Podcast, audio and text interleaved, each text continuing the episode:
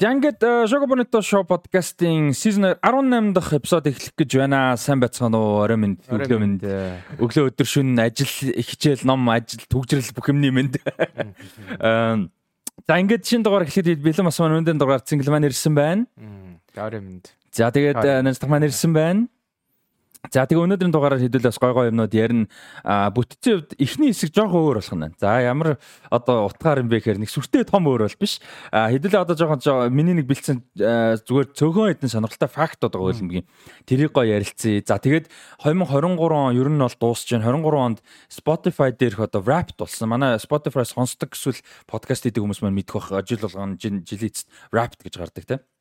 За тэр нь бол өмнөх оных нь 11 сараас энэ жилийн 11-ээс 10 сарын дуустал яг ийм хугацаанд бол багтдаг гэж би санаж байна. За тэгээ тэрэн дээр бас манай одоо подкаст маань хэр явсан байна, ямар өсөлттэй байна те.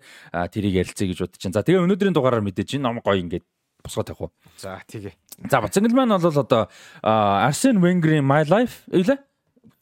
Тий, миний амьдрал болон миний амьдрал түүний сургамж. Аа улаан цагаан өнгөрөл нэртэй одоо орчуулах юм бол тийм тэгээд товчхондоо болвол Арс Венгрийн миний намтар гэдэг нэртэй ном байгаа. За энэ гайхалтай гоё номыг бол одоо орчуулгын процесс бол явагдаж байгаа юм байна. За тэгээд би бол яг нөгөө нэг чамс тайлбар авахаас өмнө орчил ингэж тавих гэдэг юм л та.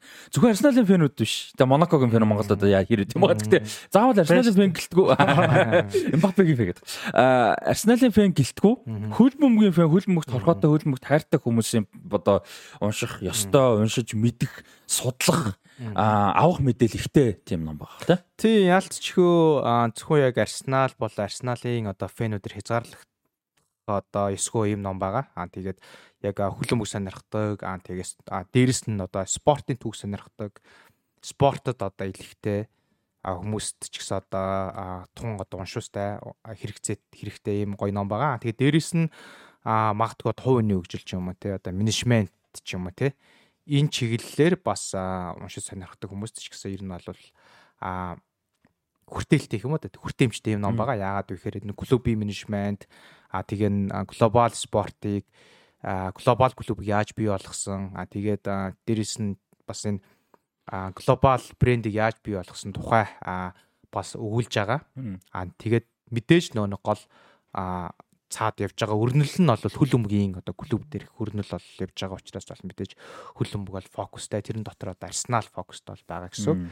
Тэгээд Арсен Венгер бол яг дэлхийн хөл өмгийн түүхэнд дэх одоо хамгийн одоо амжилттай менежерүүдийн нэг гэхэд бол буруудахгүй баг. А тэгээд дээрэс нь яг хөл өмгөхт сүүлийн 30 жилд гэхэд буруудахгүй баг. 30 жилд хамгийн одоо инновац хийсэн одоо бараг дасгалжуулагч гэд хэлэхэд бас буруутахгүй болов гэж бодож байна. Одоо бэлтгэлийн талбай, хоолны дэглэм, тамирчдын дэглэм, клубийн бүтэц, скаутинг систем, а тэгээд клубийн санхүү, а клубийн одоо спонсоршип, клубийн санхүүгийн менежмент, клубийн бизнесийн менежмент гих мэтчлэн чиглэлээр бол маш олон тийм одоо ажлуудыг хийсэн ийм одоо хөлбөмбөгийн мэрэгжилтэн төдөөгийн менежер болол байгаа. Тий.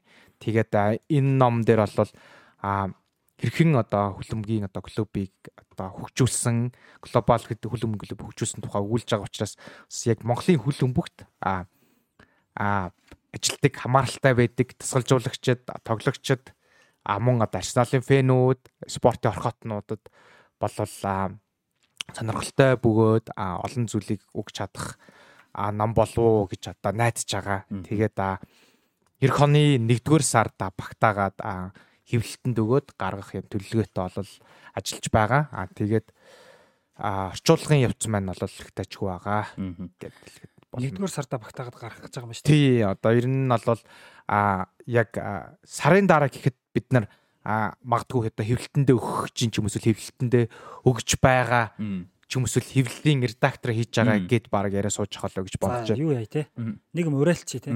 Хаста хүлэмж сонирхдаг, шимтдэг ийм сая цэнгэлийн маань хэлсэн юм хүмүүст хэдүүлээ цагаан сараар сайхан энэ номыг аваад хөгжүүл өстой гоё билүү. Тийм байна.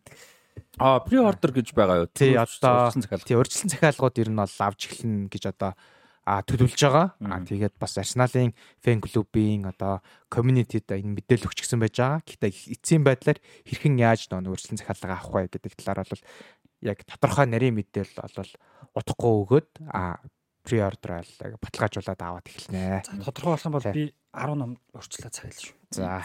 Хамгийн түрүүний 10 захиалга ичээ. За.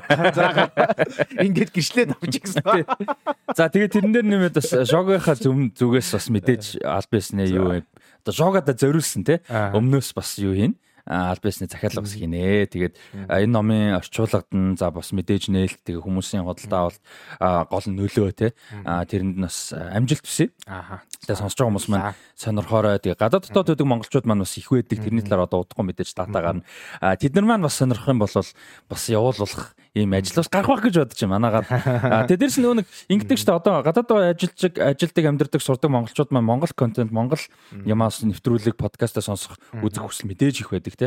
А тэрнээс гадна монголоор ном болол олдолцсон байна. Мэдээж байхгүй шахуу байгаа те ихэнх бас. Тэгэхээр бас айгүй гоё юу болох болоо гэдэг. Тийм амар биш ч гэсэн гоё одоо боломжлол болоо гэж бодож байна. За Аа тэгээ өнөөдрийн эхний хэсгээр бол энийг ярих гэж бодсон. За нэмээд нэг сонирхолтой факт тэгээд Spotify-ын датагаа хэдүүлээ ярилцъя. За үүн дээр нэмээд яг энэ хоёрыг товчхон гэс ярьж дуусгаад одоо бид нар бол энэ чинь яг 6 цаг 48 минут болж юм бичлэг хийж байна. А 7 цаг өнгөрөөд удахгүй UEFA-гийн сайтн дээр болон одоо PSN телевиз гэх мэт сувгуудаар бол аврагуудын лигийн 2023-аас 24 оны улирлын шүгэн 16-гийн суглаа явагдана. За би андуураагүй бол бас Европа лигийн суглаа шууд араас нь явах санагдаж байна. дараа болдог тий. Тийм. Тэгээ конференц лиг гээд явах санагдаж байна. А ямар ч байсан аврагуудын лигийн суглааг нь бид яг үдж байгаа сонсож байгаа хүмүүс дуучлаараа бид нар одоо дүрс мүс гарах боломжгүй. Гэхдээ яг яваад гэлэнгүүд нь энэ лайв үзээд реакшн ярилцаад яв. А тэгээд өнөөдрийн дугаар бараг дуусах төгсөж хахад Европа лиг конференц лигийн болцоох тэмцээнээс одоо бэлэн болцсон байлаас харж байгаа сонирхолтой учраас яриад яв тий. За. Аа тэгээд юу яа? Аа дата руу орё гэж бодож байна тавчхан. За ер нь манай подкаст бол одоо ингээд анханасаа цацагдсанаас хойш бол Spotify, Apple Podcast, Google Podcasts гэх мэт суугуудаар бол цацагдж ирсэн. Тэгээд яг одоо бол Spotify-ын датануудаа ярилцъя гэж бодож байна. 2023 оны дата. За За сонирхолтой сонсогч шоо. За энэ яг харааг болохоор 22 оны 5 сараас эхэлсэн подкаст маань бол анх. За тэгээ одоо ингээ 23 он дуусч байна. Тэгэхээр энэ бол бас одоо харьцуулах боломжтой дата гэсэн. За 132% сонсогч нэмэгдсэн байна энэ жил. Өнгөрсөн жилтэй харьцуулах. Харьцуулахад өнгөрсөн жилтэй харьцуул. Өнгөрсөн жил бүтэн явсан. За 446% стрим нэмэгдсэн байна. За тэгэхээр даунлоод хийхгүй шууд стримэд сонсож байгаа сонсогчд бол маш их нэмэгдсэн байна гэсэн үг. Дагагч яг Spotify дээр дагагчдын тоо 159% нэмэгдсэн. За энэ тоонууд нь айгүй их байгааг биш мэдээж ойлгох хэрэгтэй. Анханасаа тийм хэдэн 10 мянган сонсогч байгаагүй учраас бас тодорхой одоо хувь нь их нэмэгдэж байгаа. За тэгээд 111 хувиар илүү контент хийсэн байна. Минут. Одоо минут нийт хийсэн минутын тоон бол 111%-аар нэмэгдсэн байна өнгөрсөн онд. Баар хоёр нугалсан гэсэн үг шүү дээ. Тэгээ энийг бүтэн нугалсан хэмжээний одоо минут юу хийсэн байна. Үргэлжлэх хугацаа бол дор ээж цаг цаг гэж байна да нэмэгдсэн. За тэгээд за энийг дараа нь ярина. А энэ. За нийт 6500 минутын контент гаргасан байна. 6500 минут. За тэгээд топ улс нь юу вэ? Топ улс. Зөвхөн Spotify шүү. Гэтэ анхаарал лээ те. Зөвхөн Монгол байхгүй гэсэн үг. Монгол бол биш. Яг Монгол байж болох байсан гэтэ байхгүй. Солонгос уу? За сомнод солонгос гэсэн санал байна. За энд юу гэж бодож байна? Spotify хэрэгжилж ихээр За Америк юм шивэд дайлныг дэш магадгүй. За дахиад нэг улс байна. Энд чинь Америк шүү дэмж солонгос биш юм уу те? Аа үгүй яхаа би зүгээр санал сонсох гээд байхгүй. Гэхдээ ер нь нэг юм бид. За яг Spotify ихээр жоохон өөрөөж магадгүй. Гэхдээ ингээ манай нөгөө нэг сошиал ингээ пэйж мэж хөтэлдэг хүмүүс ингээд аль хотоос ханд мэдээж Улаанбаатар. Тэгээ сөүл үүдэн шүү дээ. Ер нь сөүл их байдаг. За сөүл. За тэгвэл Австрали юм байна. За Монгол яг Spotify-аар сонсдог одоо манай гол сонсогчд бол ихэнх одоо хүн хувь нь хамгийн өндөр байна Австралид. Сүүлийн үед бол монголчууд нүүцсэн шүү дээ. Харин нүүсээ нүүсээ ялцгүй би. Одоо манай хідэн шав явчуу манай одоо хамт одоо хөлмөг тоглож ирсэн олон залуучууд явлаа. Тэгэхээр шигшээ тоглож ирсэн а мөн одоо шигшээ тоглоогч гэсэн лиг төвчтэй тоглож исэн хүүхэд насндаа өлөмөг тоглож исэн нэг багт олон өрсөлдөгч багт байсан ингээл тий Манай манай цэнгэл бол надаас асуудаг байхгүй нөгөө нэгдүгээр лигт жилдээ хоёр удаа очирдаг тий. Танаа тэр хүүхдүүд чи хайдсан байх. Яач юм явцаа. Гоё хүүхдүүд гараад ирдэг хайдсан бай. Талын солонгос талын австрал. Тэгээ одоо манай Rusty Socks podcast гэж байгаа шүү дээ. Манай подкастын нэг залуур л одоо австрал яваад энэ амьдарч байгаа шүү дээ. Тэг клубын нэг гişүн маань явцсан. Ер нь ингээл ялч тийм. За 91 хүний хувьд одоо сонсогчтой 91 сонсогчийн хувьд а манай подкаст бол номер 1 контент юм байна. Сонсдог. За баярлалаа. Жилийн хугацаанд. Яг номер 1 те. Яг сонсогч олон юм сонсож байгаа шүү дээ те. Тийм шүү дээ. Маш олон юм сонсож байгаа. Тэр дундаа яг номер 1 юм нь бол манай подкаст. За 113 хүнд бол топ 5 одоо подкастных нэг юм байна манайх. За 118 хүний топ 10-т нь ордог подкаст юм байна манайх. Их л олон подкаст сонсдог хүмүүс байна. Тийм их болон подкаст сонсдог хүмүүс гэсэн. За тэгээд өнгөрсөн жилийн хугацаанд хамгийн одоо номер 1 юу болвол дугаар болвол шигшээ тэмцээнүүд асуулт хариулт болон заяа story time гэдэг тайлтай 51 дэх дугаар. Жогоо дугаар байхгүй. Тийм. Өнгөрсөн сизний сүүлийн дугаар бол өнгөрсөн одоо энэ жилийн хугацаанд хамгийн одоо өндөр хандлт авсан. Spotify. Spotify дээр шүү. Тийм тэрийг анхааруулъя. Apple орохгүй, Google орохгүй, YouTube ч юм уу. Одоо зөвхөн Spotify дээр шүү. За ийм мэдээлэлүүд байна. Тийм тэгээд бас өөр улсуудын ингээ харах юм бол яг энэ нөгөө нэг сүүлийн зураг болгож татсан дээр нь бусад улс нь ороогүй байлээ. А яг сайтн дээр нь харах юм бол Америк, Чех, Швед а юу өмнөд солонгос гэсэн улсууд бол яг юу байлаа топ 5 болсон байлаа. Тийм.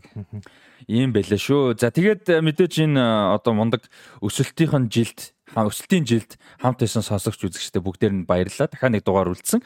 Гэхдээ бас те баярлалаа. Зараас тийм нь одоо юу яаш та эх жилийн төлөвлөгөөгөө танилцуулж шүү дээ. Эх жилийн өсөлт ямар байх вэ? Хой мөвийн шүү танилцсан. Э за тэгэж болол одоо бас амлахад хэцүү юм да. Гэхдээ хувьуд нь багасах байх шүү. Ягаад тэгэхээр эн чинь нөгөө эхний хэдэн жилийн өсөлтүүд нь хувь нь айгүй өсвөртэй гарч ирнэ. Тийм. Хувь нь багасна. Гэхдээ тоон бас чанартай нэмэгдэнэ гэж найдаж байна те. Тийм. Тэгээ бүгдээр нь баярлалаа. А тэгээ дараа 7 хоногт э, би юу нэг хэсэг дээр юу ял гэж бодож байна л да. А 2 дугаарын өмнөх хэсэг дээр нөгөө хаанаас сонсож байгаа вэ, сонсдог вэ, тэрийг говаацаа чигээ бүр аюулгүй олон хэдэн зуун комент байгаа. Ирсэн шүү дээ. Тийм. Бүгднгийн нэг бүрчлэн гоё уншия гэж бодож байна. Аюул гайхсан шүү дээ. Нөгөө нэг энд юу болоод хэдэн зуун комент олчих вэ? Юу олчих вэ гэд дараад тэгэхээр бүгд сонсоогүй дарсан байхгүй. Тэсэн чинь баахан тийм ингээд улс хотын нэрсэн байхгүй. Яг яац юм бол гэд тэгээ сонсон чи харин төгсгөлд нь хаанаас сонсож байгааг ярьсан байлээ шүү дээ. Тэгээ гоё юм нэг төгсгөлд нь болохоор нөгөө хүмүүс яг бүтэн сонссон хүмүүс л яг комент хийж байгаа байхгүй. Тэгэхээр сайн байгаа. Айгу гой гой сонирхолтой одоо улсууд мэдээж Улаанбаатар сонсож байгаа хүмүүс байгаа, Монгол төдөө нутгаар сонсож байгаа хүмүүс. Тэр бүр айгу гойсэн. Тэрийг нэмж ярина. За нэг сонирхолтой зүгээр нэг юм хөлбөмбөгийн юунууд бэлдсэн. Дата надад яг 100% өөрөө бэлдээгүй судалж байгаа. За ингэж байгаа. Сонсоход одоо итгэмээргүй худлаа юм шиг а гэхдээ үнэн фактууд хөлбөмбөгийн. Сонсоход одоо за наач нь жоохон худлаа байна да гэмээр а гэхдээ үнэн фактууд гэж. За Серхио Рамос мэрэгжлийн карьертаа 29 улаан хуц авсан. За байж болно. За тэгээ сүүлд 30 болсон баха би нэг тэрийг э, подкастн дээр ярьсан санагдчих. Гэхдээ шигшээдээ нэг ч болоо цавж байгаагүй. За шигшээдээ бол а одоо Европод Европын улсуудын түүхэнд шигшээдээ хамгийн олон тоглолтод олцсон тоглогч шүү дээ Серхио Рамос. За дэлхийд арай 1 2 2 2 3-т ордогчлоо нэг тиймэрхүү байдаг санагдчих. А дэлхийд 2 3 биш нөгөө юу нь ч амар байд. Минитиг минитиг Сауди Араб Араб тийм. Тийм Нурдан тийм. Ер нь нэг ихний хэдэд бол орох бах тийм. Гайгүй. Нилийн дээгүүр орох байх юм. Тийм, ямар ч нилийн дээгүүр орох шүү дээ. Европтой бол рекорд. 5 6-ад байгаа. Тийм. Тэгсэн чинь шигшээдээ нэг ч болоод авч байгаагүй. Аа, арахгүй, арахгүй. Тийм, шигшээд тоглохоор ч арай өөр зорилготой тоглоно шүү дээ. Бас нэг арахгүй бах тий. За тэгээд э, яг энэ 29 гэдэг байсан үед нь бол Реал Мадридэд 26 Севиа. Аа PSG-д 2, Севиад 1 байсан байна. А сүүлд сая Севиад 1 нэмэгдсэн. Тэгээд 2 болсон байна. За дахиад нэг юу байна. За ингээд цөөхөн хэдэн фактад нэм араас нэрээ явчих. За Лионел Месси карьертаа Пушкаш авардад 7 удаа нэр дэвшсэн ч нэг ч удаа авч байгаагүй гэсэн. Ийм факт байна. Зөө зөө зөө. За Месситэй холбоотой жил болгоод дэвшсэн юм. Пушкаш Пушкаш сүүлд шүү дээ. Сайхнах шүү дээ. Тэгсэн мөртлөө нэг ч авч байгаа. За энэ өстө сонирхолтой. Би бол харчаа итгэв. Ла Лигийн сарын шилдэг тоглогч гэдэг шагналыг Лионел Мессигээс өмнө Неймар авчихсан. Нааш тэгвэл сүүлд би болсон шагнал байна да. Гэтэ энэ чинь бас гайгүй байсан юм да. Уг нэг 10 11 он юм билүү. Бас ууг нь гайгүй байсан санагдаад. Тий. Гэхдээ яг хөө үнэхээр 13 4 онд шинээр яасан бол байж болно тий. Хэрвээ шороо шиг олон гол оруулдаг жил Неймар Бэло. 12 онд чинь Месси чинь бүр шороо шиг олон гол оруулаад 13 онд Неймар ирсэн шүү дээ. 13 онд ирсэн. Тэгэхээр тэр үед одоо шагналал байхгүй гад 13. Тийм л байх. Неймарыг ирснээс хойш шалгаруулдаг болцсон юм болов. Тийм л байх. Одоо түүнээс биш. Одоо ч одоо бас Месси ч одоо тэр жилийн одоо удирдлын одоо 8 9 сарын баг 6 7-д наваа шүү дээ. Тэгэж шүү дээ. Тэгж олон гол хийж байгаа юм. Тий. За тэгээд хөлбөмбөгийн эрэгтэй болон эмэгтэй бүгднгийнх нь дэлхийн аваргын шалгуулах тэмцээний түүхэнд ганцхан аутфилд плеер буюу одоо хаалгач бусад байрал тоглодог тоглогч хаалгач хийж тоглосон юм байна. Түүхэнд ганцхан удаа. Одоо нөгөө нэг сая ширүү хаадаг штэ одоо тэр шиг л гэсэн. Эрэгтэй эмэгтэй дэлхийн авар бүгднгийнх нь түүхэнд ганц удаа. За тэр хин гэж бодож байна. Оо тэг одоо эрэгтэйчүүдийг санахгүй байгааг бодоход эмэгтэйчүүд юм болов уу? Эмэгтэйчүүд дэлхийн аварга дээр юм байна. Тэгээд Мия Хам юм байна. Америк шоугийн Америк нэг агуу. Тийм. Америк шоугийн домог Мия Хам хаалгач хийх шаардлага гарч ирсэн байна. Хаалгач нь улаа уцаа. Тэгээд мань үн чинь бас яг урд тоглодог юм. Тэгээд хаалгач. Дэлхийн аваргын түүхэнд. Тэхэл байх л та тий одоо ямар хамгаалагчтайсаа нэг нь хаалгалтай нэг шиг. Тэгэхээр одоо урдаас л яг урдаас нь дуудаад хамгийн гайг хаахсан тэрлсэн. Тэгээд одоо тэр Мия Хам хааж ийн гэдгсэн угаасаа л нэг хөөгдөлтэй бохоо тий. Нэг лидер угаасаа л нэг юм юм чаддаг юм байгаа бохоо. Тийм шүү дээ. Яаж ч леженд шүү дээ домог тий. Ингэж болт юм болоо. Аа тэгжсэн чи гол алдаад Америк товтлох шаардлагатай хэрвээ зүгээр болсон бол сольж болно шүү дээ. Сольж болох юм тий. Тийм сольж болно. Тийм шаардлагатай бол. За. Бүр юу яжсэн шүү дээ. За энд одоо яг үнтэй нэг хамаатайч биш юм байна да. Зүгээр 2005 онд Английн Премьер Лигийн сүүлийн тойрогт Манчестер Сити тоглож байгаад Сити гэвд нөгөө ямарч хамаагүй болсон.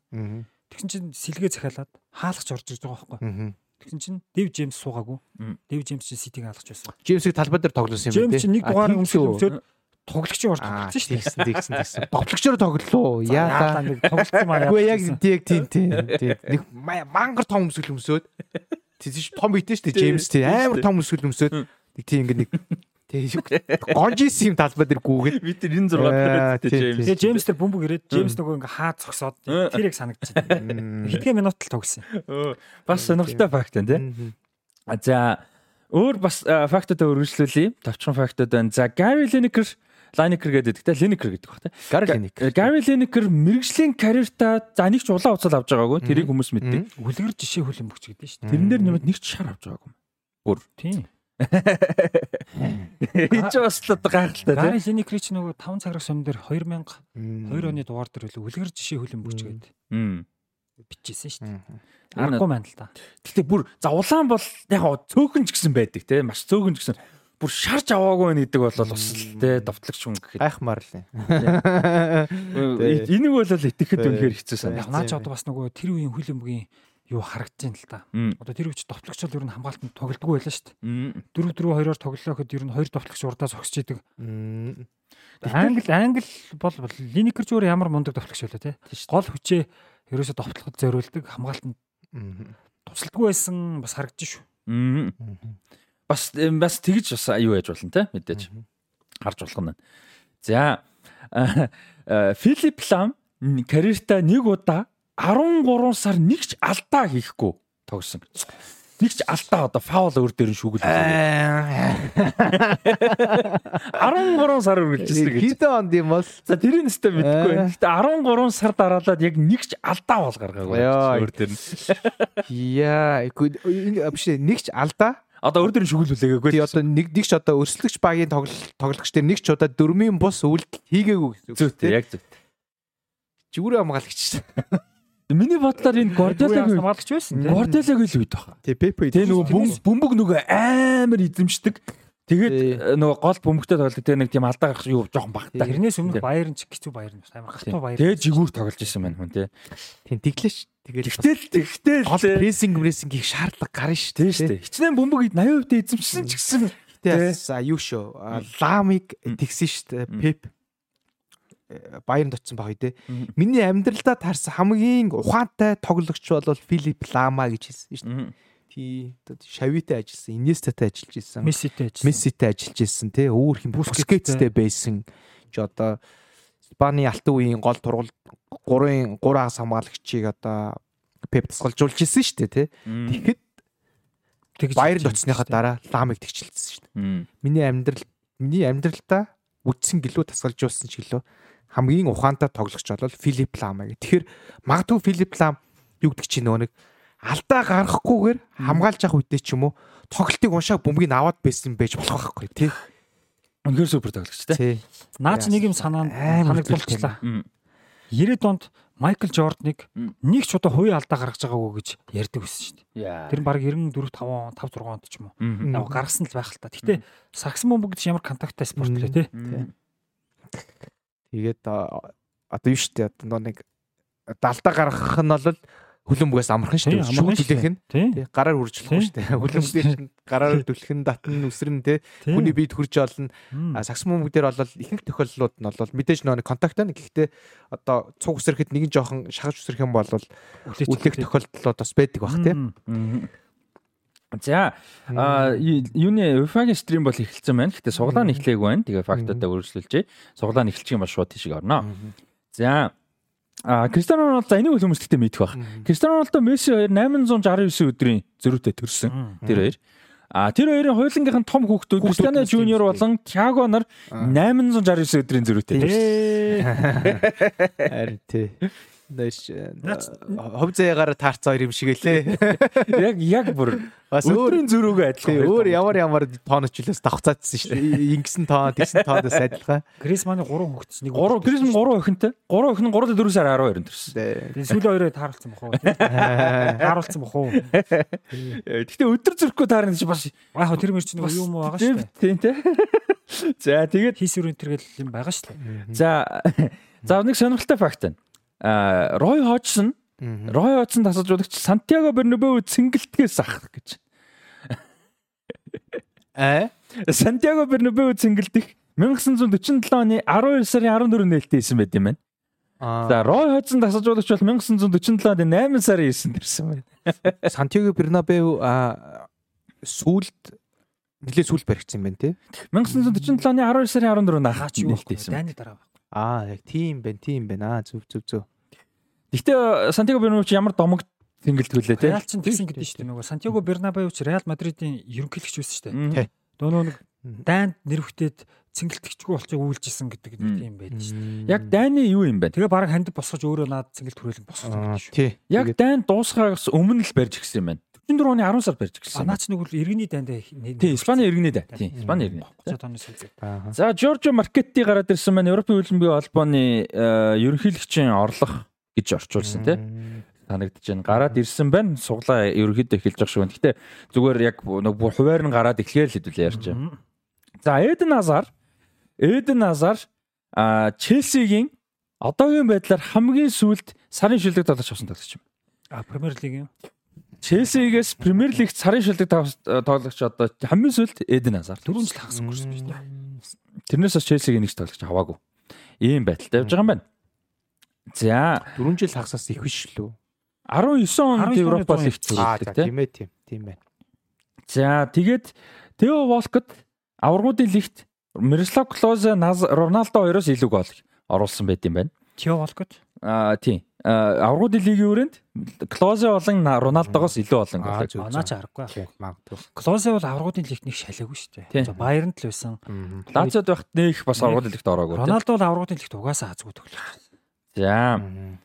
Луис Суарес, Златан Ибрахимович, Кристиано Роналдо гэсэн гурван тоглогч хөл бөмбөгийн бүх минутанд гол оруулж утсан. Нэгээс эрдэх минут бүх минут. За шиг ингэж вэ? Кристиано Кристиано Роналдо, Златан Ибрахимович, Луис Суарес. Байж болох гурав. Яг л энэ гурав. Зөөц. Месси бол 2 минут дутуу байдаг аа гэж 90 минутаас. За тэгээд аваргуудын лигийн а за Европын юм биш үү? Европын тэмцээний хүрээнд амар юм а тий. Йоо. Европын тэмцээний хүрээнд Барселонагийн эсрэг 100% амжилттай ганцхан баг байт юм байна. Ерөөсө 100% амжилттай ганцхан баг байт. Европын тэмцээний Европын тэмцээний хүрээнд түүхэнд Барсаг эсрэг 100% амжилттай ганцхан. 100% амжилттай. Тэгэхээр чинь хожиж хожигдог юм. Тэгвэл Барсатай их цөөхөн тоглож тээ. 2 2 тоглоод ч юм уу. Тий. Цөөхөн тоглоод хийсэн. Яг баг юм бол. Данди Юнайтед. Нэг тоглоо нэг очсон юм шүү дээ. Нэг тоглоод нэг очижсэн. Аа байд юм байна. Тий. За тэгээд сүүлчийн факт болохоор аваргуудын лигийг хоёр өөр клубтэй он дараалан төрүүлсэн дөрвөн тоглогч байдаг. Дөрвөн тоглогч байна. За нэг нь бол мэдээд Самуэл Ето 9 он требл хийгээд 10 он требл хийсэн. Дараалан требл хийсэн түүхэнд гарсан. Седорф биш магадгүй тий. За Зедорф биш байна. Биш байна. За. Нэг нь бол Жерар Пике байдаг. 2008 онд Манчестер Юнайтед 9 онд Барселона. За нөгөө хоёрын нөгөө хоёрын лидер. Манаач нэг Аврагуудын лиг гэсэн үг шүү дээ. Аврагуудын цом ом биш. Аврагуудын лиг шүү. Аврагуудын лиг. 92 оноос хойш. Тий. Манаач юу? Дисай. Дисай 93 Марселтэй төрүүлээ 94 он Милан Милан төрүүлсэн. төрүүлж байгаа тий. Яг зүйтэй. Марсел Десай. За дахиад нэг хүн байна. Манаач юм бага. За суглаан Джон Терри тусалж байгаа юм байна. Лондонд болно. А биш Лисбонд болно уучлаарай. Цом. Аврагуудын лиг шигшээ тоглолоо. За чи нөгөөх нь үү? За хоёр Тони Кросс юм уу? Аа, Кросс шүү дээ. Тони Кросс уу? Тони Кросс биш бай. Аа, Кросс ч 13 он төрүүлээ 14 онд аваагүй. А тийм. За хэлчихв. Обэж. За Лисбон гэсэн би андуурсан юу юм бэ шүү. Лондонд аврагуудын лиг Вемблид юм биш тэгэхээр. үе. Төрсөн оны нь л цээжэр. Нөгөө юу? Аа 90 он. 90 онд. За чи наач тэгвэл наач Ювентус болоо явчлаа. Яа. За чи 95 оны Аяксаас 96 оны Ювентус руу Давиц а биш биш. За чи та. Гоё. Давиц Гоё 96 явж онд шүү. Эсвэл Дортмунд Ювентусынхоо. Yes. Дортмунд ивент. эхлээд эхлээд Ювентус төрүүлсэн 96 онд дараа нь Дортмундд тоглоод төрүүлсэн гэсэн. тэгвэл За. Харин орж ирдэггүй огшин гараад юм аа. Раванели биш биш Биш ээ. Эхлээд Ювентус төрүүлээ дараа нь Дортмунд төрүүлж байгаа шүү дээ. 96 97. Бас Мойлер биш аа. Мойлер ч юм. Тэр авцаа л гэж бод. Мөн мөн мөн. Нэг нэг гар байд юм аа. За хий юм бэ. За хэлгөө. За орж ирэхгүй. Пауло Соса. Пауло Соса. Соса шүү. Пошиг тасалжуулсан тэр ахгүй. Пауло Соса юм байна. За ингээд дөрөв тоглогч түүхэндээ юу яасан байдаг юм бэ лөө. Дараалал нь төрүүлсэн байт юм байна өөр клубүүдтэй. Тэгтээ бас амар шүү те. Тий ховор үзүүлтэй. Тэгээ энэ дундаа тэгтээ хин хоёр хамгийн амар бах те. Десай ето хоёр бүр оролцоонд бүр ингээд яг чухал. Одоо. Пикеч жишээ нь 8 он төрүүлээд яг бүрэлдэхүүнд байсан гэхдээ Видич Фердинанд хоёр гол болж байгаа шүү дээ. Яг 9 онд бол мэдээж чухал гэхдээ 8 онд нь бол тийм биш. А Пауло Сосо ч Дортмундод сэлгээ байсан санагдаад байна. Ювентус ч баг байсан. Тийм, Ювентус ч гэсэн ер нь гараа үндсэн тоглож байгаагүй шүү дээ. Тэгэхээр яалчгүй ето хин хоёрох бол Десай хоёрох бол үнэхээр бүр агуу амжилтууд байгаа байхгүй. За суглаа ерөөхдөө эхэлж аа юу аа юу гэдэг вүлээ. Джон Терри юу яаж гин гараад ирсэн. Түрүүн ярьж байгаа хооронд бас хинт Копенгаген багт бас баяр үргэжсэн. Түүхэндээ баг анх удаа мод байгаа тий. Мм. Хасагдах шатнд гарч ирж байгаа санагдаж байна. Копенгаген ч бас л тий. Нэг тоглолттой баг үлээ. Үхлийн хэсгээс гараад ирчих шүү дээ. Ээ харин тий, амар. Одоо энэ жилийн сенсац те. За харахгүй сенсац. Яа, Интерийг төлөө Занети сууж байна. За дөрмөдийг нь тайлбарлаж байна. За аудиог нь зурагтнаасаа гаргах гэдэг үзet. Яа хэдүүлээ бас. Баг зэргийн аудиотой авчвал зүгээр баг. Аа. Маус маань унтарчлаа. За. А бэнэ наагур чин жижигхэн юу байна? Удирдлага байна уу? Зурагтны тэгээд спикерний нэг жижигхэн нэг удирдлага байх хэрэгтэй да. Тэрийг үзээд гэж. За суглаа. Одоо эн чинь бол ийм яг хамгийн сүүлийн шүгэ 16-гийн яг ийм форматаар явж асууглаа шүү дээ. Хэсгээс нэгээр гараа хоёроо дараа жилээс шал өөр болно одоо энэ чинь. Их сонирхолтой болно. Тий, дараа жилээс бол шал өөр болчихно. Зүгээр ярьж байгаараа Тий. явж байгаа. За хэсгээс нэгээр гарсан баг бод Bayern, Real, Atletico Madrid, City, Arsenal, Real Sociedad, Dortmund, Barcelona. Яа. дөрөв дөрүүлээ нэгээр гарсан шүү дээ. Харин тийм бэлээ. Испаноос бол дөрөв гарсан. Тий, дөрүүлээр Тэгээ, нэгээр нэгээр нэгээр гарчихсан. Аа яа. Английн одоо Ньюкасл, Манчестер Юнайтед хоёр хасагдаад хоёр хоёулах нь үлдсэн. Тий, оронд нь за оронд нь их хүү одоо юу гэхүү те. Хоёроор гарчсан баг байна. Одоо Манчестерийн оронд Копенгаген орж ирж байгаа. За тэгээд э, Ньюкаслын оронд одоо Парис гэх юм уу. Дортмунд гэх юм уу одоо юу гэх юм. тий, тэгж л орж ин те. За, хоёроор гарсан багуудаас зүгээр хамгийн хатуу борцог нь бол Интер тэгээд PSG хоёр өстэй. Тийм шүү дээ. Бусд нь бол яг мэдээж өрсөлдөө үзүүлнэ. Гэхдээ энэ хоёр шиг энэ хоёроос айж байгаа шиг бусдаас нь бол арай лайхан арай Тийм баг байна, бах тий. Тийм байна. За. За. За энэ систем бол яг 20 жил болж байгаа юм байна да. Харин тий яг яг 16 тий. Яа юу штэ тий. 3-аас 4 оны улирлаас эхлээд Яг энэ системийг олсон тий. За Джон Терри ихний суглаг татчихин хэсэгтээ дид барьжсэн багуудаас суулгах нь байна. За энэ шатанд бол нэг улсын хоёр баг таарахгүй. Аа нэг хэсгээс гарсан хоёр баг таарахгүй. Бусдаар хамаагүй. За одоо Портог сугалцсан. Одоо тэгэхээр хэсгээс нэгээр гарсан багуудаас аль нэгийг сугална шүү дээ, тий. Барселоногоос бусдыг нэг Тий. сагсанд хийж агаад сугална гэсэн үг. За яг бол Барселонатай нэг хэсэгт орсон. За Баерн байна, Арсенал за бүх томчууд л байна да тэгээд. За 20 жилийн өмнө бол Порто авраг авч исэн. Тийш шүү дээ. 2003-аас 4 оны удирдал. Жозе Мourinho-гийн удирдлаганд Ямар хурдан өнгөсөн юм бэ гэсэн. талилцсан байгаа шүү дээ. Өө саяхан юм шиг санагдчихээн да гэсэн. За, Порто Арсенал. За, за. За. За Арсенал. Порт Арсенал спортын захирал идүү. За, спортын захирлан сууж байна. Портог төлөөлөө нэг эмгтэй юм шүү дээ. Бас гоё харагдчих тээ. Тийм ээ. Дан харжууд дун те. Тийм шүү дээ. За үзэж байгаа хүмүүст эвтийнхэн доор нь суглаагаа гаргаад амжилт та. Порто ч сая Расти мундаг шүү аа. Порто болвол сая Барселоныг хэсэгт шүү. Тий. Сүүлд За Наполи Байерн, Реал Сосидад, Атлетико, Боруссия Дортмунд, Манчестер Сити, Барселона гэсэн сонгох. Наполи тэгээ Барсатай л их таард юм дөө. Тийм тий. мөнгөрсөн жилийн Наполи бол биш болсон. Мутсан жил билээ. Наполи бол биш болсон. Тэгээд аа, одоо альч баг ер нь Наполиос баг айхгүй бах уу. Тийм жил. жилийн Наполи юу шүү. Тийм өнгөрсөн жил их тэгээд Милантай л таарсан шүү дээ. Тий. За Наполи юутай таарх нь харъя. Наполи бол энэ жилдээ зөөлөн гэж хэлэхэд бол буруудахгүй. За яг л хэлснээр л бол Энэ хоёр салдгүй маа. Барселонатай таарсан. За өстө яг л хэлснээр боллоо. Деко сууж байна. Барселонагийн Одоо эн чинь э, юу штэ. Спортын захирал. Тийм штэ. Порто албан захирал юм уу? Оо зөө зөө. За, Барселона харин аятайхан суглаа сугалчлаа шүү. Тэглээ, тэглээ, тэглээ. Ер нь дав тун давгүй. Тий. Наполи гэж. За, Парис. За энэ бүхний тоглолт болно. Энэ том том баг суулгах хэвээр. Харин За Мбаппегийн сүүлийн магадгүй сүүлийн жил. За, За Парис бол Дортмундтай таарахгүй. Баяр нь байж болно. Реал Мадрид За Сосидад Реал Баер хоёр аль нэг лүү нь явж Сити 3 аль нэг лүү нь явчих юм шүү. Тий, тэгвэл гоё тий. Баяр нь Реал Сити байл. Сити 3 аль нэг лүү нь. Гэхдээ Парис яг сүүлийн жилүүд энэ ит их тоглолцсон биш үү ингээ бодсон чинь. Тий, энэ гуравлал ороод идчих гэсэн дөрөвний наж тэлдгээр. Энэ гуравлал одоо таарчээд байдаг. За одоо харъя та тий. Ялч үү тэгдэг ялч үү. Сая өстө Наполи Реал Барсаг өстө яг мэдсэн юм шиг л байлаа. Тий. За. За яах нь вэ? За Харъя. Paris Saint-Germain Сосидад. Реал Сосидад. За. За. Сосидад ууг нь их гоё байгаа. Сайн байгаа тий. Их сайн байгаа. Төвийн агс дээрээ сайн, урдаа сайн байгаа.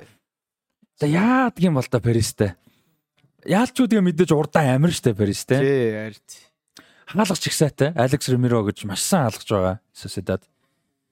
Спанишгийн хамгаалагч байгаа Ленорман. Сосидад ч ингэж штэ одоо. За Интер юутай суулгаж. Сосидад 20 жилийн дараа хасагдаж шээ. Тийм яг тийм. Интер За Занеттиг харуулж байна. За Интер юутай? Интер юу Интер юу нэг хүн суултсан шүү. Дандаа хүн суултсан шүү. Интер гэхдээ энэ жил бол өөртөө биш бусад багууд Интертэй таарахыг хүсэхгүй байна. Оо дандаа юуг суулаа шүү. Барса. Интер угаасан хүн суултаа. Атлетико Мадрид, Сити, Байерн, Реал өөр юу байсан бэ сая? Барса биш. Би сайн дурч хэлж байна. Атлетико Мадрид, Дортмунд, Реал, Байерн, Сити. Яа, хүн цуглан, хүн цуглан. Гэтэ Интер гоё гоё амар байгаа. Үнэхээр мундаг байгаа. Энэ жил бол айх зүйлгүй байгаа. За. Атлетико Мадрид. За явж явж. Энэ гоё гоё гоё. Өстө заваа заваа уучраа таарлаа тий. Дивгүй юм болно да. Гол бол нэг орохгүй бах. Гэтэ аргентинчууд нь шүү. тий. Яа, Энэ энэ ч амар гоё болчихлоо. Тий, гоё энэ Атлетиког бодохоор гоё ч юм уу? Их гоё суглаа тий. Интер Атлетико ойрд үзээгүй юу штэ. Ер нь эзэн амын сүл үтсэн Интер Атлетико. Хараагүй энэ шүү. Тий, ерөөсө санаанд бол орохгүй Атлетико ч ордоггүй байж байгаад орсон. Интер ч сүүлийн үед ороогүй. Тий. За PSV Eindhoven юутай? За энэ бас л Европ 100 амжилттай яваа багштай. Тийм штэ. Европын 50 хэдэн юу хизэн 100 Дортмунд таарчихгүй юм бах та. Дортмунд Сити Байерн байгаа юм байна штэ. Дортмунд таарчихгүй юм бах та. PSV гоё юм болно доо. За за. Одоо гол хоёроор гарсан хоёр баг явчлаа тий. Энэ гурав болол тэгэл за аль нь ч яс адилхан даа яваарыг сууж байгаа хөө. Тэг ер нь гайгүй багуудаас таарах. Тий, тийглээ тий. За. За гоё.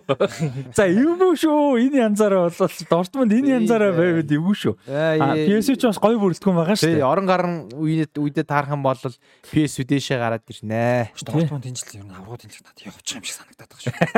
Гэхдээ юу байхгүй. Үнслийг байхгүй. DFB покал байхгүй. Аврагуудын лигт явчих юм шиг санагдаад байгаа шүү. За Лацио. За Реал Лациог авчиж байгаа юм шүү дээ. Лацио дахиад Байернд тохох уу? Дахиад Байерндад Байерн Оо угаасаа тийм байсан. Байер тийм ээ сонголт юм байна. За за за Лацио Байер. Лацио Байерн тэр жил таарад нөгөө Байерн ч сайн нөгөө Чао гэдэг нөгөө Чаоч бас баяртай гэдэг. Тийм бас баяртай тийм. Тэгээ Байерн ч өстө суулаад харангуут баяртай гिचлээ мэчлээ гэдэг. За. За энэ бол ойлгомжтой юм байна. Тэгвэл за Байерн гайгүй байлгүй дээ. Лацио их муу байгаа штэ. Ер нь. Тий, Лацио одоо. Сая өчтөр Интер тажигдсан. За Копенгаген за түүхэн тоглолтоо хийх гэж байгаа. Түүхэн тоглолт нь Реал уу? Тэ? Реал Сити. Аа тий. Реал Сити юм байна автоматар. Яа шүү. Реал тэгэхээр юу юм бэ? Нөгөө баг Сититэй таарч болохгүй юм байна. Болохгүй баг юм. Лайпциг юм байна шүү дээ. Лайпциг юм байна. Тийм байна. Бол болчихж байгаа юм байна. За за тэгээд Лайпциг Реал хоёр таарж байгаа юм байна шүү дээ. Тийм юм байна. Лайпциг Реал. Лайпциг Реал Мадрид Сити дэвэлээ. Сити Копенгаген Копенгаген. За Копенгагны хувьд бол гоё штэ тий. Этихадад очно Сити ирнэ, Гвардиола ирнэ. Копенгаген чинь Манчестер хотын нөгөө багийн мулталчих юм шүү дээ. Нэг нь мулталсан штэ. Тийм нэг. Манай нөгөө хин бэ штэ. Чики Бигристайн, Бигристайн.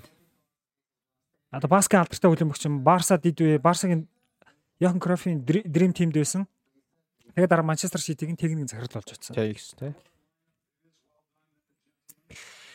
За за суглаа аятаахан болчлоо гэдэг шиг. Ер нь ер нь жигтгэн болчлоо шүү. За Порто, Арсенал, Наполи, Барса, Paris Saint-Germain, Real Sociedad, Inter, Atletico, Eindhoven, Dortmund, Lazio, München, Copenhagen, Manchester City, Leipzig, Real Madrid. За ёстой нэг энэ үхлийн гэж хэлэх тоглолт бол бас.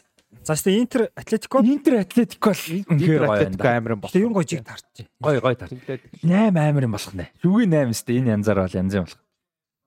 Тэглээ. За Лайпциг шиг нэг муу биш байгаа шүү. Тийм үү. Лайпциг бол сайн баг. Тийм муу биш ба. Тэгээ тэгтээ хавраас юм өөрчлөгднөө анчаас. Хүмүүс гимтэн янз янз болно. Тэ солилцоонууд явагдана гэд. За одоо удахгүй Европа лигийн суглаан энэ төр явах бах гэхдээ тэрийг нь тэр үднэ тий. Тэгээ. За а нэг юм юу гоё явж илээ л те. Атлетик сайт дээр нөгөө нэг аврагын лигийн хэсгийн шатны сүүлжийн тоглолт. Одоо энийг явуулчих юм ингээд. Яг энэ явж лээ те. Яг лайв стрим. Бандуулч бандуулчихгүй гайг байгаа. За гайгүй л үү дээ. Яадаг юм бол нэр бандуулч тайм бандуулч шүү. За лиса хаач тий. Тэгээ хаацсан дээр хаа. Тэгээ тэгээ түр хаач. За эн чинь нөгөө юу нь явахаар буцаагаад нэч. Европа лигийн юм уу яваал буцаагаа нэч тий. Тэгэхгүй бол бас нэрэ бандуулчаал балаа юм болно.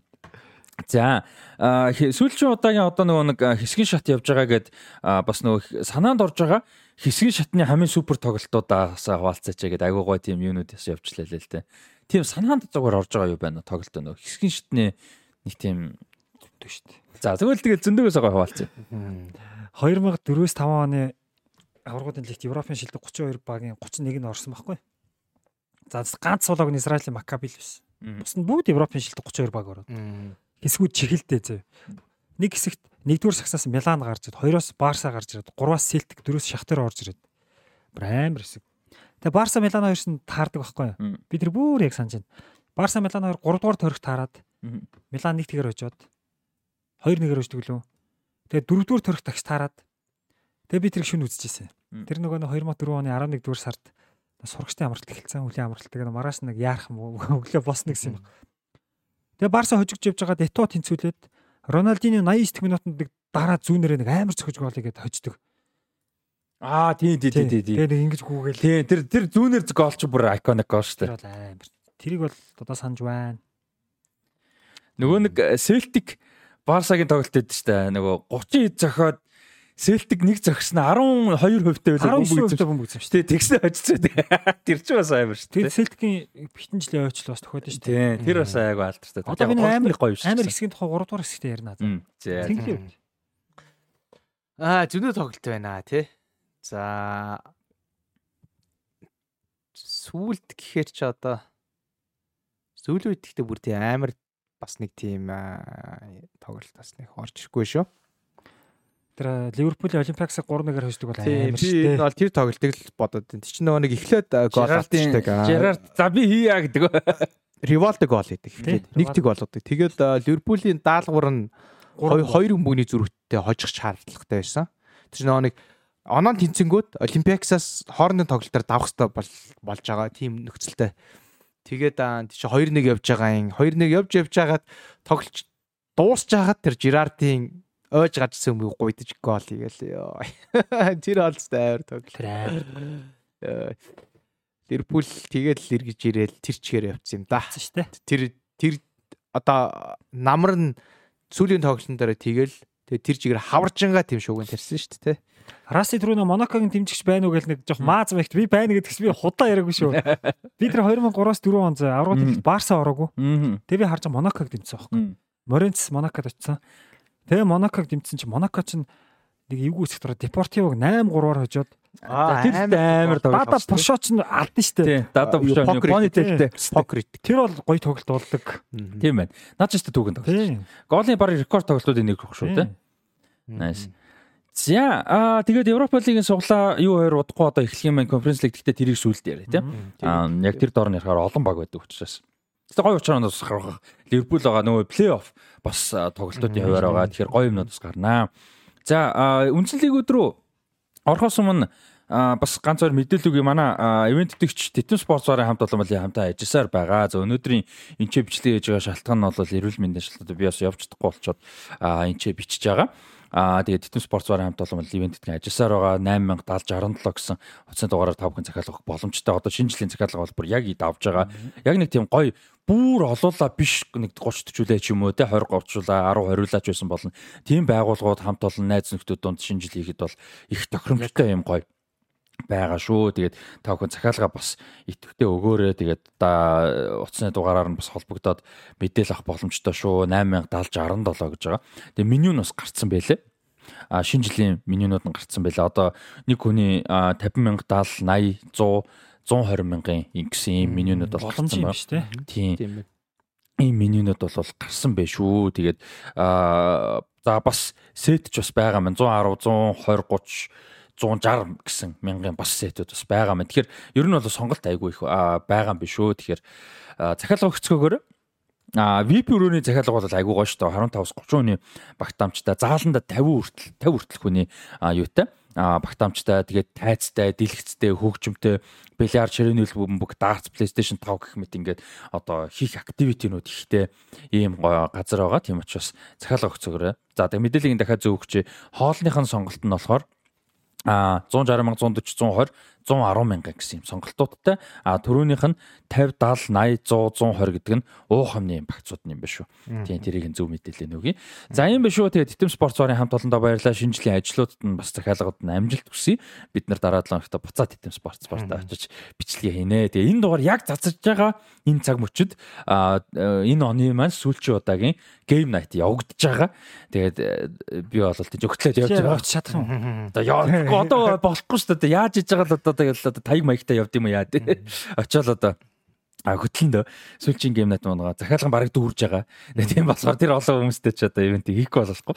За тэгээд ийм байна тэгээд энэ жил бас хамтаа ажиллаж байгаа Титэм спорт барын хамт олондоо баярлалаа. Аа тэгээд үргэлжлүүл. За том лиг рүү орохоос өмнө юу явж клубүүдийн дэлхийн аварга тэмцээн бол яг одоо явж байгаа. Энэ одоогийн энэ форматаараа бас сүүлчүү одоо явж байгаа. За эхний шатанд Али Тихад Шинзландын шин юу нэ Сауди Араби Али Тихад Шинзландын Окленд Сититэй тоглоод 3 тэгэр буулгаж авсан. Эхний шат. За сэтгэлийн шат. Тий. За хоёрдугаар шатанд нь бол Египтийн Алахли юутай аль Итихадтай таарад 3-1-ээр буулгаад авчихсан аль Итихадыг.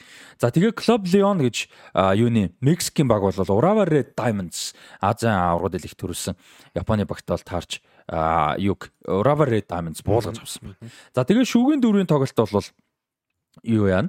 Аа за хизээ өнөө шөнө юм шүү дээ тий. Өнөө шөнө 2 цагаас Copa Libertadores-ийн аврагууд буюу Fluminense баг аа юуны Алахлитэй тоглох юм байна. За тэгээд Urawa Red Diamonds маргааш шөнө А Манчестер Сититэй тоглосон. За ийм тоглолтууд л явж байгаа юм байна шүү. Өмнө бол бүх юм ойлгомжтой байсан шүү дээ. Европ, Өмнөд Америк аврагын төлөв үздэг. Аа Төв Америкийн баг болон за баг Азих. Тийм 3 дугаар нөлөө тоглолдог. Одоо зөв Азууд бол Төв Америк Төв Америк бол нэлээд муудчихад шүү дээ. Төв Америк бол тийм. Төв хойд Америк одоо бүр ер нь байхгүй шахуу. Өмнөд Америк бол яг мэдээж мундаг хിവэрэ тийм. Сонирхолтой байгаа. Тэгээ 2010 онд юу яасан дээ. Интер Милан ч Африкийн багтай. Аа. Аврагын төлөө тогссон. Өмнөд Америкийн баг бол аврагын төлөө үлдээгүй. Аа. Яг нь FIFA-гийн бодлого бол хоёр том төвийн багаас салгадсан дээ. Хагас гişэд. Тий. Тэгэл нэг юу хожигдсон доо. Интер Интер шээ одоо хаана одоо Өмнөд Америкийн байсан шүү дээ юу юм баг Африкийн нэг багт бас л нэг Интер гэсэн нэртэй байлуу Африкийн баг нь бас нэг Интер гэсэн нэртэй байсан баг шүү бас За тэгээд клубын эдийн дэлхийн аварга тэмцээний одоо шинэ хувилбар бол 25 оны 6 сарын 15-наас 7 сарын 13 хүртэл явагдана гэдгийг сая баталсан дөнгөж сая. За тэгээд 32 баг дээ. 32 баг орно. 8 хэсэгтээ 4 4 баг ихний хоёрууд нь хэсгээсээ гарна тэгээ хасагдах дээ. Нуглаад явна. 3 дугаар байр гэж байхгүй шууд аврах тодорхойл. За Европоос бол дөрвөн бишээ дөрөв за хэдэн клуб бол тодорхой болсон юм байна. Манчестер Сити, Реал Мадрид, Челси, Байерн, Paris Saint-Germain, Inter Milan, Benfica, Porto гэсэн багууд бол юу яасан байгаа маань тодорхой болсон байгаа маань дөрвөн клуб дахиад нэмэгдэнэ гэж. Benfica, Porto. Тийм. За тэгээд юун дээр болохоор Өмнөд Америкаас Palmeiras, Flamengo, Fluminense дахиад 3 баг нэмэгдэх юм байна. За өмнөд одоо Төв Америкаас Төв болон Хойд Америкаас Monterrey, Seattle Sounders, Club Leon гэсэн багууд сонгогдсон байгаа одоо шалгалтсан байгааг ойлзов баг. За тэгээд нэг баг дутуу байгаа.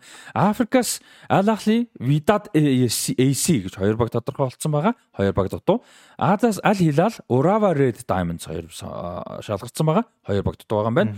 За Oceania буюу далайн орнуудаас Auckland City шалгагдсан баг.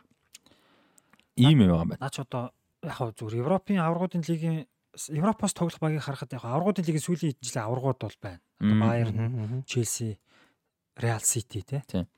За тэгээд Порто Бенфика хоёрыг л ойлгохгүй байна. Харин тэрийг нь бас одоо нэмж харъя да. Яг ямар уу. Яг нарийн хараагүй юм байна. Уг нь бол анх нэг форматын зарлагтаа а яг тухайн 4 жилийн циклдик аврагуудын лигийг лиг төрүүлсэн эсвэл финалд финалд үлдсэн багуудыг оруулна гэсэн юм байсан шүү дээ. Тийм, ууг нь тийм. Яг тэгээд яг энэ юу ямар учиртай юм байгаа. За харъя. За Paris Saint-Germain Начаа Португалд болж болох юм биш үстэй. Хост мост юм биш үстэй. Америкт болно. Энэ ч нэг юу энэ Тив орндын цомын оронд дэлхийн авраг хийдэг болох. За ийм юм байна шүү. За UEFA-гийн 12 слот нь ингэж одоо тайлбарлагдаж байгаа маань 12 баг байгаа. За 21, 22, 23, 24 онд аврагууд дэлхийд төрүүлэх дөрвөн баг. За Челси, Реал Мадрид, Сити байгаа. Тэгээ нэг нь мэдээж тодорхойг байна.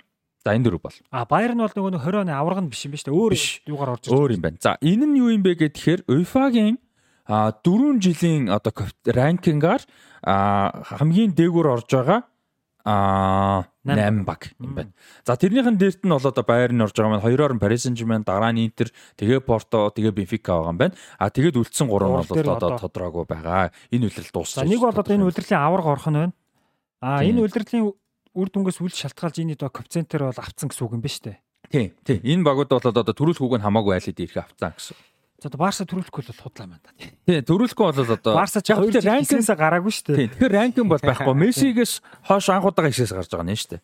Тэгэхээр ч одоо бас Барса төрүүлэхгүй бол ер нь чанга байна. Тий, төрүүлэхгүй бол байхгүй гэсэн. Тий. Барсагүй клубын дэлхийн аврагаар бас сонирхол юм да тий. Тэгээд одоо ранкингаас нь хамаарат Ливерпул ч юм уу, одоо Манчестер Юнайтед ч юм уу багс багууд бас. За Юнайтед бол худах уу? Ливерпул бол байх боломж байна. Ливерпул баймаар байна тий. Тий. Барса баймаар. Ливерпул аврагын жил байхгүй шүү дээ. Европа лиг тоо. Яг Европа лиг төрүүлэх хэрэгтэй юм тий. А тэгэх юм бол коэффициент нь дээ шүү дээ. Аа. Ливерпул ч сүүлийн үед финалцсан шүү дээ. Тий. Уг нь бол одоо 3 их байгаа тий. Тий, 3 их. Тий, 3 их байгаа. За энэ юу юм те? Энэ өнгөрсөн одоо тасалбар болох нь хизээ энэ 23-аас 24 оны улирлаар тасалбар болох юм уу эсвэл би тэгж ойлгож байна 24-оор дуусгах гэж байна авраг орно гэж байна шүү дээ Тэгэхээр одоо 24-өөс 25-ны улирлын амжилт дээрээс хамарч хамаагүй гэсэн юм шүү дээ. Би тэгж л ойлголоо. Одоо тэгээ суглаа Монголаа нь одоо яг жилийн үдид болчихгүй л үү те 12 сар. 4 жилээр 21-ээс 24 онд тооцож байгаа гэж байна. Тийм. Одоо 20-с 21 оны удирлаас тийм 23-аас 24 оны удирдал дууссан юм байна. Тий, тий, яг зөв. Аа. Тэгэхээр бол энэ удирлын амжилт бол хамаатай юм байна. Тийм, энэ удирлын амжилт бол хамаатай. Аврах баг бол одоо коэффициентэнд орохгүй шууд авах юм байна. За Ливерпул авах хэрэгтэй байна, Барселона авах хэрэгтэй байна. За өөрч одоо тэгэл Ювентус Мювентус бас байхгүй шүү дээ. Энд чи AC Milan Ювентус юу гэдэг нь одоо Арсенал байгаа байгаа юм уу? Интер бол байгаа. Интер бол ирэх аа. Арсенал бол арай авахгүй байх. Аврагын цэгт ороогүй тий арай авахгүй байх тий. Яг уу бол боломжтой. Юу нь Европын тэмцээнээс коэффициент байгаа тий. Тэр нь жоохон мэдээ оноод юм бамбуу юм. Европа лиг гэхдээ жоохон бага л бах та. Тийм баг. За за. За Аргентинаас одоо юу бол алга байна те? а баг бол алга байна. Одоогийн байдлаар Бразилийн 3 байгаа. Одоо энэ чинь ууг нь нэгэн клубын дэлхийн аваргалын болон ч одоо Бокаго, Ривергүй ч юм уу байна гэдэг ч одоо болсон нь шүү дээ. Тэр Ривер тийм. Тийм. За нэг юм сонирхолтой юм байна. Тэр үед одоо Неймар тоглож байгаа юм уу? Аль Хилал нь ямар ч үс ирэх авчихсан байна. Яг гэрээгээрээ бол энэ 100 гэрээнд дуусчих хэвээр. Одоо 25 оны 100 Неймарын гэрээ дуусах хэвээр. Аль Хилал клубтэй гэрээ. Тэгэхээр 6 сарын 30-нд дуусна. Тэгэхээр мань хүн бол яг дэлхийн аврах тоглож явах дунд нь гэрээнд дуусах юм. Наа чи боломжтой байна. Угаасаа ингэ. FIFA чинь тэгдэж штэ. Наа тэмцээний чинь дараа юу вэ? Тэмцээн тоглон тоглон Одоо юу нэ солилцооны цохоо юм. Тий. Аа. Солилцооны цохоо яг бусад багууд бол нээлттэй гэхдээ нөгөө юу яа. Наа тэмцээн чи орохоор зохицуул. Тэхэл ах тий. Нарийн тэгж тааруулах. Энэ тэмцээнийг дуусгачаад одоо яадаг чи өөр баглаа гэж болно гэдэг ч юм. Тэхэл юм байна дөө. За тэгээд бүтэн сар бол клубын дэлхийн авраг гэдэг сонирхолтой тэмцээнтэй байх нь байна. За харин яах бол та тий. Харин яа одоо арай л олон багийг тий ийм олон хоног тоглох гэдэг байна л гэж бодож. Одоо тоглогчид ч одоо тэгээд э, хямраад байгаа шүү дээ. Тоглолтыг одоо багасгаач гэдэг агаад л нэмээд байгаа. Одоо юу гэдэг чи ингээ ингээ бодохоор ингээ байхгүй. Аврагууд лиг финалийн тоглолт ёо ийм гоё юм болчлаа гээл дөнгөт яг тэр хүлээлтэнд дэлхийн аврагын тоглолтууд байх юм болоо байхгүй бол гэж бодоод байгаа байхгүй. Одоо наа чи яг тэг гол үндэс нь ийм л юм байл л та. Нөгөө Жан Инфантино гэж юм чи одоо FIFA-г удирдаад янз янз юм санаачлаад байгаа шүү дээ. Одоо дэлхийн аврах шалралт тэмцээний 2 жилд нэг удаа хийнэ гэж зүтгүүлээд бараагүй шүү дээ. Бараагүй. Одоо FIFA гэдэг том байгууллага бол санхүүгээл 4 жилээр тооцсон юм байна. Нэг 4 жилийн санхүүгийн гол орлогын 95% нь одоо дэлхийн аврах шалралт тэмцээн. Эрэгтэйчүүдийн дэлхийн аврах шалралт тэмцээний нийт орлогын одоо 90 гаруй хувь нь авчирд юм байна. Тэгэл тэргүүрээ 4 жил одоо ямаад хичээгээл ингээл явд юм байна шүү дээ. А тэгээ FIFA бол гишүүн холбоод 200 гаруй холбоод санхүүжилт өгдөг. А FIFA-гийн санхүүжилтийг байдаггүй байсан бол энэ гişүү холбоотой 80 гаруй дампуурах юм байна. Тэгээ одоо FIFA ч нөгөө санхүүгийн өөр гаргалгаа гарцыг хайгаад дэлхийн аврах шалралт тэмцээний 2 жил нэг болгоё ч гэдэм үү те. Одоо клубын дэлхийн аврах шалралт тэмцээний ингэж өөрчлөе гэдэг юм бол ороод байгаа мэйл. Яг нэг талаар тамирчдын эрх ашиг юм зөрчигдөж байгаа одоо тоглолт ихсэж байгаа Европын олон дэмний үнц нь одоо ингэ те.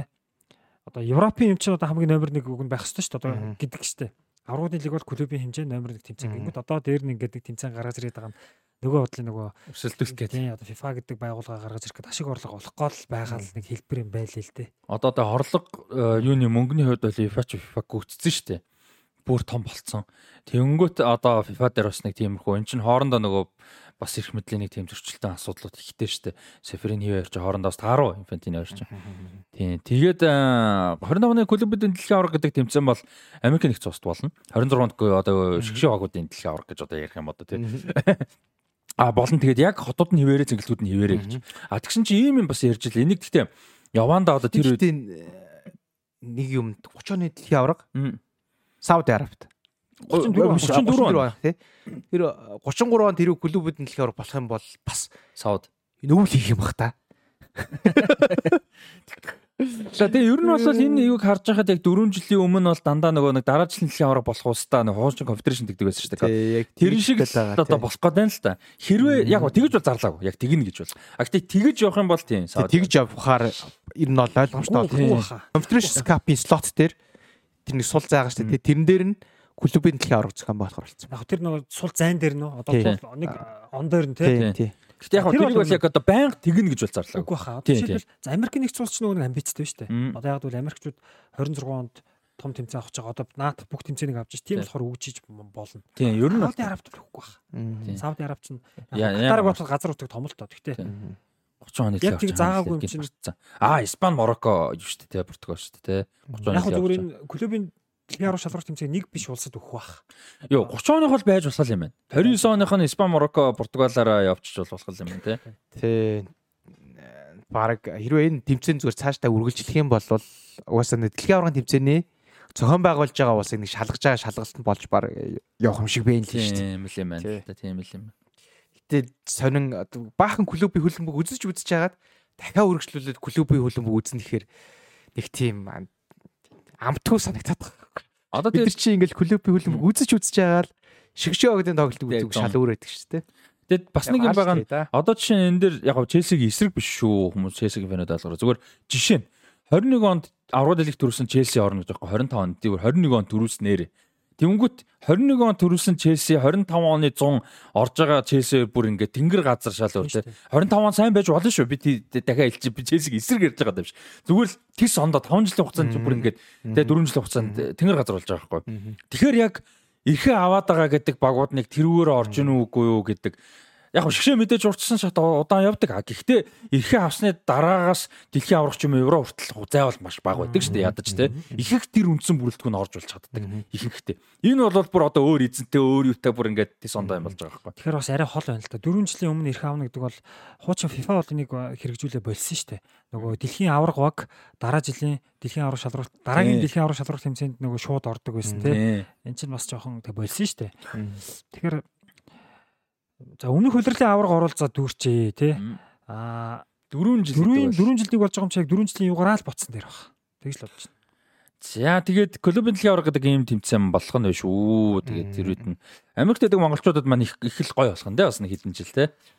Харин 2 жил дараа л гоё хөлбөмбөг үзсэн шүү дээ. Тийм шүү дээ. Бүгд очих нь байна тий. Тэр үеийнхэн томчууд нь очих нь байна бас бас гоё гоё. Тэр талаас нь бол. За хэдүүлээ Премьер Лиг руу орцгоё. Премьер Лигийн 17 дугаар тойргийн тоглолтууд явсан байгаа. 17 дугаар тойргийн тоглолтууд дээр Челси хожил авсан, Тоттенхэм хожил авсан. За харин Манчестер Сити тэнцчлээ. За Манчестер Сити одоо нилээн л оноо алдаж штэ ер нь сүүлийн хэдэн үед бол. За энэ яг мэдээж эцсийн үр дүнд бол аврагын төлөө өрсөлдөгч бол хിവэрэ байгаа. Гэхдээ яг юунаас болоод ингэж оноо алдаж байгаа вэ гэж зүгээр хамгаалцгааж энэ дүгнэж байна. Их олон тоглолт оноо алдлаа шүү дээ. Хамгаалалт юм да. Гол уг нь хийж байгаа шүү дээ. За Челси 4 гол хийлээ. Тэгээд эцэслээ. Тотнамд 3 хийлээ. 3 хийгээд 3-ыг алдчихлаа. Тэ Ливерпул төрүүлж гол хийлээ. Дараа нь тэнцэнэг бол алдчихлаа гэх тий. Сая бол 2-ыг төрүүлж хийлээ. Араас нь 2-ыг алдчихлаа гэд. Тэгээд тэрнээс өмнө бас Лайпциг тэхэлж 2-ыг алд араас нь 3-ыг хийлээ гэд тий. Энэ ерөөсөө одоо нэг тийм хамгаалтын юм байх шиг байна хэрвээ одоо энэ яг энэ хамгаалтан дээр гаргаж байгаа асуудлуудаа шийдчих юм бол тэгэл энэ тоонууд алдсан голыг нь 2-2-аар зур саяны тоглолтод хасаа бодоод үзье л те. Тийм үстэй. Тоглолтод хэд хэд дуусах байсан те. Тэгээд өнгөрсөн үйлдвэрлэлийн төгсгөлд 3 цом төрүүлсэн. Аа тэгээд тэрний дараа Пеп юу гэж хэлсэн бэ гэхээр би одоо яг тийм аа өөрхөн бараг тасалжуулагчтай карьертай гэсэн санагдаад байна анх удаага яг иймтэй ингээд хамгаалтын одоо proper defense defenders гэд гэж хэлсэн байхгүй яг ингээд жинхэнэ яг хамгаалагчдыг а хамгаалагчдаар хамгаалтын шугамаа энэ үйлдэлт хийж чадлаа гэд. Тэгээ тэрэн дотор нөө Натан Аке, тэгээ Канжи, Джон Стоунс, Рубен Диаш, Кайл Вокер эдгээр явж байгаа шүү дээ тий. Тэгэхэд ийм яг хамгаалагч байснараа бид нар 16 дотор гаргаж ирсэн алдаануудаа хамгаалтын тим хамгаалтын үеэрх алдаануудаа бүгдийг засч чадлаа. А яг яг жинхэнэ хамгаалагчд байгаа учраас зарим аюултай голын боломжуудыг одоо үгүй хийжтэй одоо ингэж одоо хувийн чадраараа бол хамгаалж чадж байлаа гэдэг яг хамгаалтаа хамгаалагчтай бол аюул сайн магтсан. Тэгээд одоо тэгсэн чинь яг нэг хитгэн сарын дараа шүү дээ. Энд нэг 5 сарын дараа гэхэд хамгаалт нь шал өөр болчиход байна л да тий. Бараг Ситиг хамгаалт угаасаа яг сая өнгөрсөн ингээд хаврын хөлбөмбөг, хаврын Манчестер Ситиг хөлбөмбөг энэ намрын эхний нэг 2 сарын хөлбөмбөгийг одоо үцхэд яаж Ситигийн албанд гол хийнэ гэсэн баг тийм бодол бол байдаг гэсэн. Тэг Сити бол 2 тэгэхээр хожин сул 3 тэгэхээр хожин. Ерс гол алдахгүй байсан шүү дээ тий. Яаж одоо энэ Ситигийн албанд гол хийх юм бол доо гэдэг тийм бодолтой байсан. Байсан бол одоо энэ шал өөр болчлаа тий. Тэгээд одоо энэ хамгаалтынхаа асуудлуудыг мэдээж ажиллаж л таараа та тий дагуу хүмүүс шүү дээ тэнд ажиллаж байгаа хүмүүс чинь тий тэгээд энийг шийд чинь аа тэгээд улирлын 2 дугаар ахсал руу шал өөр болоод ороод ирэх байх гэж одоо бодож байна. Гэхдээ нэг нөлөөлөх хүчин зүйл нь юу вэ гэхээр энэ нөгөө хитрхи олон тоглолтын хуваар л байгаад байгаа.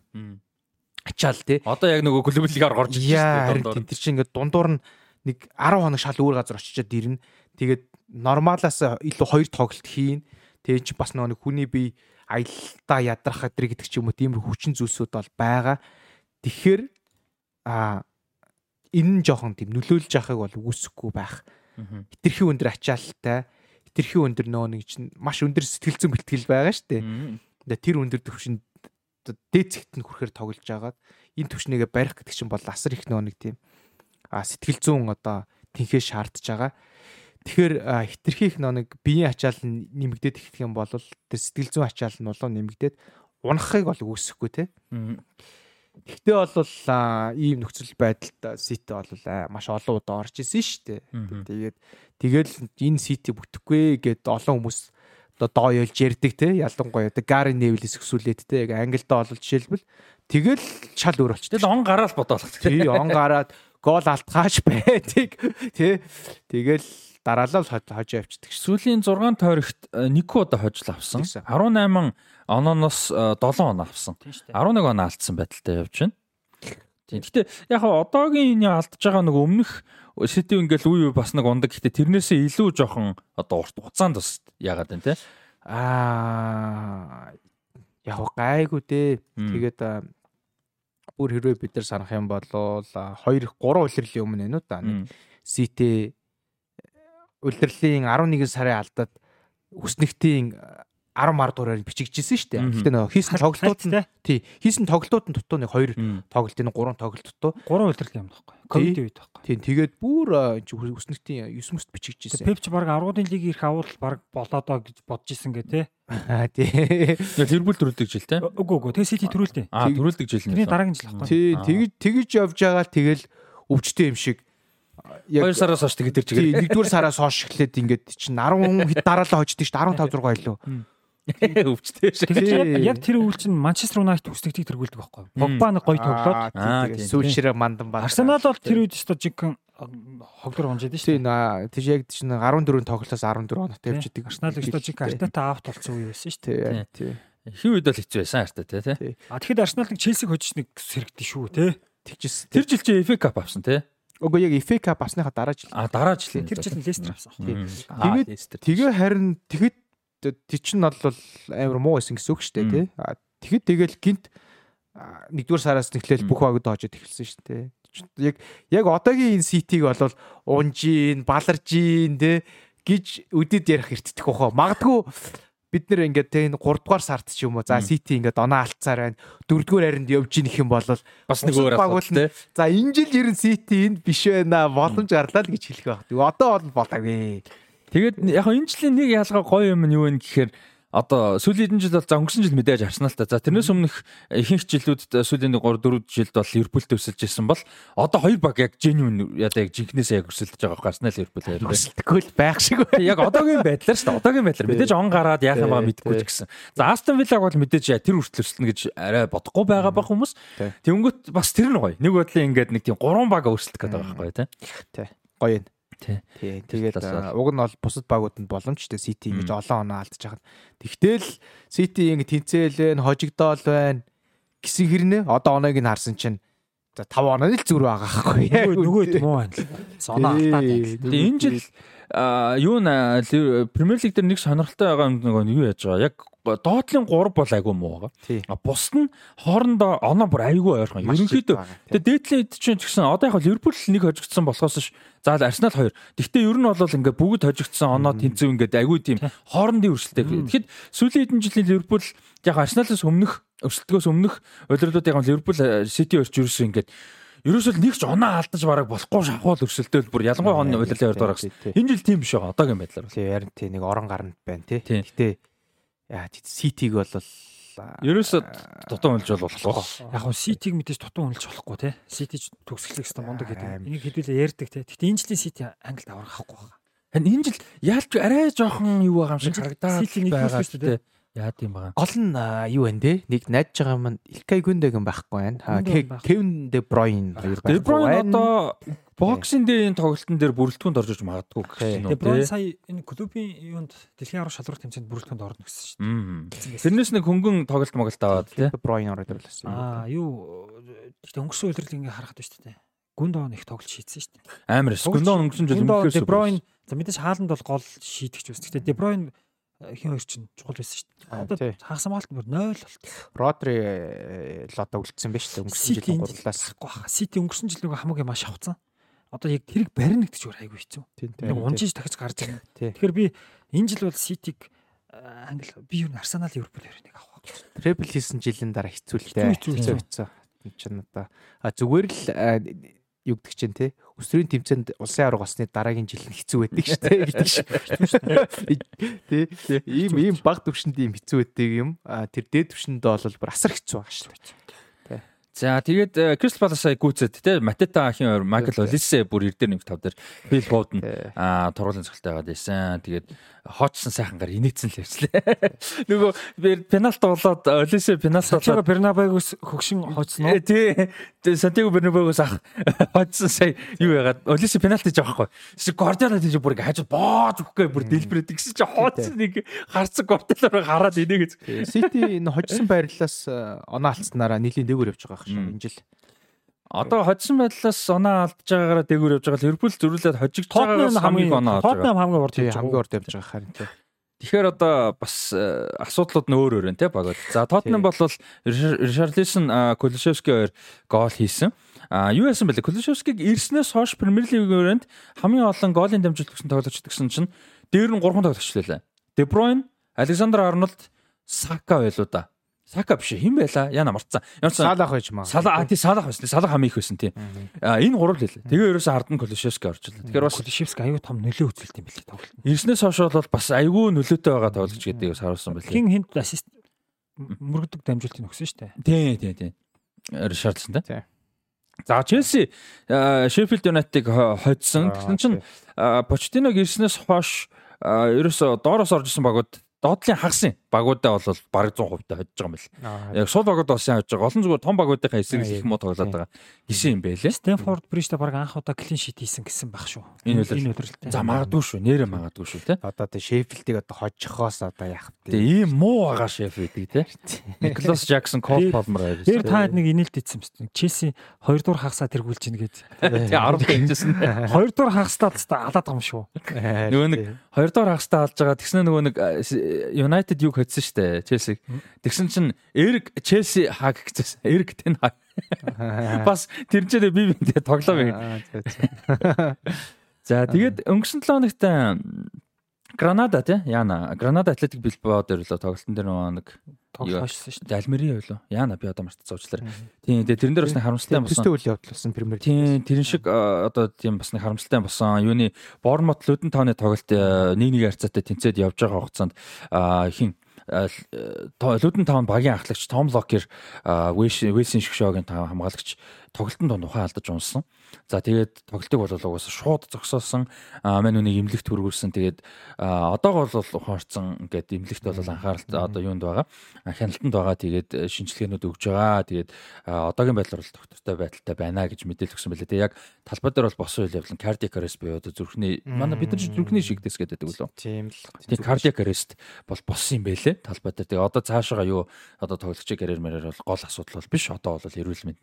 Тэгээд э, ийм мэдээлэл бол гарсан байлээ шүү. Тийм харамсалтай болсон. Тэгээд тоглолтыг удахгүй бас одоо юм нэг 60 хэдэн минутын тоглолтыг зогсоосон. Үлдсэн 30 минутын харин шууд 60 минутаас нь хоош шууд тоглож магадгүй байх. Тийм. Яг одоогийн байдлаар юу харсангүй мэдээлэл харсан гэхдээ тэгж тоглох бах тий. Тийм. За Ньюкасл Юнайтед Фулэмиг 3-1 харьцаатаа буулгаад авчихсан. Ямар ч үсэн Ньюкасл бол ингээд наач нөгөө хоёр тоглолт хожиж Хименес. Раул Хименес дөнгөж тоглолт эхлээд харин улаан утас аваад тэгээд тоглолт өөрчлөлт. Тэгээд тоглолт утахгүй болгоцсон. Тий 20 минутанд улаан авсан шүү дээ. Тэгээд хэрэггүй юм дээр. Тийм 20 22 минут дөнгөж. Тэгдэг байсан. Тэгээ эхний үед Ньюкасл гол хийгээгүй. А тэгээ 20 дугаар угаасаа мэдээж давуу тал. Тэр Майлигээд 17 настай нэг хүүхэд гарч ирж байна.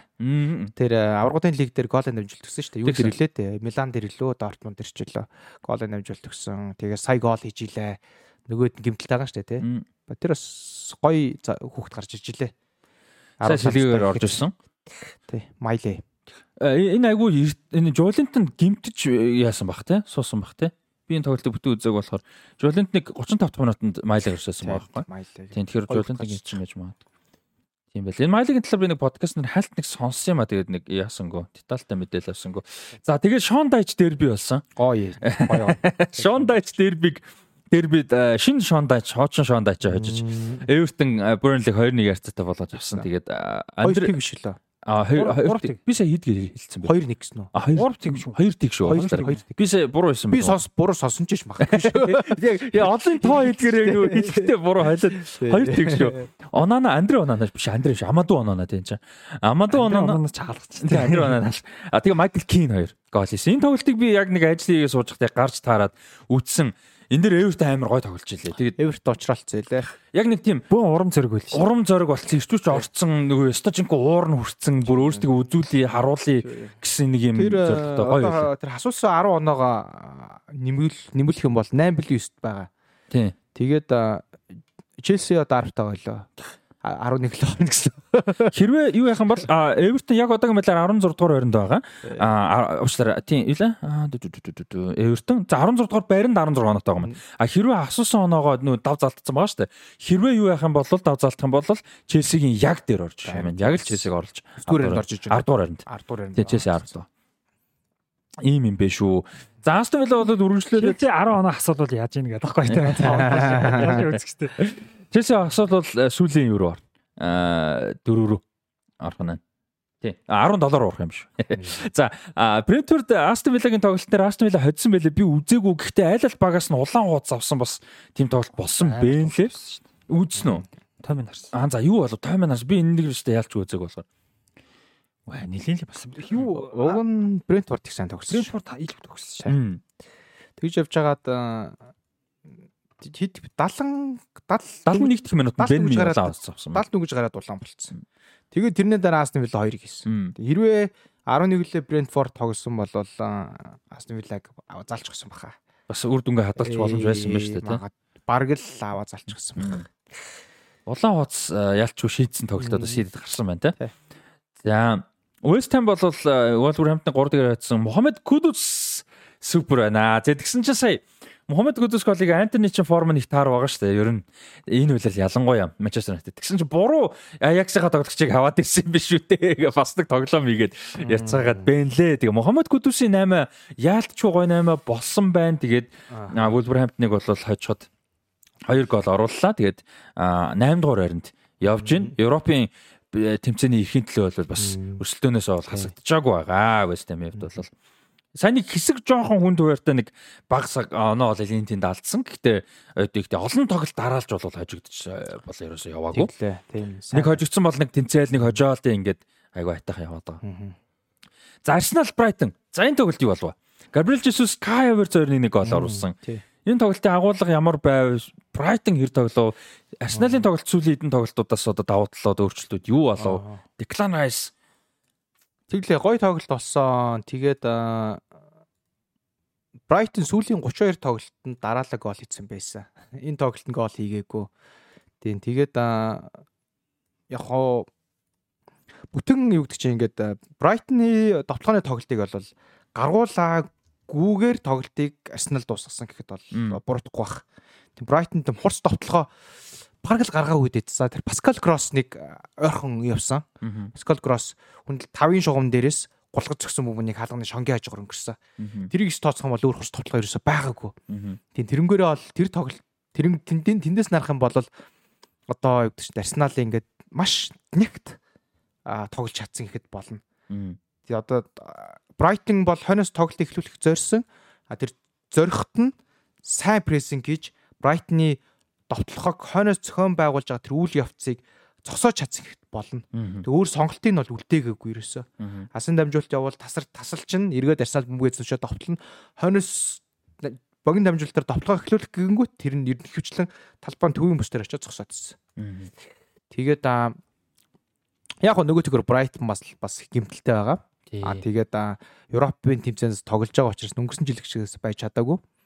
Тэгээд яг бүрэн одоо илүү тоглож хоцсон гэхэд бол болно Арсенал. Тэгээд Кай Хаварц болвол нөгөө нэг хуцаа явах тусам багтаага илүү сайн зөгцөж баг агаар ер нь сайжирсаар байна. Тоглолтоос тоглолтод аюул тарих нь бол нэмэгдээл байна Кай Хаварц. Хаварцт нэг пенальт өгдөн штэ. Нэг пенальт цохоод тэгээ түүнээс биш өөр болчиход байгаа шүү. Тэгж. Одоо сүүлийн нэг 5 6 тоглолтод үнэхээр супер шүү дээ. Сүүлийн 7 тоглолтод 4 гол хийсэн байна. Тэр нөгөө нэг сүүлийн минутанд мөргөж хийдэг гол мол тий. Чухал байгаа чухал байгаа. Тий. Арсеналын энэ жилийн тоглолтыг харахад илүү чанартай байгаа байхгүй. Өнгөрсөн жил бол яг сайн тогсон. Гэхдээ удирдлын нөгөө хуваар оноолт гайгүй урмандаа явцсан тохиолдол байсан байхгүй. Энэ жил бол нөгөө шал өөр нэг аврагын төлөө үзсэн тий. Энэ жилийн Арсенал илүү чамба. Хожигдсон хожигдлууд нь ч гэсэн Ньюкасл хожигдсон, Астон Вилла. Астон Вилла хожигдсон шүү дээ. Тэр бол маш чанартай тоглол хожигдсон хожигдлууд байхгүй. Тэгсэн. Сул оноо бол тэр баг л алдахгүй байх шүү Арсенал. Тэгээд яг өнгөрсөн үлрэлт яг тэгчээс нь алдчихсан алдаан дээр илүү сайжилж чадсан болов гэж бодож байна. Тэгээд ямар ч ч юм бол хэрэгтэй оноонууд аваад яваад байна. Яг зарим тоглолт нь жоохон зуурж байгаа юм шиг санагдчихж байгаа. А гэхдээ яг хэрвээ яг энэ ирчээр байж чадвал магадгүй яг эд нөгөө нэг форм нь хавар орох юм бол намар орсноос хамаагүй илүү байхгүй юу. Яг одоо л яг форм гэхдээ яг үнд бол бүрэн яг орохгүй яваад байгаа. Тэгсэн мөртлөө оноогоо аваа яваад. Аа наац чухал. Тий. Ингээ яваад байгаа. Тэгээд гол алдахгүй тоглолтууд их байгаа шүү. Тий, яг наац их чухал шүү. Айгүй чухал үзүүлэлттэй. Тэгээд Фергюсны алдарт үгээд штэ. Аа, довтлохоо тоглолтод хожуулдаг хамгаалалт цом авчир тийшүү гэдэг. Тэгэхээр тэр талаас харах юм бол Сити олон гол алдж, Арсенал гол алдахгүй яваад байна гэд бас яг хоо жоохон найдар байна. Гэхдээ бол үлрэлт болоогүй. За тэгээд өнгөрсөн тойргийн мэдээж хамгийн том тоглолт Бүтээсэний шөнийн тоглолт Ливерпул Манчестер Юнайтед байсан. Аа Анфилдэд хамгийн сүүлийн тоглолтод бол 7 тэгэр Ливерпул булгаад авчихсан байсан. За тэрний өмнө 2 тэг 4 дгээр очсон. 4 тэг тэг тэг тэгээд 2-0 гэсэн. Сүүлийн 2 Олд Траффордод болсон тоглолтод 10 гол. Ливерпул 11 хийсэн байсан. А тий 11 тий. Тийм байсан. Юу болохоо л даа л гэж бодож ийлээ За да. тэгээд City United-ийн форум бол мэдээж асуудалтай орж ирсэн. За Ливерпул бол форум сайн орж ирсэн байсан. За энэ тоглолтод бол юу яасан байгаа? А тэгдгэр тэнцэн дөгөөсөө хэлсэн. За юуны хувьд Ливерпулийн хувьд нийт хаалганд 30 зааж байгаа хит лээ. А 34 зогсон байна нийт. За энэ энэ нь 34 цогсон нь Премьер лиг гэдэг а нэртэй болсон зааж байгаа а за энэ нарийн дата тооцсон нь юу юм бэ? Яг 20 жилийн өмнө буюу 2003-аас 2000 опто Тийм. 2003-аас 2004 оны улирлаас эхлэн опто бол яг энэ датаг цуглуулж ирсэн байна. Энэ дата цуглуулж ирснээс хойш а гол оруулалгүйгээр хамгийн их зогсон рекордын 5-д орж байгаа юм байна. За дээд нь хамгийн дээдл нь болохоор Челси 2014 онд West Ham-ийн эсрэг тоглож хийсэн тоглолтод 39 зохиж нэг ч гол оруулаагүй. Ийм тоглолт болж ирсэн байна. 2 минутанд л нэг халдвар зогсож шүү дээ. Ямар үзүүлэх. Тэгсэн үрлээ оруулаагүй. Тэгснэ дараагийн хоёр нь хоёлаа Манчестер Юнайтед 2016 онд Манчестер Юнайтед Бurnley-гийн эсрэг 38 зогсон бол 2006 онд Манчестер Юнайтед Sunderland-ийн эсрэг 36 зогсон. За тэгээ Арсенал 2007 онд West Ham-ийн эсрэг 35 зохиод оруулаагүй. Ийм бол байдаг юм байна. Тэгээ энэ жагсаалт бол одоо хамгийн шин юу нь болж Ливерпул орж байна. Тийм. За тэгээд юуны хувьд тоглолтын хувьд бол Ливерпул угаасаа нүдсэн Юнайтед тэр чигээр хамгаалсан контр сөрөг давталгаар тогсон хинт Расмус Хойлунд нэг гой боломж гарч ирсэн. За дахиад нэг хин хин боломж гарлаа. Юнайтед нэг гой боломж дахиад гарсан санагдаад байна. Гарночод гарлаа. Аа, Гарноч. Аа, нөгөө хин Александр Арнолд хамгаалцсан байхгүй юу? Аа, нөгөө хиний тэрэн дээр чинь хиний амар гой дамжуулалт явсан юм аа. Төвөөс аа хин өгсөн юм бол одоо марчаад байна. Мактомины өгсөн юм болов хин өгсөн юм бол. Варан варан баг өгсөн байж магадгүй яг голоос баруун хийсэн гэсэн. Яг уралдуулаад бүр ингээд бүр хамгаалтыг ингэж амар гойжсэн гой дамжуулт өгöd. Тэгээ Гарначо бүр ингэж суларч гарч ирээд Александр нь бол гүцэгдсэн байжгаад Гарначог нөө зохикод юу авч яхад нь хурдан хасагч яхад нь яг Александр нь бол урдуур нь орж ирээд бөмбөгийг хамгаалж амжсан. Тэр бол гоолын дэвтэл хамгаалт байсан. Тэр бол Гарначо бол тэрийг зохихон бол баг хийцэн газар байхгүй. Тэр болгоос. Тэгээ хойлондох одоо хойлооны буруу хэд хэцүү юм да тий. Бас хийдгтээ хийвэл хийчихээр. Тэр хийвэл хийн. Тий, хийвэл хийчихээр л боломж байсан. Хиймэл юм хийх хэрэгтэй Тий, шүү дээ. одоо ажил нь тэр шүү дээ тий. Яалтчгүй. Гац боломжтой. Одоо бол гол хийгээгүй байгаа. Премьер лиг. За Ливерпул бол нөгөө талд нүдсэн, зөндөө нүдсэн. Аа хамгаалт бол яг Юнайтед бол маш сайн ажилласан. Тэгсэн. Онана бол үнэхээр баг энэ удирлын хамгийн Манчестер Юнайтед өмсөлтөй баг хамгийн сайн тоглосон байсан уу юу? Баг. Магадгүй. Тийм, Европа лиг Манчестер Юнайтед өмсөлтөд хамгийн сайн тоглолт нөгөө Копенхагентэй шүү дээ. Тийм, тийм ээ тийм. Нөгөө Тийм байна, тийм. Магуайр тэр хоёр амар тоглолдог. Магуайр гол хийгээд. Тийм байна, тийм байна, тийм. За тэр энэ хоёр л юм байна. Тэ яг Юнайтедийн өмсөлт бол хамгийн сайн тоглосон. Тэр оноо бөмбөг барайл алдчихл байл шүү дээ. Нэг хаалт бариад алдчихсан тий. Гэтэ тэгээд одоо яг энийг өмнө хэдүүлээ бас л ярьжсэн сэдвэлтэй. Одоо ингээд за ингээд Юнайтед болохгүй байна. Тэнгүүт Андре Унана Унанагаас гадна одоо энэ Варан Маран гэл ингээл ардаасаа бөмбөг ингэж одоо тоглож эхлүүлэхдээ ардаасаа довтлогоо босгох энэ олол одоо Тенхагийн гол юмнууд энийг гэж зөндөө ярьсан боловч тэр нь яг яг хэрэгцсэн доктортой амжилт бол тогтоогоогүй шүү дээ. Тенхаг гэснээс шүү. Яг нэг урт хугацаанд гэдэг утгаар. Тийм байхгүй л. За тэнгүүд одоо яах хэвтэй юм бэ? Одоо яг энийг дахиад энийг л болгох гээд одоо 108 8 хийгээл тэ ингэх хэвтэй юм уу? Эсвэл одоо бүр одоо болохгүй багтаал хааруулах хэрэгтэй юм. Тэг хэрэгтэй. Ихний хилдэг чинь. Ерөөсөө зүтгэх л хэрэгтэй. Одоо шүү дээ эндээс буцаж болохгүй. Буцаж болдгүй. Буцах нь хоёрын хооронд болчихсон тий. За тийх нэ тий. Одоо тэрийг сонгосон л бол тэр арга философо гүйцэтгүүлэхин төлөө юм а зорихоос байгаа байна. За тэгээд сүүлд нь яг хин 71 улаан хоц авсан. Гэтэ тэр нэг тоглолтод том өөрчлөлт болол орхойг байсан. Тэргүй болоос. Тэр э, жоохон юу яж магадгүй бахоо нөө нэг бичгөө өгөөд энийг буцаа гэж магадгүй бах тий. Тэг яг Тэгээд Антоник э, юу яаж илээ? А хинээр соёл Факундо Пелестригээр тэгээд Коби Майну гэж залуу үнэхээр мундаг байна. Тэр сайн тогссон шүү. Амар тогссон. Хөө харин тий. Би ч одоо анх нөө нэг тоглолт дөнгөж эхлээд нөө нэг гарааг нь хараагүй. А тэгээ ингээд э, дунд хит минутаас ч нэг одоо 3 4 минутаас нөлөө үтсэн байхгүй да. Тэнд голд нэг бор төхөргүй гэнэ. Which the Fred Фред чим шиг малаас яа чим шиг. Фред ч одоо явцсан ч илүү яатсан ч лээ дахиад ирсэн юм биш үү одоо яа гайхаад тий яг малаас юм бол гэж бодсон. Өө тэгээд за энэ биш олоо шлээ тэгээ аяг харсан. Айгуу сайн тогсон тэр залуу. А одоо ерөөсөө саяных бол мэрэгжлийн карьерийнхэн дөнгөж юу байгаа? А одоо энэ улирлын хүрээнд 5 дахь тоглолт нь мэрэгжлийн карьерийнхаа ерөөсөө 8 дахь тоглолт. Өнгөрсөн улиралд цом 2 цомд 1-1 удаа Премьер Лигт нэг ганцудаас лигээр орсон. Энэ ингээ би Андорог бол мэрэгжлийн карьерийнх нь анхны гараа авах шүү. Бараг энэ тоглолт. Наач юу байсан? Сайхныг гарсан. А тэгвэл хоёр дахь нь ч юм уу. Тэр хавцаал байгаа. Гарсан гарсан. Тэгээд үнэхээр сайн тоглож байлаа. Тэгээ яг нэг юунд United яг дутагдаад байгаа юмыг агуу гоё нөхчээлээ. Тийм. Тэгээ Бруно байхгүй. Мактомнай урагшаа тоглосон.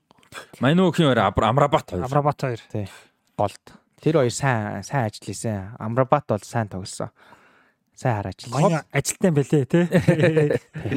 Коби Ботен Майно гэж байгаа. За мань хүн бол юунд Стокпортод төрсэн Манчестер Юнайтед академиг өөр жоохноос одоо тэнцээ сурж байгаа. Ган гартай юу?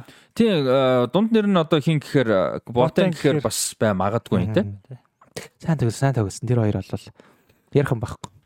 Сайн тоглож билээ. Яа тэгээд энэ тоглолт дээр нэмэх асуудал байгаа юу? Аа Манчестер бол хэрэгтэй үр дүнгэл авлаа. Бөө шүүмжлэлт донд явжсэн мэт тий.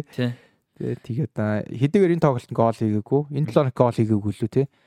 Сүүлийн 7 гол хийгээгүй шүү дээ. Юунд 3 төгөр ажигдсан. Тэгээд Баернд 1 төгөр ажигдлоо тий. Тэгээд сая тоглож байгаа шүү дээ. Сая тэг тэгэл тэнцсэн. А гэхдээ а одоо алдсан голоо байнга багсгасаар байгаа. Бүрний амралт өдөр юу шүү дээ. Бөөрмөт. Тий 3 тэг Тэгээ тэрний дараа дөрөв тиг байж байгаа нэг гол Челсиг Челсиг 2-1-ээр өцсөн. Тэрний юм. Тийм байна. Хоёр тиг үлээ 2-1 үлээ. Тэгээ сүүл 2-1 нэг үлээ. Сүүлийн 3 тоглолтод гол хийв. Тийм байна, тийм байна. Гол хийвгээс. Тэгээд яг хоо хийгээгүй ч гэсэн Ливерпулээс бол оноо авч чадсан нь бол яг одоо хэрвээ саяны тоглолтод за тэгэл 3 4-өөр хожигдсан бол Тинхаг ер нь одоо ажилтгүй байх магадaltaйсэн шүү дээ. Яг баг сүүлийн сумал сая бол баг тавьж байгаа шүү дээ. За энэ тоглолтоос үр дүн авах хэрэгтэй гэл Тэгээ үр дүнгээ бол авч чадлаа Эректийн хаг. Тэгээ Эректийн хаг ингээд заримдаа ингээд нэг ингээд шахаанд орох үед үр дүн бас авчаад байх юм аа. Тэгээ жин чин бас нэг сайн тасгалжуулагчийн чадвар. Яг тийм хэцүү нөхцөл байдалд сая чин гол гол тоглогчд гимтэлтэй байлаа тий. Ер нь бол тэгэд бол үр дүн авчлаа. Тэг өмнө нас яг жилийн өмнөөс тэгсэн штэ. Улирлын ихэнд Брентфорд дөрөвдүгээр хожигдлоо. Эхлээ Брайтонд хожигдлоо дараа нь Брентфорд дөрөвдүгээр. Тий. Тэгээд Ливерпултэй тоглох боллоо. Ливерпул чинь тэгсэн чинь өмнөх тойрогт нь 7 гол хийсэн байлоо да. Ливерпулийг хождсон шүү дээ. Тэгээ Ливерпулийг 2-1-ээр хождсон шүү дээ. Яг тэр гал намжаагаад яваад байгаа хөө. Тэсэл юм болж. Сая бас эвгүй тэгвэл Челсиг хожж намжаасан шүү дээ. Тий. Одоо тэгээ дараагийн тарихтаас юу болох юм байгаа нэ. Анхны тэмцэл нь байсан. Тий. Нэг тэмцээг байсан. Гласрайтай нэг. Аа нөө лигөр. Тий, лигөр. Лигөрөнд тий. Тэгээд За сая тэгээд тэнцээд э, байраа алдсан гэхдээ Ньюкасл хожил авцсан учраас 6-аар ороод ирж байгаа. Ньюкаслаас 1 онооны ард болчихсон. За тэгээ одоо эрэх тойрогт бол Манчестер Юнайтед бас чухал тоглолттой. А одоо бол Манчестер Юнайтед 17 тоглолтоос 28 оноотой 7-д явж байгаа. Эрэх тойрогт West Ham-ийн цэнгэлтэд Лондон аа хуучин Аптон парк. Одоо зүгээр олимпик. Оо одоо олимпик цэнгэл түрээ. Юу лээ? Аа тийм тоглолт шүү те. За тэгээд яг West Ham яг нэг онооны ард тавьж байгаа. Тэгэхээр энэ хоёр бол аа Тий, West Ham United-аас нэг онооны ард явж байгаа 8. За тэгэхээр энэ бол одоо бас том өрсөлдөөн. Аа West Ham хожиг л үзэх юм шүү дээ. Реклам авч боксинд байв шүү дээ. Аа энэ хоёр бүтэн сайн тоглох байна. Энэ хоёр 23 гэдэг чинь хагасанд тоглох юм шиг байна. Тэгээд боксинд 26 27 тоглоод. Бас рекламт боксинд байгаа тий. Тий, рекламт боксинд байгаа. Одоо энэ үед ярьсан боксинд байгаа тий. За за. Тэгээ тэрийг ямарсан судлаа тий. Тэр за за. Тий. За тэгээд ийм байгаа манай Премьер лигийн өрөөнд бол иймэрхүү тоглолтод болсон. Дараагийн тойрогт сая хэлсэн юу болвол болно. West Ham-ын талбай дээр United очно. За Crystal Palace Brighton гэсэн сонирхолтой тоглолт бас байгаа. Tottenham Everton байгаа. Everton бол нэлээд сэргэлт авчихсан байгаа. Tottenham бол бас сая нэг 2 3 3 дараалж хожигдсан дараагаас бол бас буцаад зовчроо олж байна. Гимтлэртүүд бас эхнээсээ ирж байна. За Liverpool Arsenal бол эх тойргийн хамгийн том тоглолт байгаа. Хагасны шүн а Энэ амралтын өдрүүд ингэж хэлэл зүг яа тэгэхээр дараагийн дундуур ингээд 7 оны хугацаанд дахиад тоглолт байгаа учраас аа хагасны шүн 1 цаг 30 минутаас Ливерпулийн талбай Анфилд Арсенал очиж тоглоно. За гоё тоглолт байна. За Сити Брентфордыг хүлээж авах юм байна. За Ла Лиг. За Испани Ла Лигийн өрөөнд ямар хөө тоглолт болсон бэ гэхээр а юу яасан? Атлетик Билбао, Атлетик Мадридыг, Атлетико Мадридыг 2-1 ярцаатаа болгож авчихсан. Нүгэ утсан. За Гурузета нэг гол оруулаад одоо Испани хөлбөмбөгтөд хамгийн авьяастай мундаг гарч байгаа тоглогч Нико Вильямс нэг голыг оруулсан. Нико Вильямс нөөдгийнхаа ассистийг өглөө яалаа. Тийм. Тэгээд Атлетико Билбао бол одоо юунаас Атлетико Мадридаас 2 онооны ард ирж байгаа. А гэхдээ Атлетико Мадрид нэг тоглолт дутуу байгаа. Атлетико Билбао зүгээр алсан шүү дээ. Зүгээр л алсан. Тэгэд хэн бол үнэхээр Эрнесто Валверде. Нико Нико Уильямс Нико Уильямсын дүү Нико Гавеста гэдэг бид нар мэднэ гэхдээ үнэхээр супер болсон байна. Дийлдэхгүй л. Зүгээр л алсан. Тэгээ одоо ахыгаа дуурайгаад бие хүчин тоглолт амар болоод байгаа. Өмнө нь тэрэн жоохон дутуу байсан шүү дээ тий. Тэгээ одоо бие хүчин тоглолт амар болоо. Тэгээ бүр Нико одоо ер нь энэ форма хадгалчих юм бол энэ байгаа формын 70-80% хадгалахад л баг Испани шиг гараанд тоглохоор байлээ дээ. Баруун дээр яаж хүн байхгүй шүү дээ Испанд. Дийлдэхгүй амар байлээ. Эрнесто Валверде бас нэр үнэхээр мундаг тасалж удаж юм аа тий. Ер нь сайн. Яг Барселона тэр нь хоёр тоглолтод бүтлгүүтцсэн нэг стооцвол тий. Аврагын лигт хоёр бүтлгүүтсэн болохоос Ла Лиг бол мундаг байсан тий. Тий, сайн биш шүү. Яг тэр үед нөгөө Месси нэг улирал эхлэхдээ ярьжсэн шүү дээ. Ингээд яг бид нар ингээд том хүлээлттэй Аврагын лигтэй ингээд ийм том амбицтай байдаг. Гэхдээ одоо лалих төрүүлсэн гол бол ерөөсө чамлах үзүүлэлт одоо юу биш шүү гэд аа тий аврагынхаа юун дээр компаниудаа ярьжсэн шүү. Тийм байхгүй. Одоо тэгэл хин явсны дараа Месси явсны дараа тэгэл Валвердег тэгсэн явсны дараа лалих төрүүлэх гэж зовсон шүү. Валвердег байхад лалиг алдаагүй. Валвердег багт Эл Классикод хожигдоогүй. Тэгээ Валверде хөөх юм нөгөө яхахгүй шахалтаар л халагдсан шүү. Тэнгүүт Месси бас бичдэн шүү. Одоо харамсаж байна. Энэ үнэхээр мундаг мундаг салж үлч байсан шүү гэж. Аа Одоо Атлетик Билбаог үнэхээр гоё мундаг. Тэгэд энэ Атлетикод бас хид хідэн гоё тоглож байна. Ганц их юм бас биш. Нико дээ. Нико ялгаа мэдээж үнэхээр мундаг байгаа. Атлетик Билбао доо. Тийм Билбао шүү. Аа Оян Сансет гэж та бүр үнэхээр супер пенальт алдсан дээ. Тэгээ пенальт алдсан л та. Гэхдээ ер нь яг Сансет үед сайн баг. Үнэхээр авьяастай залуу тоглож үнэхээр гоё байгаа. А тэгээд саяны тоглолтод яг яг нэг оролцоогүй энэ гимтэлтэй байгаа. Уна Венсидор гэдээ бас гоё цэвэрлэгч залуу байгаа. Алекс Брингер сүүлийн үед сонсогдгоо болчлоо. Бэрэнгэр ч ууг нь яг гоё жигүүрт алдаг байсан шүү дээ. Тийм. Сайн шилгийг орж ирсэн. Тэгсэн байна. Тийм. Яг тэгтээ ялчгүй яг яахгүй байгаа нэг сүртэй тоглохгүй. Аа тэгээд нэг хин бас айгүй гоё нэг хүний сэтгэл зүйд бас нөлөөлж л байгаа. Иньяки үнэхээр сайн баг. Иньяки чинь яг олон тоглоо ерөөсөө нэг тийм левлээ айгүй сайн барьдаг тоглогч шүү дээ. 10-аас 7-оос буудгаа ч юм уу тий. Нэг тийм супер тоглохгүй муу ерөөсөө тоглол. Тэгэд одоо нөгөө нэг дүүн сайн тоглож байгаа болохоор ч тэр юм уу одоо яадаг өмнө сэтгэл зүй нөлөөлдөг баг. Үнэхээр сайн байгаа. Одоо бүр дүүтэйг нийлээд идэрч өстэй. Божигнолж байгаа урамтай. Ийм байгаа. За Севиа бол одоо нөгөө нэг сайхан чөлөө дундалтыг хийсээр байгаа. Сүүлийн 5 тойрог хожилгүй явж байна. Хитап байд 3 тэгэр хожигдсан. Солилцоо дахиад солилцсон тий. А одоо хин ямар халуусаа илээ.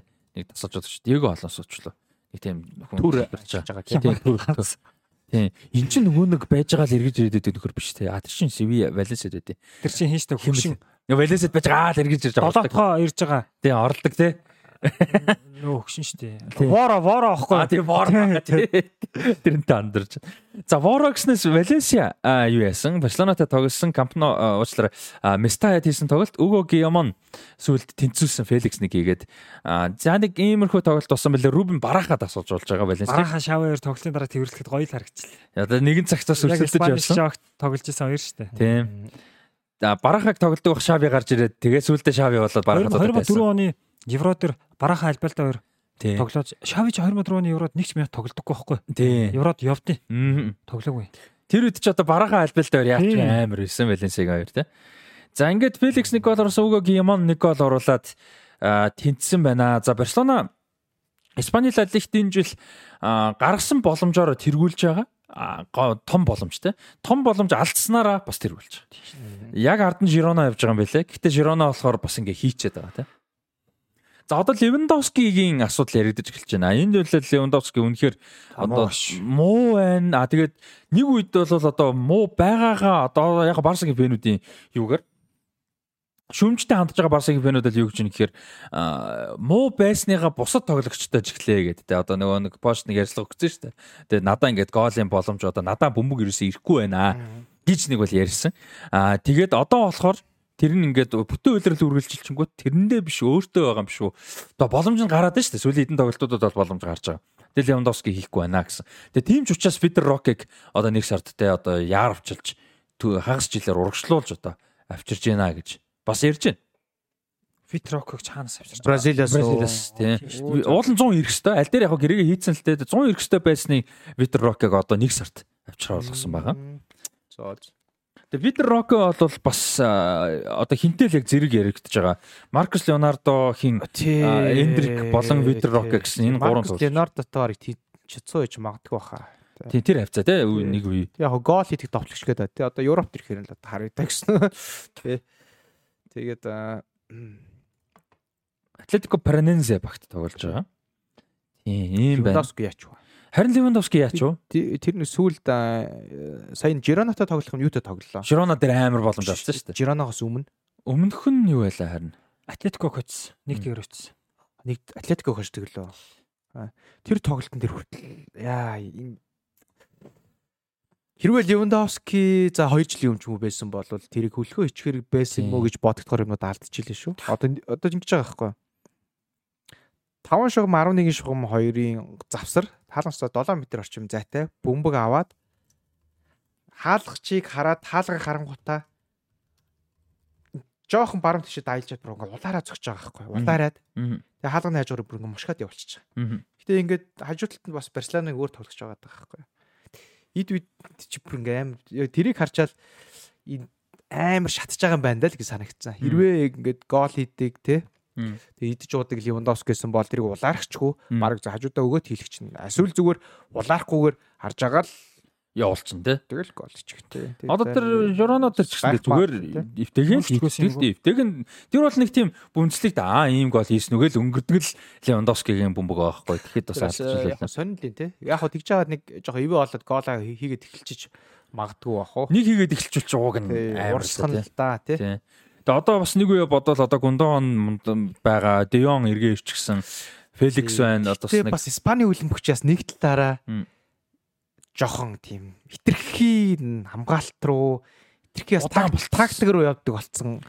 Одоо хөлбөмбөгчтэй тий. Одоо Соситохээр нөгөө нэг одоо Левандовскид орон зай баг гарч иш магадгүй бах. А бүнцлэгт бол чөлөөтэй штэ. Амар нээлттэй одоо нээлттэй тоглолт одоо заавал Левандовскид зуурлаад авах шаардлагагүй. Бид нар ч гэсэн урдаас нь товтлол нэгээд тэгээ альч баг нь тоглож бус болдог тийм болцсон болцсон. Тэгэхээр одоо Битис Сосидад Атлетико Мадридаас бус нь одоо баг одоо бүргэл хамгаалж тоглох гээд ч доошоо багууд бол. Тийм тэгэл Яг Жирона Мирона байгаа л. Тийм саяны тойрог харахад гурван тоглолт ихтгэр тусцсан байна. Ерөнхийдөө бол сая Пелегрини энэ шүүмжлээдсэн шүү дээ. Испани хөлбөмбөг бол одоо хитрхийн удаан болоод байна гэж тийм. Тийм яг хуу дээгүүр байгаа цөөхөн хитэн баг нь тийм гайгүй юм шиг боловч яг лигээр нь хараад үзэхэд бол айгүй удаан болчих. Тэрхийн нөгөө нэг одоо юу мэрч юмдээ тийм нөгөө нэг байхгүй. Динамик байхгүй, хурд гэж байхгүй. Тэгээд үр дүнгийн төлөө дандаа тийм. Испанд юу нэг л юм бусдаасаа хамаагүй л. Юу ихэр Испани лалиг тоглож байгаа хүмүүс техник илүү. Яг харахгүй техник илүү. одоо англи ч юм уу бусдад харьцуулахад. Аа тэгээд нөгөө хамгаалагчд нь шахуулчаад бөмбөгөө цүлж чадддаг. Ер нь их их баг хойноол бөмбөгөө бариад мултардаг. Аа тэгтээ довтлохоо нь удаа. Тэр бол мөн сөрөг довтлохоо мовтлохоо үнэн удаа. Тэгэнгүүт чин дундаас нь Sociedad энэ төр бас ялгарч байгаа байхгүй. Урталтай гой багууд те. Одоо Нико Уильямс ч юм уу. Тэгээд энэ Лалигийн бас нөгөө нэг одоо энэ тоглолтын юм аяг айгу нөлөөлж байгаа магадгүй Левандовски да. Гэхдээ бас нэг ихтгэлээ алчгаад нэг өөр болчдөг тий. Тоглогч нь хамгийн гол юм шүү. Яалч бай. Тэгээд одоо юунд бас асуудлууд айгу их байгаа л харагдаад байна. Барселонод нөгөө санхүүг нь мэдээж салаагүй байгаа. Үр дүн хэцүү байна тий. Яг аврагд л их хэсгээс би таньс нэг асууч. Яг Шави сайн тасалж болж байгаа гэж. Тий, тий. Барселоног дараагийн төвшөнд нь гаргаж чадах өмнөх тий одоо хэдэн жил одоо Европын хөлбөмбөгт ноёлов да тий. Тэр хэмжээ рүү навж авч чадчихжуулагч мөн үү? Шави потенциалтай л байх. Гэхдээ надад бол асуудал нь ерөөсөө систем удирдлага нь байхгүй. Одоо чинь сая яаж удирдлага марч марч марч. Одоо гэхдээ би ингээд Барселонод байдаг тоглогчд нь бодохгүй да. Одоо байгаа тоглогчдыг бодоод тий. Ийм тоглогчдоор ийм хөлбөмбөг тоглуулад шүү дээ. Тэгээ харахаар та юу гэж бодож байна? Яг аврагуудын лиг авах чадан чадна. Шууд мэдгүй одоо чинь зүгээр харьцуулахад заяа. Харьцуулахад авсан цом юм нь одоо жишээ шави илүү юм шиг боловч би бол жишээ нь алонсод илүү ихтэй байгаа байхгүй. Дараагийн тамцчулж болно гэдэг. Жишээ нь. Яг би зарлцсан шүү дээ. Яг одоо тэгжил би хэлээ да. Тэгвэл шавиг бол одоо муу гэж мэдээч. Мэдээж супер толгойтой хүн те тэрэн дээр үгүй марахгүй. Гэхдээ юу гэдэг би бол одоо алонсогоос илүү гэж арай бодохгүй л байна. Ер нь бол. Тий. Би санал нэг байна. Тий. Ягаад вэ гэхээр би бас намар хэлчихсэн шүү дээ тий. Барселонаны тоглолт биш. Нэг тийм ингээд гаргаад байна тий. Тийм нэг зууранг тий. Тэгээд авьяасыг харахаар хурц юм байхгүй. Тэгээд авьяас тоглогчдын нь авьяас бүрэлдэхүүнийг харахаар бас уул нь бол хоосон бол биш шүү дээ. Тоглолоход болвол за за юу гэдэг чинь тий. За Алонсогийн Баер Ливеркузен шиг биш юм аа гэд Брайтон шиг тоглоход хангалттай нөхц байгаа байхгүй. Тийм үстэй. Заримдаа ийм байдаг шүү. Муу бүрэлдэхүүн те танигдаагүй ч гэдэм юм те нэг од мод олоогүй хүмүүсийг тоглуулах нь амархан байдаг шүү. Гоё тоглуулах. Аяа би зүгээр систем гэж нөгөө за тус туслаа. Систем гэж ярих гэдэг нь яг шавиг яг би юу гэж нэхэр Шави яг өөрийгөө яг дасалжуулагч яг ялангуяа Барселона ч юм уу те одоо аврагын лигмиг тэр хэмжээнд харуулах нөхцөл нь бүрдээгүй байна л гэж би хэлэх гээд байгаа юм л та. Дандаа ингээд нэг тийм асуудлуудтай аа санхүүгийн ч юм уу эргэсэн хүнийх нь хоорондын зөрчлөө Матео Алиманы зөрчлөлтэй байсан. Гэхдээ яг хөө цэнгэлийн сайн ярьсан юм бол за тэр нэг асуудал байг. Тэгэл талбай дээр л асуудал шийдэн штэ гэдэг. Байгаад ойлгочтой тийм ээ тийм. Одоо энэ хүмүүсэнд өөртөө зээлтэй байсан жинглэг байсан ч гэсэн энэ хүмүүсийг өнөөдөр талбай дээр гарах боломж нь байна тийм үү? Тоглох боломж нь байна. А тийм болохоор яг тэрийг асуусан байхгүй. Тий. Одоо юу гэдэг чинь одоо ингээ гоё тоглооны хөлөм өгдүүлэх тасгалжуулагч нар биш үү те. Тэд нар шиг тоглуулж чадахгүй чадахгүй гэж бодоод байна. Тийм чадахгүй чадахгүй. Одоо жишээл өнгөрсөн жил бол гол юм нь хамгаалт байсан шүү дээ. Симоны Инзагийг харалтаа. Йоо Интер Миланы ингээ тоглолтог үзэхэр үнэхээр урамтай байхгүй. Тийм гоё динамик те.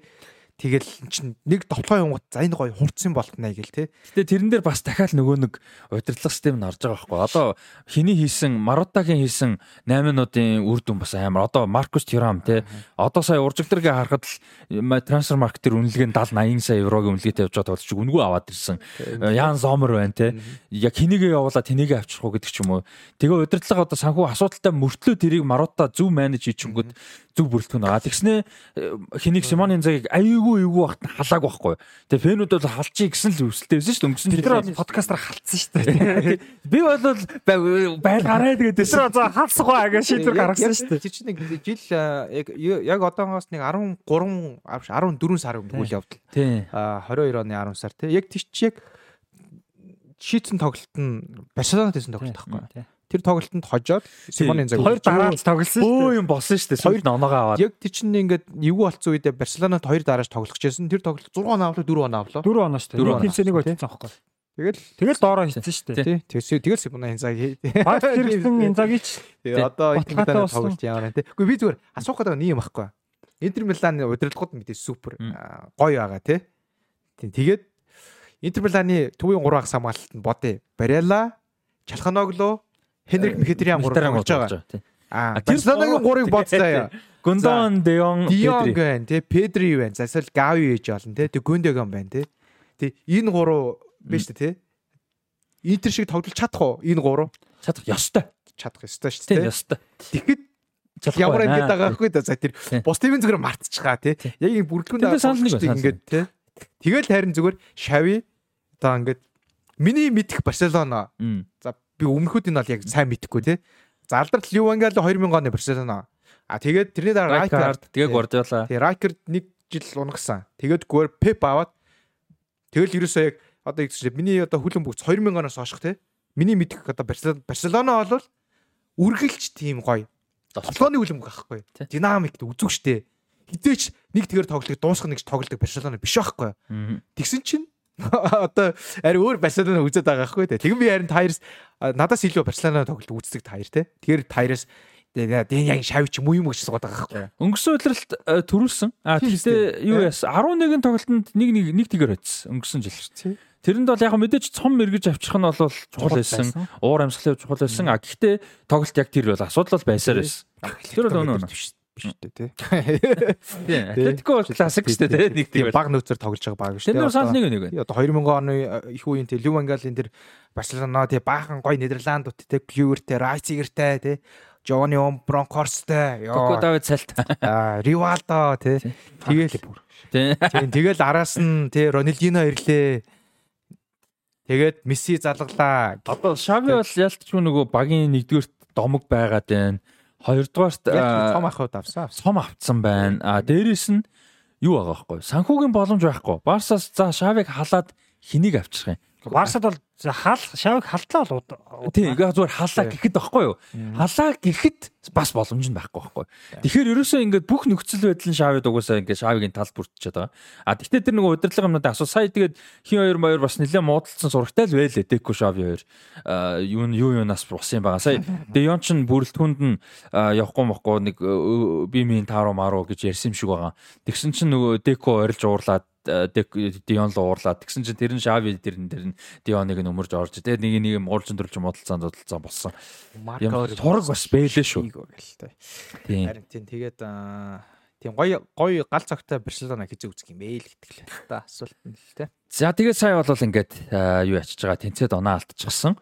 Аа дөрөвдүгээр харинд бол явж байна. За а юуны хувьд болохоор гурал орч очлоо хальт. Тэгээд Реал Мадрид те. Реал Мадрид ч одоо товтлогч хэрэггүй юм шүү. Аа Беллингем хийлээ, Брахим Диас хийлээ, Родриго хийлээ, за Модрич хийлээ. Тэгээ Брахим ч одоо үнэхээр сайн байна. Брахим тэгээ нэг юм болчихж байна л та. Брахим сайн тоглонгууд одоо бидний зүгээр энгийн ойлголтоор бол Брахим ч нэг товтлогч яг ард тоглолдог гişүүл хоёр талд те. За Беллингем бол одоо зөвхөн тоглогч те Брахим Диас. Тийм ер нь бол те. А гэхдээ фул вингер бас биш нэг тийм хурдан бас биш те. Тэнгөт Беллингем ч одоо ингээд 10 дээр ч юм шиг 11 10 10.5 гэдэг шигтэй ингээд урагшаага явж ороод Ингэж тоглоодсэн чинь Брахим Диас хин хоёр, Беллингем хоёр хамт тоглоо Валвердетэй тоглохоор идэр чи бүр дийлддэг юм байна. Брахим ч угаасаа техниктэй, тэгээ голын мэдрэмжтэй ассист сайн өгдөг. За Беллингем ч одоо бүгдийг хийж байна. Тэгээ одоо энэ дээр бол одоо довтлогч л мөрөгдөг гол хийж лээ. А Валверде ч одоо тэг бөмбөг аваад туугаад явахаараа шилжилтэнд болоод үнэхээр супер. Бараг одоо Валверде шиг шилжилтийг хийдэг төв ягс одоо хөлбөмбөгт Rice л өгөх баг. Яг тэр нөө шилжилт гэдэг утгаар Аа тэгсэн чинь энэ гуравч одоо гол хийгээд ирэхээр Родриго нугаас амар дийлдэхгүй юм байна. Ер нь тэгээ Хоселовч нь хоёр тоглолт нэг хийжээд байгаа байхгүй. Тэгээ хоёр тоглолт нэг ч юм уу, гурван тоглолт хоёр ч юм уу те. Тэнгүүч ер нь тоглолч хэрэг байна уу гэдэг юм яригч эхэлж штэ. Бэлихэм байхад л тэгэл байхгүй л болчихж байгаа штэ ер нь. Харин яг мэдээж нөө Бэлихэм чинь дангаараа итгэж бас банк болохгүй гадсан штэ. Тэгээ Бэлихэм тэгэл Родриго штэ ер нь. Яг Брахим бол сая л хэлсэн штэ. Баян ингээ. Сүүлийн хэдэн тоглолт хийж байгаа. За яг ер нь бол угаасаа багийн гол үндэс бол Бэлихэм.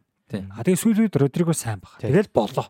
Бус нь бол яг одоо гол гол нь бүтэн үйлрэл гэдэг хугацаагаар ярингууд Винисиус эргээд ирчихээр одоо яг. Винисиус ч одоо бүр эрт ирэх юм байна. Анх тооцчихсон бас. Тий.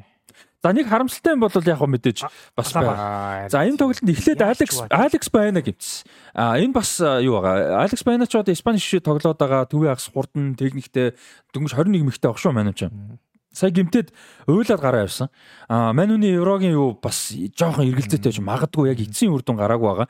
Алекс Байнач ер нь еврогийн бүрэлдэхүүнд явах тоглогч тийм нэг дээ. А Делепуэнте бас дуртай. Тэгээд байна гимтсэн. За тэгээ байна гимтэд гараад явсны дараа яг бөмбөн дээр өршөлт тэрээс амар эвгүй дарцсан байлээ харсан уу? Алаба. Айгүй эвгүй ингээ өвдөг нь яг хүн бол дараагаа өөрөө зүгээр ингээ бөмбөн дээр өстө буухта ингээд нуглараад дарцсан. Тэгээ өвдөний чигт толбос. Харин баларсан. 8 сар. Тэгээ евро байхгүй. Тэгсэн тэгсэн. Энэ ölөл дурсан евро байхгүй. Тэгээд Австри Евро бол бүр ингээд юу гэж байгаа байхгүй юу? 20 морь хувьтай магадaltaй. Тоглохгүй тоглохгүй. Ер нь бол боломжгүй шахав. Нөгөө нэг Falcon нэг 14 дэлхийн аварт нэг мүзгээ гүрийгээд нэг ингэсээр байгаад нэг удаа болдог штэ. Тэгхэл юм шиг л. Ер нь бол. Худлаа ах уу. 8 сар өвдөг юм шиг. Яг уу төвийн хамгаалтанд тоглоно гэдэг зорилтоор очиж болох л юм те. Тэгтээ хэцүү ах уу. Яг бүр үнэхээр юу гэдэг нэг бэлтгэл хийгээд эхэлчүүл зүгээр бүрэлдэхүүнд явж болох нь лидер гэдэг утга. Түүнээс яг гол бол байхгүй. Тэгээ энэ үйлрэл Реал Мадрид 3 чухал тоглож гарааны 3 тоглож чинь жагтай холбоос хамгаалтын. Куртва, Эдер Милитао, Алаба. Тэгээ энэ бол одоо Анчлоти гэсэн одоо ямар олон жилийн мундаг карьертай хүн бэлээ. Би амьдралтаа энэ мэржлийн карьертаа би тоглогч байхдаа хүртэл нэг үйлрэлт одоо гурван тоглогч өвдөний чагтай холбоостой ийм хүнд гимтэл авч ирснэг бол би амьдралтаа үзээгүй. Гэсэн байх. Бараг байхгүй тий нэг вакт ингэж олон тохиолдох ч бас хэцүү шүү дээ. Тэгээ нэг гэмтэлтэй асар хүн гэмтэл. Одоо харамсалтай байна Реал Мадридийн хувьд бол ийм чухал тоглолт. Одоо өвл нэг сард бол одоо шууд 8 хийн л. Хамгаалагч аав наа. Яг нэг сард бол 8 хийхгүй гэдээсэн шүү дээ. Тэгээ ерөөсөө 8 хийхгүй гэж тэгжсэн. Одоо бол довтлогч бол одоо шууд авнаа л гэж байгаа юм байна. Хамгаалагч төвийн хамгаалагчаас авах хаа. Аа яна уучлаарай бисээ. Андуураад ярьчлаа. Хамгаалагч хамгаалагч авах. Хамгаалагч авнаа л гэж байгаа юм байна шүү. Бүр яд зээлэхээр аав. Тий, наацхан. Тий, хамгийн наацхан. А тэгээд яг хэн бол эргээ ирчих юм бэлээ. Кепа сая нөгөө нэг бэлтгэлээс эргэж ирээд сэлгэнд суусан. А Лүнин яг дажгүй тоглоод байгаа болохоор гараан тоглосон. Тэгэхээр хаалгач бол яг босч гэж тэгээд. Лүнин сайн шүү. Лүнин сайн шүү. Би баг Лүнинг тийчгээс тоглосон гэж бодод. Ямар сайн Кепа ирсэн хойно Кепаг суулгаад сая тоглолоо шүү дээ. Лүнин сайн шүү. Тий. А тэгээд Наачо бол яг мэдээ сэлгээ гэхдээ одоо юу байхгүй болохгүй. Хамаалагч хос ураар байхгүй болж байгаа. А тэгээд Чумины гимтээс эргэж ирсэн. Маш том эрг мэдээ бас болж байгаа. За нэг иймэрхүү байна. Юуны хувьд бол Реал Мадридийн хувьд Хосело их сайн байгаа. Виаралыг 4-1 ярцаатай буулгаад авчлаа. Анчелоти сайн цэцгэлэгч юм аа, ялтчих мундаг юм аа. Яг амар менежер те. Яг бүр ингээд яг бүрэлдэхүүнийг бүр ингээд менеж хийхтэй. Супер супер. Ингээд байгаа бүрэлдэхүүндээ айгүй сайн хөрвүүлж тоглуулж чадчих байгаа байхгүй те. Яг ингээд яг манайд хэцээсэн шүү дээ. Яг тэр Guardiola энэ төр шиг хүмүүсийн яг клуб мопи эсрэг үл хэлээгүй. А гэтээ хэлсэн юм нь эсрэг байсан гэх юм уу. Юу гэсэн гэхээр маань үдчихсэн ингээд ерөнхий ингээд одоо каркасын гаргаж өгөөл хэрэгчлөөг нөх хэрэгтэй. Тоглогчд л тоглож байгаа. Тоглогчд л одоо хөлн бүгд одоо тий хожлыг авчирж байгаа гоолыг хийж байгаа. Тасалжуулж каркасын гаргаж өгөөл орхих хэрэгтэй ирчлөөг нэг. Тэгээ тэр тоглогч чинь ямар чадвартай байлаа, юунд давуу тал сул тал тэрийгэ тэр яаж гаргахаа тэр хүмүүс чинь мэднэ. Тэ ингээл бүх юмыг нь контролдоод, бүх минутын контролдоод, бүх байрлалын контролдоод хизээж хүрхгүй. Тэр бол би тэрнтэй санал нийлэхгүй. Яг нэг тийм нөгөө нэг хэдэл жоохон эсрэгэл юм байгаа юм л та. Тэгэж үл ярьсан байлаа шүү. Гэтэ Анчлоти бол одоо өөрийгөө баталсан юу ярих вэ? Тийм тоглогчдод эргжүүлээг нь болгоо тий. За сая тэгээд хожил авснаар бол Широнагаас юу яаж байгаа. А Жиронагийн дээр уучлаарай гараад ирчихсэн байгаа шүү. Тэгээ Жирона нэг тоглолт дутуу байгаа. Жирона талбай дээр Депортиво Алавес багтаа тоглох дутуу байгаа. А Алавестэй юу юм бэ? Өнөөшин тоглоно тий. Тийм байна. 19 гэхээр өнөөшин тий. тоглоно. Өнөөшин дөрвөөс юм байна. Тэгээ Алавесыг гэхдээ за энэ янзаар бол тусч байгаа. Тэгнэ. Хожно хожно. Алавесыг хожлог байх. Хожчихсон бол 2-1 дээр буцаад ирнэ нэгдүгээр харинд. Модрич кросс хоёр юу гой ингээд тийм төрцөн хөл өмгчд бас байх юм аа. 38-тай Модрич. Модрич 8-тай аав гэдэг шиг үү. Тий. Модрич нь хөндлөн одоо гадраар өгч байгаа хөндлөн амжилт. Тэр Бэлэн өгдөг дамжуул тий. Яа, энэ 7 хоногт тасарсан 3 гол ассист харлаа лигүүдэд. За нөгөө хоёрыг удахгүй ярина. Сериад 2 ассист. Модрич амар ёо. Энэ дэр тэр Модричийн дамжуул тий.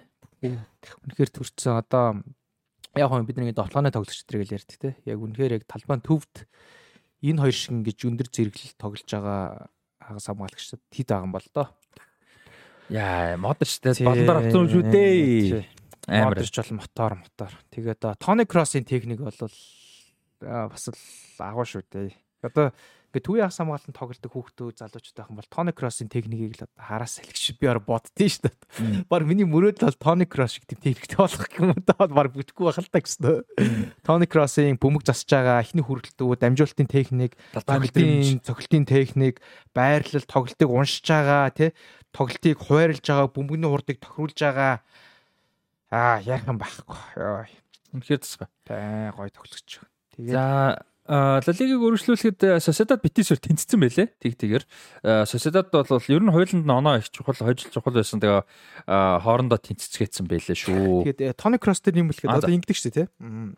Одоо ингээд нэг ингээд яг техниктэй тоглох гэж байдаг. Тэгээ техникээс гадна ямар нэг юм гүйцэтгэл хийх нэг тийм нэг одоо уран чанар гэх юм да тийм харах нэг үзүүштэй байдал байдаг шүү дээ тий.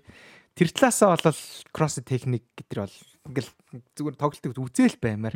Бөмбөгдөж байгаа аднэр нь бол амар тийм уран штэ ер нь бол харахад зовхгүй байгаа юм шиг бид нарт харагддаг. Айгүй хэцүү юмыг амархан харагдвал тийм маш хэцүү юмыг маш ингээ харагдуулж чадах нэг юм. Тэр бол гой гой. Үнэхээр нөө ил бишэттэй юм шиг л тоглох шүү дээ Томми Кросс. Тэгээ модерчтэй нийлхээрээ бүр ёо. Тэгээ одоо яг тэр үер дээр дутагдж байгаа мэдээж наснаа дутагдж байгаа юм бэлэг юм нэгч байгаа байхгүй. Тэгээ Валверде хоёр тий. Тэнгүүд энэ реалити байгаас ч гэсэн амар.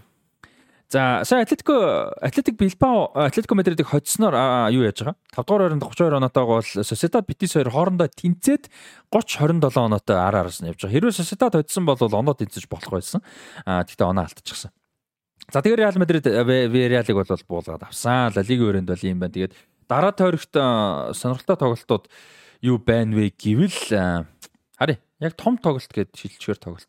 За яг том тоглолт гэж хэлчих тоглолт байхгүй юм биш үү? Ер нь ихэнх том багууд сул багуудтайгаа зөрж тоглох юм байна. Аа магадгүй Celta Vigo Villarreal гэсэн гой тоглолт бол байна. Villarreal муудсан мэл. Харин идэхтэй муудсан. City-нийг халдсан байл ч тийм. Тэг City-г халагдсан. Одоо хин блэ? Marcelino Garcia тураал гарсан байл. Аа тийм байна тий. Тийм City-г халагдсан байсан нэр. Аа Betis Girona байгаа юм байна. Энэ харин гой тоглолт шүү дээ. Тийм Betis Girona. Энэ өстой гой тоглолт юм байна. Benito Villamarin цэнгэлт гэдэг юм байна. За за энэ бол ер нь Эртөөргийн Лалигийн ганц онцлог тоглолт баг энэ юм биш үү. За Алавестийн талбай дээр Реал Мадрид, Барселона талбай дээр Альмерия, Атлетико Мадрид талбай дээр Хитафет юм. За Серия. За Сериад Женова юунаас Ювентусаас оноо зулгаачихсан 1-1 харьцаатай тэнцсэн. За ингээд Ювентус бол одоо аврагын төлөө өрсөлдөөнөөс бас 2 оноо зөрүү болж байна. А яг одоо бол үнэхээр супер хоёр формтой байгаа. Хоёр баг нэг л оноо алдахад бол бас асуудалтай болж байна. За тэгээ Кеза нэг гол оруулсан нөгөө талаас Гүдмүндсэн нэг хийгээд нэг нэгээр тэнцсэн байлээ. За тэгээд тэрэн дээр нэмээд Наполи Калериг 2-1 харьцаатай буулгаж авсан. За энэ тоглолтод Кварацелиагийн юу вэ? Осимен Кварацелиа Кварацелиа 1-1 хийсэн. А хин Осимен 69 дээр гол хийсэн. А тэгээд 75 дээр Кварацелиа гол оруулаад өстө бүр супер гол энэ харсан уу? Харсан шүү дээ. Амар гол энэ дамжуулдаг гэсэн тийм. Тэр чинь Осимен чинь тургуулын талбай дотор хүмүүстэй бүр ингээд үзэлцээ биер алж хидж байгаа дамжуул төгсөн шүү дээ. Зүгээр нэг одоо биер биш те. Хоёр тоглогч өөр дээр нэрж байгаа, шахаж байгаа. Торгуулийн талбай дотор. Тэгснээ цээжин дээрээ оруулаад өвдгөөрөө хоёр жонглоор доо. Тэгснээ толгоогоороо нөө сийл гэдэг хууралт гэдэг шүү дээ те. Толгоогоороо 2 3 явж яснаа буулангуудаа гурван хамгаалагчийн дондор шахалтнаас хөндлөн катбак гэж дамжуулдаг гэж байгаа байхгүй. Бэ тэр одоо ямар амар биеийн хүч, мэдрэмж, техник Яа яста аим тэр бол агуу дамжуултайсэн тэр. Симэнчтэй ихнийг бол бүр угаасаа сайн мөрөгдөн штэ. Дэлб мөрөгсөн штэ. Яа Симэн нөгөө нэг яг уйлрал эхлээд явахгүйсэн штэ. Баганч явахгүйсэн, Симэн ч явахгүйсэн одоо бол алж штэ Симэн те. Буцаа формд орсон. Амар байна. За Калери бол яг хөө тэгээд хожигдсон энд. За тэгээд нөгөө ассист юу яасан? AC Milan Монзаг 3-ыг харьцаатай буулгаж авсан. За ингээд э, форум бол ер нь их сайн явж байна. За тэгээ Ян Карлос Симич гээд 18 настай хамгаалагч юу яасан? Гол хийсэн. Мань хүн бол юу яаж байгаа юм бэ лээ? А энэ хаана хөлөө Босны Авте Сербижтэй гэлүү дээ. Тийм хамгаалагч юм байлаа. Метр 86 долоотой ийм залуу хамгаалагч бол Бенли шүү. Ян Карлос Шимич гээд сэлгээгээр орж. Гар юу Шимичийн хүү биш юм байна. Биш биш биш. Тийм. Энэ Рафаэлио биш ээ. Хин Побега гимтэд орж ирсэн. Тэгээд гол оруулсан. Мэржлийн тоглолт анхныхаа мэржлийн тоглолтод шууд гол оруулсан. А тэгээд Окафор гол оруулсан байлаа. Рендерс айгуу гоё явж байгаа тус гол оруулсан байлаа. Тэгээд энэ дээр Окафорын голын дамжуулцтай супер. Харсан уу? Жирүү. Бүр яг гээд эргэж одоо ирж байгаа бөмбөгөн дээр шууд нэгэн үргэлтээр гофрлоо ингэж эргэж харж тэр бүр амар нөгөө ардаа нүдтэй юм шиг. Тэгээ ардаа нүдтэй хүнч гүйцэтгэх гэдэг хэцүү. Тийм дамжуултыг ширүү бүр өстой. Ширүү чинь нэг тийм гой гол эдгээр алдартай бол энэ удаад үнэхээр тасарсан голын дамжуулт байсан. Амар гой дамжуулт байлаа. Тэгээ ширүүгийн форм орсон бас гоё байна. Ширүү тэгээд одоо Модрич гэдэг шиг ширүүд одоо 36 долоотой юу? Тэ? Тэр хавцаа 37-той он гараад 38 хүрнэ гэж жирөө. Тэгэд бас амар тоглож шүү жирөө бол. Үнэхээр мундаг. Жирөө бол цэвэр хөдөлмөр гэж одоо хэлт юм бэлээ. Одоо энэ энэ хүн чи одоо жирүүг дараагийн шатнд гаргасан шүү дээ тийм. Тэгээд тийм жирүүг бол одоо юу гэдэг чинь хамгийн одоо хүндэлдэг тоглогчдын нэг гэж одоо хэлдэг. Яагаад гэвэл жирүүд юу ч байгаагүй гэж хэлдэг байхгүй гарсан ингэр тийм. Жирүүд тийм Тэ авьяас байсангүй, хурд байсангүй гэдэг ч юм уу те. Яг мэдээж тодорхой хэмжээний авьяас байгаа. Гэтэ бүр супер топ төвшөнд очих хэмжээний авьяас байгаагүй гэж байгаа хгүй. Хурд байгаагүй. Тэгээд ерөөс ийм төвшөнд хүрэхэд хөдөлмөр гэж жирүүг болол те. Маш их хөдөлмөрлсөн ачаар өнөөгөө төвшөндөө одоо өндөр шөндөө хүрсэн те. Тэрийг хадгалж чадчихна гэдэг. Амар амар. Тэгээ Жирог нөгөө Челси авдсан дээ. Өнгөлийн цонхоор аваад. Тэгээ Челсигээс 2021 онд Милан руу явдаг дээ. Еврогийн өмнө Челси чинь Жирогтой гэрэг нэг жилээр сунгацсан. Тэгснэ Еврогийн дараа тохиролцоод цуцалсан байхгүй. Тэгээ Челсигийн клубийнхан Жирогийн тухай их гоё гоё зүйл хэлсэн. Нэгдүгээр асар мэрэгжлийн хандлагатай тоглогч. Олон удаа сэлгэн цуудаг, хизээч гомдлдог. Яг зөв. Дандаа өөрийнхөө хийх юм хийдэг, сэлгэн цуудагч бэлтгэлээ яг хийдэг ерөөсө асар мэрэгжлийн тийм характерын үнээс гардаг аа гэдэг үгийг түүхэл хэлжсэн шүү мундаг мундаг яалч мундаг. Тэгээ одоо 35 6-тад юу дэрчээд э, Миланд ирчээд 3 улиралд хараалаад 10 10-аас тийш гол оруулчихж байгаа. За яг энэ улирал 9-тэй байгаа шүү бүх тэмцээний үлдээ ойлгомжтой. Тийм. Тэгээд тэр бол одоо ийм тоглогчд бол энэ чинь амар амжилтгүй. Одоо 35-тад 10 38 тоглолтод 14 гол, 36-7-тад 47 тоглолтод 18 гол. Тэгээ энэ улирал 19 тоглолтод 9 голтой явж байгаа. Энд амар үзэлт байгаа байхгүй. Тэгээ эн чинь саяных шиг ингээм амар дамжуултууд өгж, боломж гаргаж, пенальт авчирж байна Тэгээ дээрэс нь одоо лидер. Тэгээ нөө залуу бүрэлдэхүүнд эн чинь том лидер болчихсон. А? Зүг зүг. Тийм, лидер болчихсон. Мундаг. Үнэхээр мундаг. Тэгээ Францын бүх цагийн мэрэгэн бууч Еврогоор л асуудал тоглож байх. Зүгээр дэлхийн аварга одоо яад юм байгаа. Дэлхийн аварга арай жоохон холдож байна. Арай холдох. Дэлхийн аваргаар холдох. Тий, арай холдох. Евро бас харжлаа да, тийм ээ. Аа, тэгээд 37-тод ингэж тоглож байгаа 3 жилийн дараа юм идэх. Тий, хөдөлмөр те. Тийм шүү дээ. Сэлгээгээр яваа За 3 жилийн дараа л хутлаа шүү. Арай ч бүр одоо бүр авиасын ундрахтай байна шүү дээ. Бас яалтчгүй. Энэ Еврод бол нэг сэлгээний товтлогч игээд чухал тоглолтод хийж. Аа, хийн хийн ер нь чухал шүү. Тэгээ гол ихгүй махэцэл орж ирэл бөмбөг нэг буулгаад өгнө шүү дээ. Ассист өгнө шүү дээ. Чухал чухал шүү дээ. Стогой тоглогч шүү ширүү бол. Ч одоо хаас 12 онд Монпельетэй Франц лиг төрүүлж явсан нөхөр шүү дээ. Еврод Францын гол давтлагчаар яваад Тийм шүү дээ. Тэгээд энэ хүний гар дээр очилоо. За тэгээд юуны хоёр топ тоглолт болсон сериад. За нэг нь бол Болония. За Болония бол одоо сериад түүхэндээ 7 төрүүлж исэн би андараг бол та 7 илүү 9 л сонгоод байдیں۔ Нилээн их төрүүлж. Тийм 7 илүү 9. Эдгээр таавар таахад мэдгүй тий. Тийм. За тэгээ Болоны бол одоо супер байгаа би сүүлийн өнгөрсөн үйлрэлээ сошиал яриад байгаа. Тэгээд яг мотод тасалж байгаа ч мундаг тасалж байгаа. За Роматай таарсан. За Рома бол 5 тоглолт хожигдоогүй явж исэн Роматай таарад талбай дээрээ хоёр дэг ярцаатай болгоод авчихсан. За Рома бол бөмбөгцөө. Яг хоёр гол бол эхний үед дуусчихад оруулаад хоёрдугаар үед эхлээд дуусчихад биш эхлээд удаагүй байхад аль алинд нь Болони гол оруулсан.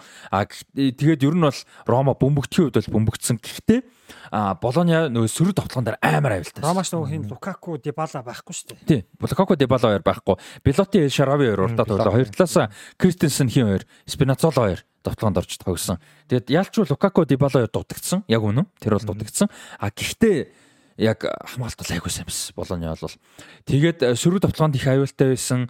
Аа Болоны үнэхээр гоё юм. Бүрэлдэхүүнч гоё юм. Залуу бүрэлдэхүүн уур амьсгалынч гоё хадгалсан байна. Зерксэн энэ төр ч одоо яасан ч амар зүтгэдэн чинь урдаа тоглож байгаа давтлагч те. Тэгэхэд Рома байнгын давтлаад явж хат бүр ингээд 16-гийн гадаа ингээд нөгөө бидний ярьдаг цэвэрлэгч гэдэг шиг тийчээс хамгаалцсан таалцаад бүр амар тоглож байгаа байхгүй. Тэгээ уур амьсгал бол үнэхээр гоё байлаа.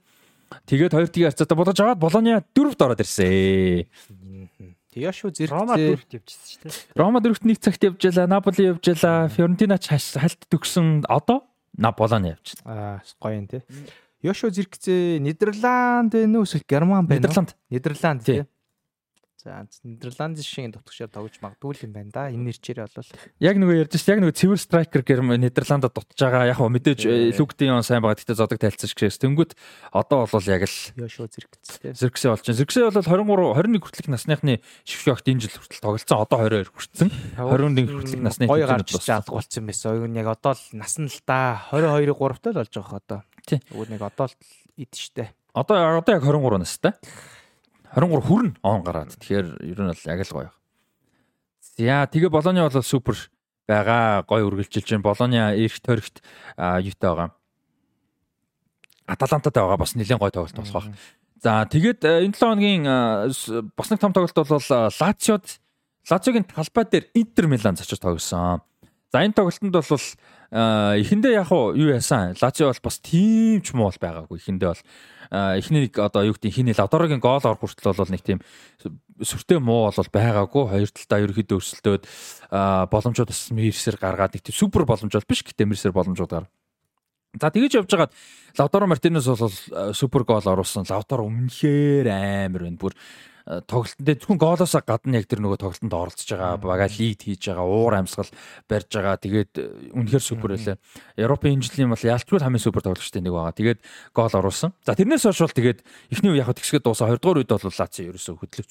Тэгээд ерөөсөө Интер бүр нүдээд 66 дээр Маркус Тюрам хийсэн. Тюрам бүр амар байна. Үнэхээр амар. Тюрамын нэрийн одоо юу бол партнершип бол супер гоё юм. А тэгээ сүүлд 87 дээр э, энэ нэг сонирхолтой улаан хуудас авсан. Лазари юу яагаад а хин бөмбөгд э, лавдаротой бөмбөн дээр өрсөлдөөд хажуугийн шугамаар яг лавдароос гарсан юм бэлээ л дээ. Тэгсэн чинь лазари ингээд э, уурлаад тэгсэн чинь эхлээд шар өгшөг болсон юм шүгч. Яг даалаттай адилхан байхгүй. Тийм далуутай төстэй. Нэг юм шар өгшөг болсон юм. Тэгээ байжсэн чинь шүгч шууд улаа өгч. Тэр нэг хараал мараал хийсэн юм уу яасан тэгсэн юм шиг байлаа. Яг далуу яг тэгж улаа. Яг адилхан тэр хоёртай яаж ч хоёулаа баруун зүгээр. Тий яг тэгш болсон тий. За тэгээ Интер бол одоо супер байна. А сая аврагууд лигийн суглаанд юутай тарчлаа яана. Атлетико. Атлетико тий. А тий хамгийн гоё уучраа гэж хэлээлээс ингэсэн тий. А гоё уучраа байна. Тэгээд Интер бол Италийн Ла Лиг Серие А-г бол 16 тойргоос 41 оноотой 4 онооны урд Э, тэргүүлээд эхэлж байна. За Ювентус бол сая тэнцчихсэн. За Милан хоцсноор бол 32 оноотой явж байгаа. Юунаас 5 онооны арт Ювентусаас. За ер нь бол аврагын лигийн эрхийн төлөө өрсөлдөөнд Милан илүү найдвартай. За аврагын төлөө Интер Ювентус тэгээ дөрөвдүгээр ойрны төлөө Наполи орно Наполи. Нилээ хэдэн багууд л үзгээд байна да. Болония, Наполи, Фиорентина, Рома, Аталанта гэсэн 5 баг. Наполи орно. Нэг нь аврагын лигийг арах авна, хоёр нь Европа лиг авна, нэг нь конференц авна, нэг нь болтно. Европ ирэхгүй. За ийм л одоо өрсөлдөөн юм явж байна да. Сериад. За ер нь Наполи авах уу? За дөрв дээр юу гэж бодож байна? Милан бол доош унчихгүй байх. Гайг байх. Энэ зар бол эхний гурав ойлгомжтой хоо тий. Дээшээ тоглож байгаа. Дөрөв рүү ямар багийн таамаг вэ? Болония, Наполи, Фиорентина, Рома, Аталанта. Аа. Ай, сайн мэдгүй л нөө. Нөгөө арай амжихгүй, амжихгүй. Яа, тэгээд Дибала Лукаку хоёр ч амар байгаа штэ тоглож байгаа. Эвгүй юу? Биш үү? Наполи л юм тий. Наполи байна. Яг өнгөрсөн жилийн бүрэлдэхүүн баг хадгалсан байгаа штэ тий. Рома гүцгүй юу? Зэ зэ. Тэгээ Болоныг дараа жил Европод хараасаа харах юмсан гэж бас өсөж чинь гой тасалжуулагчтай байна. Дараагийн баг нь юу ах вэ гэдэг бас гоё байна. Тяго мото тий. За тэгээ эх 7 хоногийн хамгийн онцлог тоглолт гэх юм бол Рома Наполи гэсэн тоглолт байна. За та харъя да одоо тэгээд Ромагийн талбай дээр. За энэ дээр одоо тэгээд Рома хоччихвол бас л одоо 3 4 юм болох гэдэг шүү дээ. Тэгээд тэгээд. За Бундеслиг рүү оръё. За Бундеслигт юу яасан байгаа? Дортмунд оноо алдсан. Дортмунд туссан. Дортмунд одоо юу Бундеслиг авраг одоо зүгээр дөрвийн төлөө чадахгүй үгүй юу л гэдэг асуудал дээр туссан. Аврагын лигт явна гэдэг байгаа шүү. Яадаг юм бол доо яадаг юм бол одоо 5 дугаар байранд 4 дугаар байрнаас 6 онооны 5 онооны ард явж байгаа. За тэгээд өөр гэх юм бол Лайпциг Хофенхайм хожицсан. Ер нь Лайпциг одоо форм олоод айгүй гоё бэ шүү. Лайпциг бол сүүлийн үед. За тэгээд Баяр Ливеркузен Айнтракт Франкфурттай бас амаргүй байж болохоор тийм өнгөрсөн тойрогт Баярны 5-1-ээр Ливеркузен алсан алс зүгээр алс. Зүгээр ямар ч эргэлзээ байхгүй гусан бэл тийм зүгээр Тийм наач нь бол тийм байхгүй шүү зүгээр нэг удаа байсан юм аа гэд. Виктор Бонифас нэг голоосон Фримпон Вирц 3 байсан. Петр Вирц одоо ямар гоё юм бэ Вирцийн тоглолт бүр яг бид нар нэг амар хүнд хүнд гимцэнд нэг харамсаж байна. Мань яг одоогоос гоё юм. Гэтэ тэгж гимтээгүйсэн бол одоо бүр айл хэдийн бүр ингээд эзэгнж яах байсан байгаа байхгүй юу? Тэгэж Бонифас юм уу? Бонифейс юм уу? Яг нэг би нэгээр хүний хөтэлдэг подкаст сонсдог байхгүй юу? Тэгсэн чинь Бонифас гэдэл. Бонифас гэдэг нэ. Тий, нэгээр хүн Бонифас гэдэлээ. Тэгэхээр одоо тэгээд нэгээр хүн нэгээр хүнээ дахгүй. Тэгээд одоо бод тийм мэдгүй юм да. Гэтэ Бонифас гэдэг нэг буруу бол биш байх уу? Тэ? Бонифас гэдэг нэг буруу бол биш байх. Тийм Бонифас л гэдэг л нэг. Бонифас ч алсан шүү дээ. Эхнийг бол хийгээ дараа нь цохоод ойс бөмбөгийн Фримпон. Тийм. Тийм. Тэгээд Грималдо нэг юу зөгчл байлаа. Чөлөө зөгч цохоод бас дажгүй л зөгсөн байлаа. Ороогүй ч гэсэн. Яа энэ Ливеркузен Ливеркузен биш үү үлдэрхгүй шүү дээ, тий. Топ 5 лигт ялагдаагүй ганц цог. Хийсэн гоолоор бүр тасархаа илүү бусдаасаа. 15 тоглолт 42 гол. Бараг л 3 гол. Тий энэ амар үзүүлчээ тий. Йой. За Баерн нөгөө Штутгарт чинь энэ нэстэ том тоглолт өгж магадгүй гэжсэн.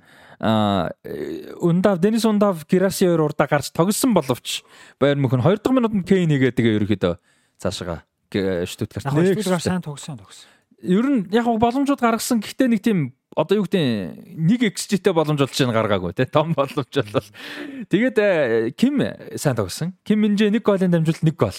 Гэсэн Harry Kane нэг дамжуулалттай бас. Ким Минжигийн нэг голын тооцоогүй шүү дээ. Нэг гол нь тооцоогүй. Тэг эхлээд нэг хийгээ тооцоогоо сүүлд нь хийдэг шүү дээ. Ким Минжэ бол амар тогсон бэлээ. За тэгээд Германд бол нэг иймэрхүү байна. Үдсэн өөр Герман дээр нэмэх хасах зүйл байна. Harry Kane хамгийн хурдан 20 гол хүрсэн тоглогч болж байна одоо Bundesliga. Фак 20 хүрчлөө сая. Сая 8 болцсон байсан шүү дээ. Сая 22-ыг хийгээд 20 болчихсон. Би Bundesliga 20 голтой болч тээ. Ямар амар юм бэ 14 дээр л нэг 5 нэг түлдэг дээрээ л гол хийгээг болохоос юм байна тий. Оо Harry Kane-ийн гол. Тэгээд одоо Leverkusen Bayern 2 онооны зүрх 4 байгаа л. А 4 39 35 Тэгээ Баер нэг тоглолт дуугаа шүү дээ. Аа Баер нэг тоглолт байгаа нөгөө Юнионтой тоглоо. Юнион Берлиний тоглолт те. Тэрэн дээр баг ус очих байх л те. Тэр нэг л оноо гэсэн үг те. Яа за хавар шийдэх бах тоо. За одоо намар нь бол энэ чигрээ энэ хоёр одоо үлдснийг хожсараа дуусгачих бах те. Хавар яаж орж ирэхээс юм хамаарна да. За тэгээд одоо нөгөө юу байгаа? Энэ нөгөө нэг Union Berlin-тэй тоглолт нь юу яахгүй юм бэлээ? Оноос өмнө нөхөж тоглож амжихгүй юм бэлээ. А тэгэхээр тэрнээс болоод одоо ганцхан тойрог яваад нөгөө Евро Германы Бундслигийн амралт явчихна. Тэгэнгүүт өвлийн амралтад амралт дуустал Ливеркузен нэгтэй хэвээр одоо ямар ч одоо эргэлзээг үлдэж байгаа. Болдог бол Баер нь юу хэрэг тоглохгүй айл айл нь оноог нөхөхгүй байгаасаа гэдэг байхгүй. Тэр чир амжихгүй юу? Үний бирлээ. Тусаа гэдэг. За тэгээ Кейч энэ үлрэл бүх тэмцээний өрөөнд 21 тоглолт 24 гол тавьж байгаа шүү дээ. Ээжлээ. Юу гэсэн үг юм бэ? Угасаал нэг гол мангастай. Амар тий. Кейнэр үнэхээр суу. Чупо Мотын өнгөрсөн үлрэлд Баерн тоглоод 10 хэдэн гол хийсэн шүү дээ. Тийм шүү дээ. Тэгэхээр Кейн бол доор хаж 30 гол хийнэ. Хин 40 гэлээ. 40 гээгүй те 30 30 л гарна гэсэн дээ хэдэлээ. 40 рүүр дөхнө гэж ярьсан шүү бид нар. Тэгсэн баг. Одоо 24 гэдэг чи одоо тэгээ 40 л асуудал болох нь шүү дээ те. 30-оос өнөмшүүлж. За 7 хоногт Бундслигийн сүүлчийн тойрог байгаа завсарлага байх хүртэл тий. Тийм тийм. Тийг санаж байна. Тийм баг шүү. Тийм. Тэгээд сонирхолтой тоглолт байна. Бэлгүү маань хэсэг амархан дээ. Яг нэг одоо хуучин цагаар бол уг нэг одоо Вердер Лайпциг энэ төр байгаа л юм. Гэтэ Вердер ч одоо тэгээ таархан байгаа. Дортмунд Майнцтай байна. Байерн Wolfsburg-ийн талбай дээр мэл Leverkusen талбай дээр Бохумыг хүлээж аваа. Stuttgart талбай дээр Augsburg-ийг хүлээж авч тоглох ийм тоглолтууд бол яг байгаа юм биш үү тийм. Аа за би нөгөө нэг цаг хугацааг нь муу юм биш үү тийм амралт хүртэл яг ихний юм. За амралт дуусаад ихний тоглолт гэх юм бол юу юм бэ? А Ливеркузен Оксфордын талбай дээр юм байна. Тэгээд Баер нь Тофенхайм нэг том тоглолт байхгүй юм. Яг би нэг том тоглолт дээр эргэж ирэх юм болоо гэж харахгүй байсан чинь нэг байхгүй. Баер талбай дээр Хофенхаймтэй тий. Тий. Эргэж ирэхэд асуудал байх. Эргэж ирж байгаа чинь л өөрөө том штэ. Тийм ээ. Чи одоо бараг сар амарч байгаа штэ. Бараг сар арай өрхөө. За Францын лигт бөө юм болж ээж Лион нэг хожил авлаа. Яг өнгөрсөн төрөлт Лакасет эдэргийсэн л дээ. Гэхдээ энэ бол том хожил байсан. Монако Монако. Монаког нэгдэх ярцад тоглож авсан Жифини нэг гол оруулсан. Энэ жил амар формтой одоо аврагын бас өрсөлдөөн нэг хэсэг явж исэн Монаког бол одоо ингээ хожижлоо. За энэ бол Яны энэ жилийн одоо хамгийн чухал ажил ер нь бол байсан. Өнгөрсөн тойрогт Лакасет хедер гэж хоцсон тоглолт бол яалч бас айгүй чухал. Сэтгэл санааг нь их сэргээс тий. За ингээд л юм а энэ удирлын дөнгөж 3 дахь хожлоо авснаар 16 руу ороод ирж байгаа. Ямар ч байсан гэсэн унахгүй байх одоо байрал руу төгөж байна гэсэн үг. За тэгээд Францад а Мерси Готосоос амар энэ да. Готосог Мерси. Клермон Клермоныг 2-1 хятад болгоод авчихсан. Мерси дөрөв тоглолт дараалаад хожигдсан байна. 6 тойрог хожигдлгүй явж байна. Европа лигт хэсгээс гарчихсан. За ингээд тест үнэхээр сайн явж байна да. Абомянд ам орцсон байна. Сэргээд сэргцэн байна. шүү дээ. Абомяг гол хийгээд ирсэн. Абомян сайн байна. Кондогбяч гол алж байна. Кондогбят Жофре Кондогбят тийш явцсан. За тийм Диего эн чи ямар мөрий юу байлаа? Жигүр. Энэ нөхөр их сайн байгаа юм бэл. Тэгээд хин нөгөө хин оо Мбембаганы хамаалагч байдаг штэ. Тэр мэр чинь аим сайн баг. Гатусо ч эвгүй юм шүү. Аа бас том тоглоодоос оноо авсан штэ. Тийм. За тэгээ Лилийн талбай дээр Paris Saint-Germain оч тоглоод 66 дээр Мбаппе пенальти хийсэн. За тэгээ явж байгаад 90 дээр нэмэх 4 дээр Jonathan David гол хийж тэнцэнэ гол хийсэн. Тэнцүүлээд Paris Saint-Germain тэнцсэн. Гэхдээ 5 онооны илүү хിവэрэ байгаа. Аа 5 онооны зүрэг 2 болгож болох байсан бэлээ. А гэхдээ хоёрт явж байгаа нийс бол өөртөө сая лав багт бол хожигдчихсан. Бас их чанга тоглолт болсон байлээ. 2 3 улаан хуудастай хоорондоо зодтолдож модалцсан. Тэгээд нийсэс нөгөө Барсад байсан Жонклер Тодибо улаан хуудас авсан байлээ. Тийм нэг юм тоглолт болсон байлээ шүү. Франц лигт ч одоо бас одоо энэ Франц дээр нөгөө хамгийн их ярьж байгаа юм ерөөсөө тэр нөгөө талбайгаас гадна тэгээд зөвлөмбөгийн хүрээнд нөгөө одоо юу violence тий. Одоо тэр л одоо хамгийн том асуудал байна л гэж ярьж байна. Сая би нөгөө подкаст сонсч байсан жаахан тухайн үед нь ярих гэсэн жоо цоцол байсан байлаа. Гэтэ Нант юу хоёр ингэж вэ? Ланс гэсэн үү?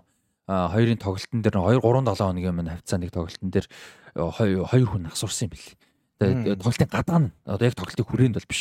Нөгөө зочиж явсан юунууд нь фэнүүд нь юу яагаад машинтай ингээ явж исэн чинь нөгөө хүлээж авч байгаа багуудын ультранууд нөгөө машин руу ингээд явуулахгүй бүгдийг ингээд хүрээлээд 5 6 машин фэнүүд явж байгаа бүгдийг ингээд машин чинь бал баад бүр ингээд гараад ирээ мараад ир гэдэг нөгөө хэд нь гарахгүй байжсэн чинь нэг машинд нэсээ хоёр нөхөр гарч ирээд нөгөө хэд нь зодтолдоод Тэгээ зодолж исэн чинь нөгөө хүлээж авсан багийнхан фэнүүдийн нөхөр нэг нөхөр хутаг барьж авч орж ирж хутгаар дайрж очиод тэгээ хоёр хүн асуурсан.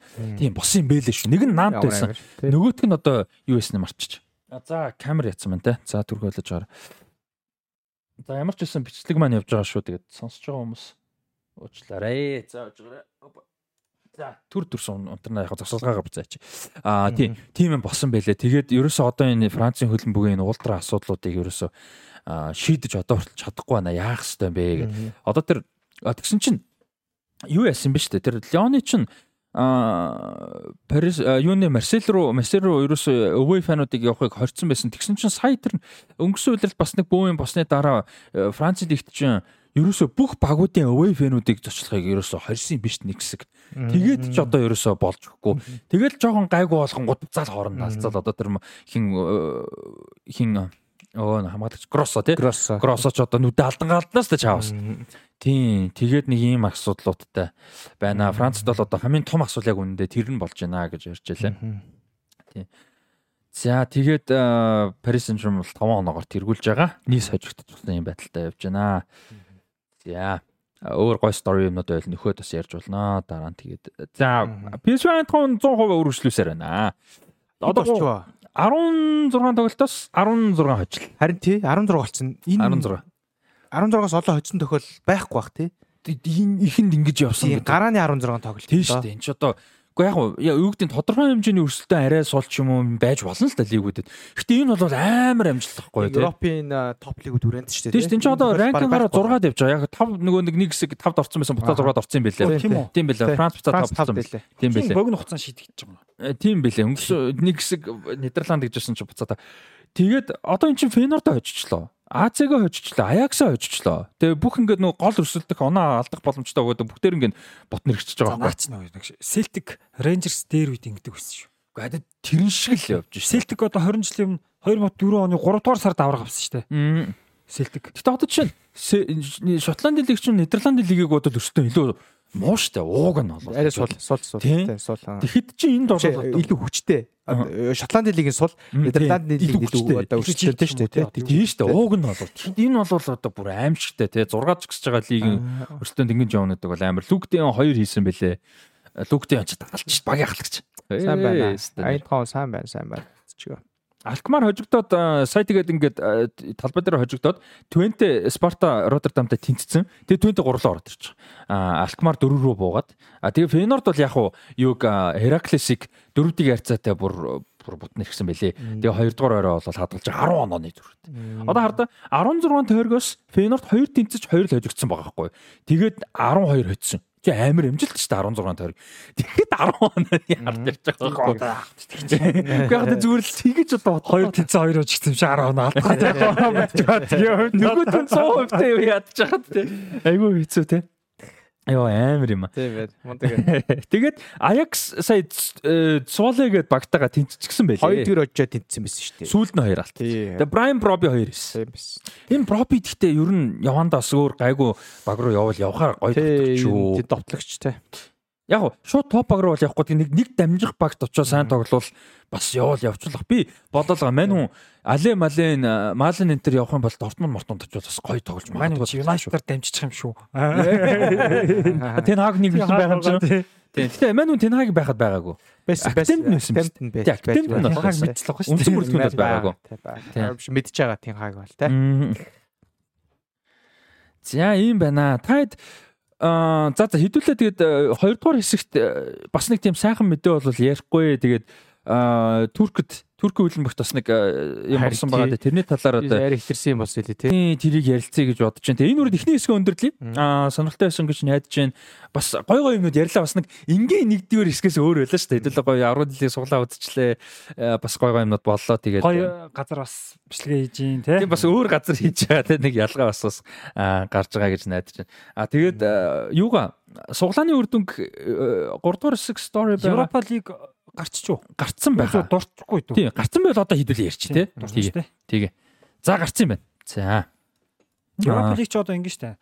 Аврагуудын лигт хэсэгтээ 3-т орсон баг өмнө шууд Европа лиг рүү ордог байсан бол болоод одоо 3-т орсон баг нь Европа лигт хэсэгтээ 2 дугаараар эзэлсэн багуудтай плей-офф плей-офф хийгээд одоо Европа лигт хэсэгтээ нэгт орсон баг нэг даваа одоо алгасж байна гэж ойлгох хэрэгтэй шүү дээ. Тэгээд нэмэгдэж орж тоглодог. Тийм систем сүүлийн одоо 3 дахь жилдээ ингээ явж эхэлж байна те. Тийм. За за уучлаарай. За суглаанууд ингэж яасан юм бэ шүү.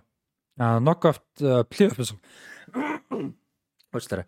За плей-оффын суглаа. Фенорд Рома. Оо. Ой, наад төр чинь юуны аврагын төлөө үтсэн хоёр шүү дээ. Тийм шүү дээ, тийм шүү дээ. Европод конференц лигийн аврагын төлөө тоглоо. Өнгөрсөн жил дахиад аа Европа лигийн хаг шигшүүн амд шигүүн амд бас хоёрын Рома болсон. Дахиад харж байна. А наад төрч дерби болцсон юм байна да. Тийм байна, тийм байна. Энэ бол өстой гоё учраас. Фенер даага нэг харуулсан юм шүү гэж. За тэгээ хоёр чинь жилээс жилд ингээд доод шатанд хараад байгаа юм биш үү гэдэг. За тогсон шүү, тогсон шүү. Конференц лигийн финалаас наач хэлүүлтэй. Э, за. За. Тэгээд Милан Рен Францын. За Милан Рен байгаа юм байна. Хин юу яах нь шүү дээ. Аа гүгү. Майнач өмнө ласт байсан шүү дээ. Тийм. За тэгээд э, юу байгаа мэн за Милан Рен гэсэн за Ланс Фрайбург Young Boys э, юу Спортинг Young Boys гэснээс э, юунд Бернд амьдардаг манай Жогагийн фэн байд юм билээ шүү. Young Boys-ыг яга ярихгүй байна гэдэг. Тэгээ аврагд дэлгэцээ 3-оор болсон шүү дээ, тэ. Тэгс Young Boys-ыг яриараа гэдэг. Бернд дасан гайх юм шиг. Тийм, Бернд бас амьдардаг монголын байд юм билээ. Өмнө нь Нант дэдэг бас хүн байс ярьжсэн. За Бенфика Toulouse, Прага Карабаг Галатасарай, Спарта Праг, тэгээ Шахтар Донецк, Марси. За энэ хоёр хатуу суглаасан байна тий. Тийм Шахтар Донецк, Марси, Фенорд Рома гэсэн хоёр суглаа бол хамгийн одоо гоё гэхэд буруулахгүй ийм сэлгээ сэлгээ гинэ суглаанууд болсон байна. За хэсгээ тэргүүлээд гарчихсан байгаа багууд мэдээж байгаа тий. За тийж хүлээж байгаа гэх юм уу. За эднэрийг хүлээж байгаа. Гэтэ тэр чин аль нь юутай таарах бас болоогүй суулаа дахиад явдаг санагдаад шүү. А West Ham, а Brighton Glasgow Rangers, Atalanta, Liverpool, Liverpool, Villarreal, Slavia Prague байгаа. Slavia Prague байгаа юм байна шүү дээ. Slavia Prague байгаа. Тийм, тэгээ Bayer Leverkusen. За гоё хүлээж чинь да. Бас гоё. Ер нь бол шүүгээ 16 бол нэг гоё гоё гоё болох гоё болох. Стаа гоё болох нь шүү. Янз. Янз болох нь шүү. Их гоё харагдчих. За тэгээд юуныхыг бас нэгэнд харж байгаа юм чинь бас харж ида тий. Аа конференц лигийнхыг тийм. Ливерпул ч одоо клубын дэлхийн аврал шалралт тэмцээнд орох их горилохын тулд бас чичрэхнэ. Тэгэн штэ. Яа гэхдээ тэгэж яг бодохгүй. Орох бол бодно ш тэр тэмцээнд. Одоо бас нэр төрөлтөө тий. Бас э, одоо юугүй байна гэдэг чинь Ливерпул байхгүй байна гэдэг чинь бас э, тийм л юм байна л да. За конференц лигийн плей-оффын суглаа болоогүй байгаа байж магадгүй. За харъя те. Юу ч гэсэн. Нокаут плей-офф за болоог байгаа маань. Суглаа нь одоо л явж байгаа. Уул өнөөдөр явна гэхдээ болоо. Үзэгчтэйгээ сонирхол юу оруулах. Тийм ороо харчихгүй дөө. За тэрийг энэ Fight.com руу тий. За тэгээ энүүгээр орхий. Тий тэгээд 20 дугаар хэсэг рүү орцгоё. Тэгээд үзэж байгаа хүмүүст төс төр төгссөн байхаа.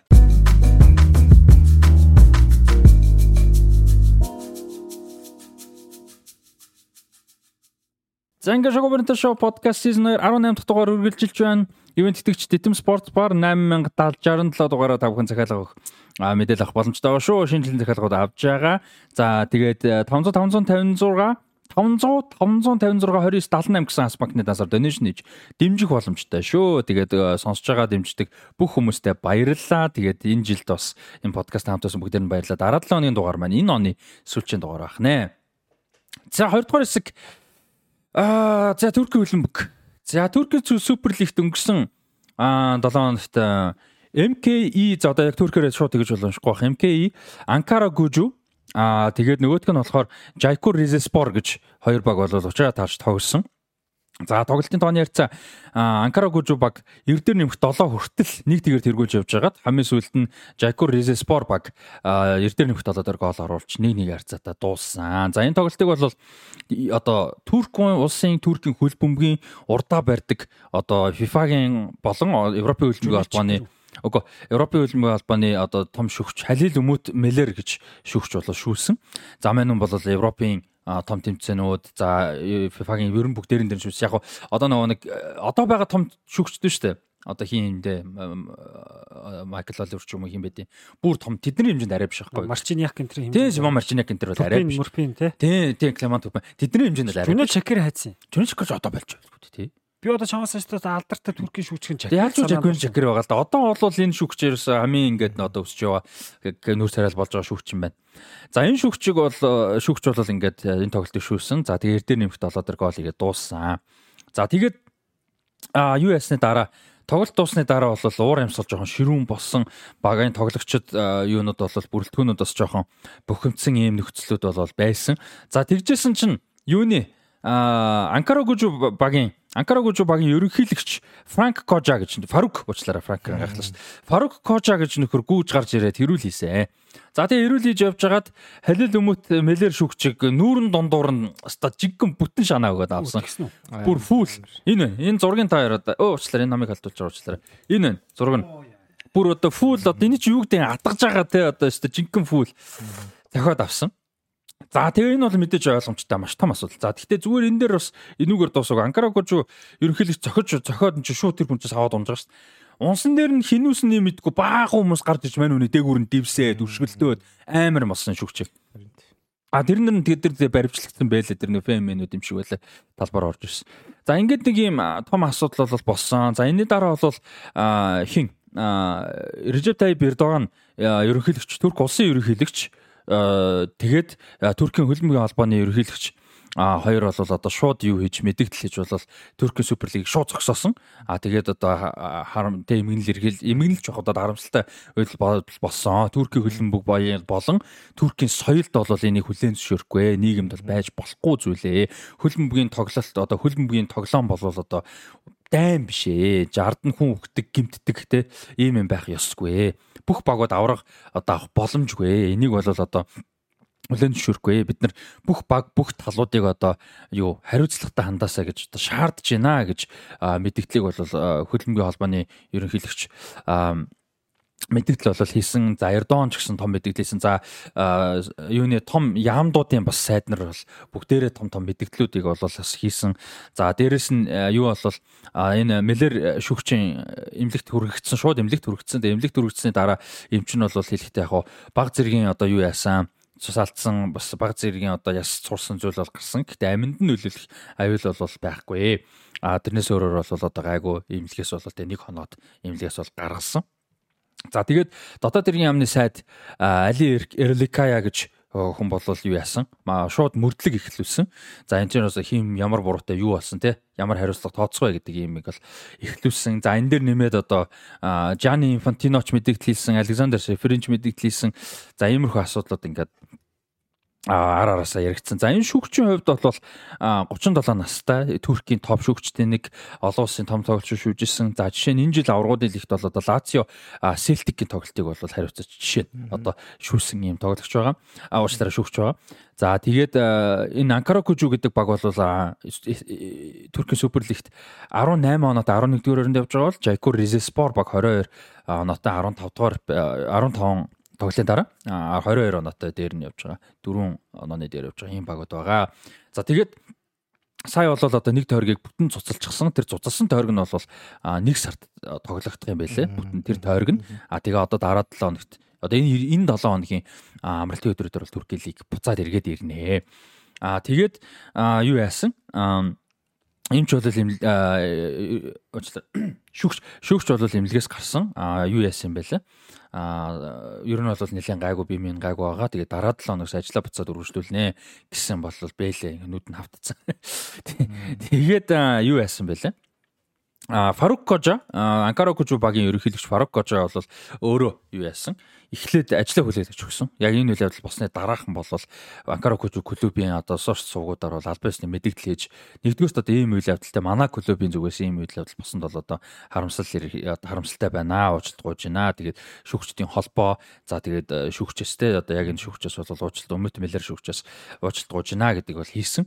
За тэгээ энэ дэр нэмээд бол Фарук Кожо ажлаа хүлээж өгсөн өөрөө бол одоо ийм зүйл бол хүлэн зөвшөөрч болохгүй энэ бол одоо миний амьдралдаа гаргасан хамгийн том алдаануудын нэгэ гэж мэдгдлийг бол яг тэр оройно хийсэн. За тэгээд сая бол Туркийн хөлбөмбөгийн холбооноос Анкара Кожо багийн ерөнхийлөгч Фарук Кожог бол 54 мянган паундаар турагсан. Дээрэс нь насаар нь хөлбөмбөс, Турк хөлбөмбөс бандсан. Ийм бол одоо торгуулийг бол өгсөн байна. Тэгээд яг энэ тоглолтын уур амьсгал ер нь жоохон чанга байсан. Хоёр багаас айл альнаас нэг нэг тоглож улаан хуудасаар торгуулсан. За нэг торгуулийн тал одоо цохилтыг бол Анкарагож багт өгөөгүү гэж бас одоо жоохон үдсэг тэр багийнхан те. Бичлэгийг үүсгэх юм бол яг бэлээ Тэр нь яг жоохон эргэлзээтэй шийдвэр те. Аа тэгтээ энэ бол зөвтгөх ямар ч одоо тийм үндэс бол мэдээж биш гэдэг нь ойлгомжтой. Тийм. За тэгээд нэг ийм юм болвол болсон бэ шүү. Тэгээд Туркийн хөлбөмбөгт бол сая Франц хөлбөмбөгийн асуудлыг ярьжсэн бол Туркт бас нэг юм болсон байна. Сая а одоо энэтэй холбоотой ингэж ярьж илээ л дээ хин оо манай нэг алдартай шүүгч дэлхийн одоо шүүгчдийн юуны юу? Перлижи Колина. Перлижи Колина ярьсан байлаа л та. За энэ бол ингээд нэг шүүгч рүү хaldна гэдэг бол одоо ингээд хөлбөмбөгийн дэлхийд даярх те одоо хөлбөмбөгийн шүүгчдийн шүүгчд рүү хандж байгаа те хадгалж байгаатай ялгаагүй. Ийм юм бол бид нар хүлээн зөвшөөрөх болохгүй. Дэлхийд даяар одоо энэ шүүгчдийн эрх одоо эрхийг хамгаалах, аюулгүй байдлыг хангах алдаа гаргасан байсан ч гэсэн тэр хүний одоо хувийн зайд халтахгүй байх те аюулгүй байл энэ зүйлд бол одоо жил их тусам юм асуудлууд гарч байна. Энийг бол одоо бид нар засах хэрэгтэй байна. Бүх ус бүх соёлтой нийгмээр их хэрэгтэй байна. Энийг бол одоо хүлээ зөвшөөрж болохгүй гэсэн бас нэлээд хатуу мэдгдлийг бол Перлижик Колина хийсэн байлаа. Мань хүн бол одоо олон улсын хөлбөмбөгийн холбооны шүүгчдийн комити гэхээр юу гэдэг хороо тий. Шүүгчдийн хорооны одоо chairman захирал дараагаар тий. бол ажиллаж байгаа. Тэгээ одоо энэ шүүгчд рүү халддаг энэ нэг бол одоо хөлбөмбөгт байгаа юм одоо хорт гавдар гэж тий одоо канцер гэж яасан нэрлсэн байгаа. Тэгээд энийг бол одоо хөлбөмбөгийг алж байна. Бидний мэддэг хайртай энэ спортыг бол одоо шүүгчдийн аюулгүй байдал танд халдах нь бол спортыг маань алж байна гэсэн мэдгдлийг бол аа тий хийсэн байна. За тэгээ мань хүн бол энэ Миллер шүүгч болоод юу байгаа? Карьер нь өсч явж байгаа. Тэгээ Европт, Еврод бол одоо шүүх юм юутай байгаа гэж хүлээлт бол аль хэдийн өссөн ба. Ер нь баг Еврогийн шүүгчдийн нэгээр ажиллан тодорхой гэж бол ярьж байгаа юм байна. Тэгээ ийм юм бол болсон биш үү Туркийн хөлбөмбөгт. Аа ийм юм одоо харж ирсэн үү ийм хэмжээний ийм асуудал юм. За сайн мэдгүй маа тий шүүгч гарсаар ингэж зогсон тохиолдол айгүй ховорлох да. Талбай дээр зодон зохион мэршэр нэлээ олон жилийн өмнөөс Монголын хөлбөмбөгт нэг бас гарах явдал гарч ирсэн тий. Тэгээ яг тухайн үед бол аа шүүгч би та халдаад тэгээд талдсан одоо хүмүүс нь бас тодорхой нэг дөрмийнхэн дагуу тургуул дээр авч ирсэн. Тэ. Аа тэгээд яг Европын хөлбөмбөгт бол яг санахгүй л байна тий.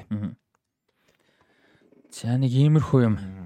Тэгээд багийн эзнийг нь одоо бүх насаараа хөлбөмбөгтэй холбогдлоо үйл ажиллагаанд оролцох нь хасцсан биз дээ. Тийм. Гэхдээ зөвхөн Туркээс. Яг FIFA-гаас бол яагаагүй байгаа. Аа тийм үү. Тийм яг Туркийн хөлбөмбөгийн холбоо. UEFA-гаас тэгсэнгээ санаад санаад авах шиг байсан. Тэгвэл буруул харч л тээ. Яг UEFA FIFA гэхдээ юу яаж бас магадгүй л бах. Арга хэмжээ авч авах. Арга хэмжээ авах уу. Тийм. Яг одоогийн байдлаар бол яг Туркийн хөлбөмбөгийн холбооноос л юм юу.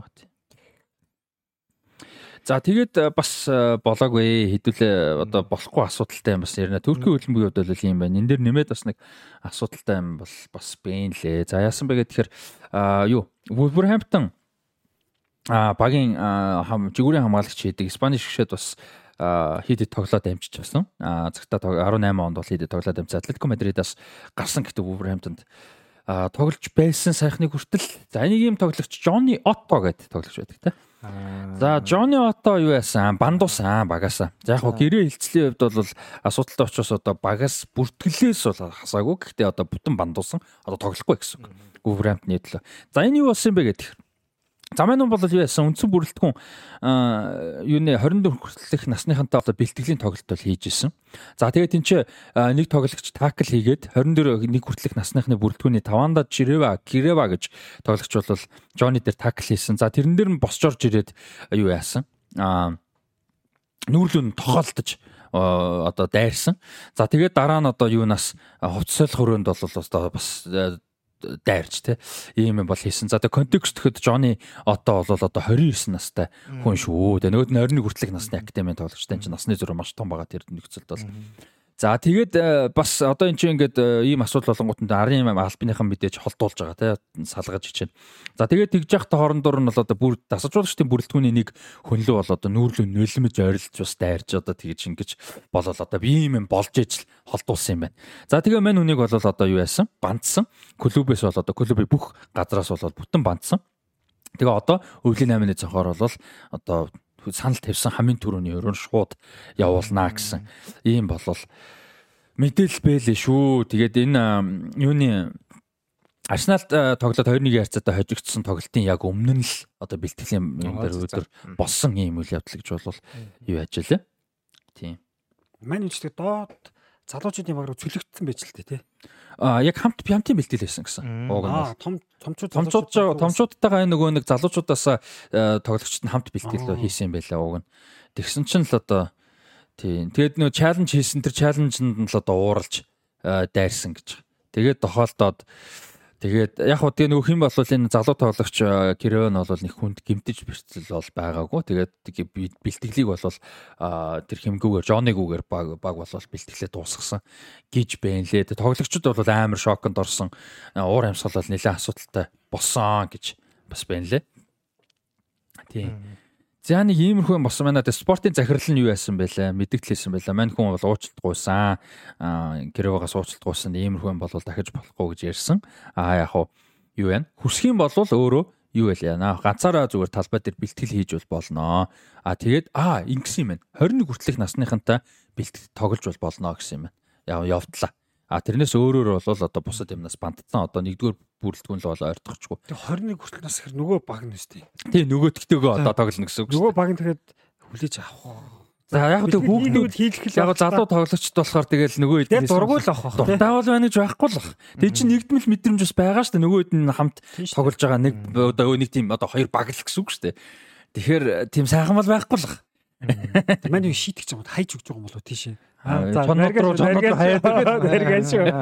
Гэтэ баг тийм байж болохоор л харагдаж шүү дээ. Тийм. За Жоны үлийн үлрэл Премьер Лигт ерөөсө 4 минут тоглолцсон байсан. Аа юу нь Манчестер явчтэй тий. Манчестер Ситиг 2-1 хацаад талбай дээр хоцсон тоглолтод сүйд сэлгээгээр зүгээр орж ирсэн. Өөрөөр бол тоглоагүй байсан. Юу ийм хамгаалалт шүү гэдэг мэдчихгүй юм. Яг мэржлийн карьертаа бол Селтад. Ер нь гол карьерын Селта бийгод. Айгүй олон жил Селта бийгод.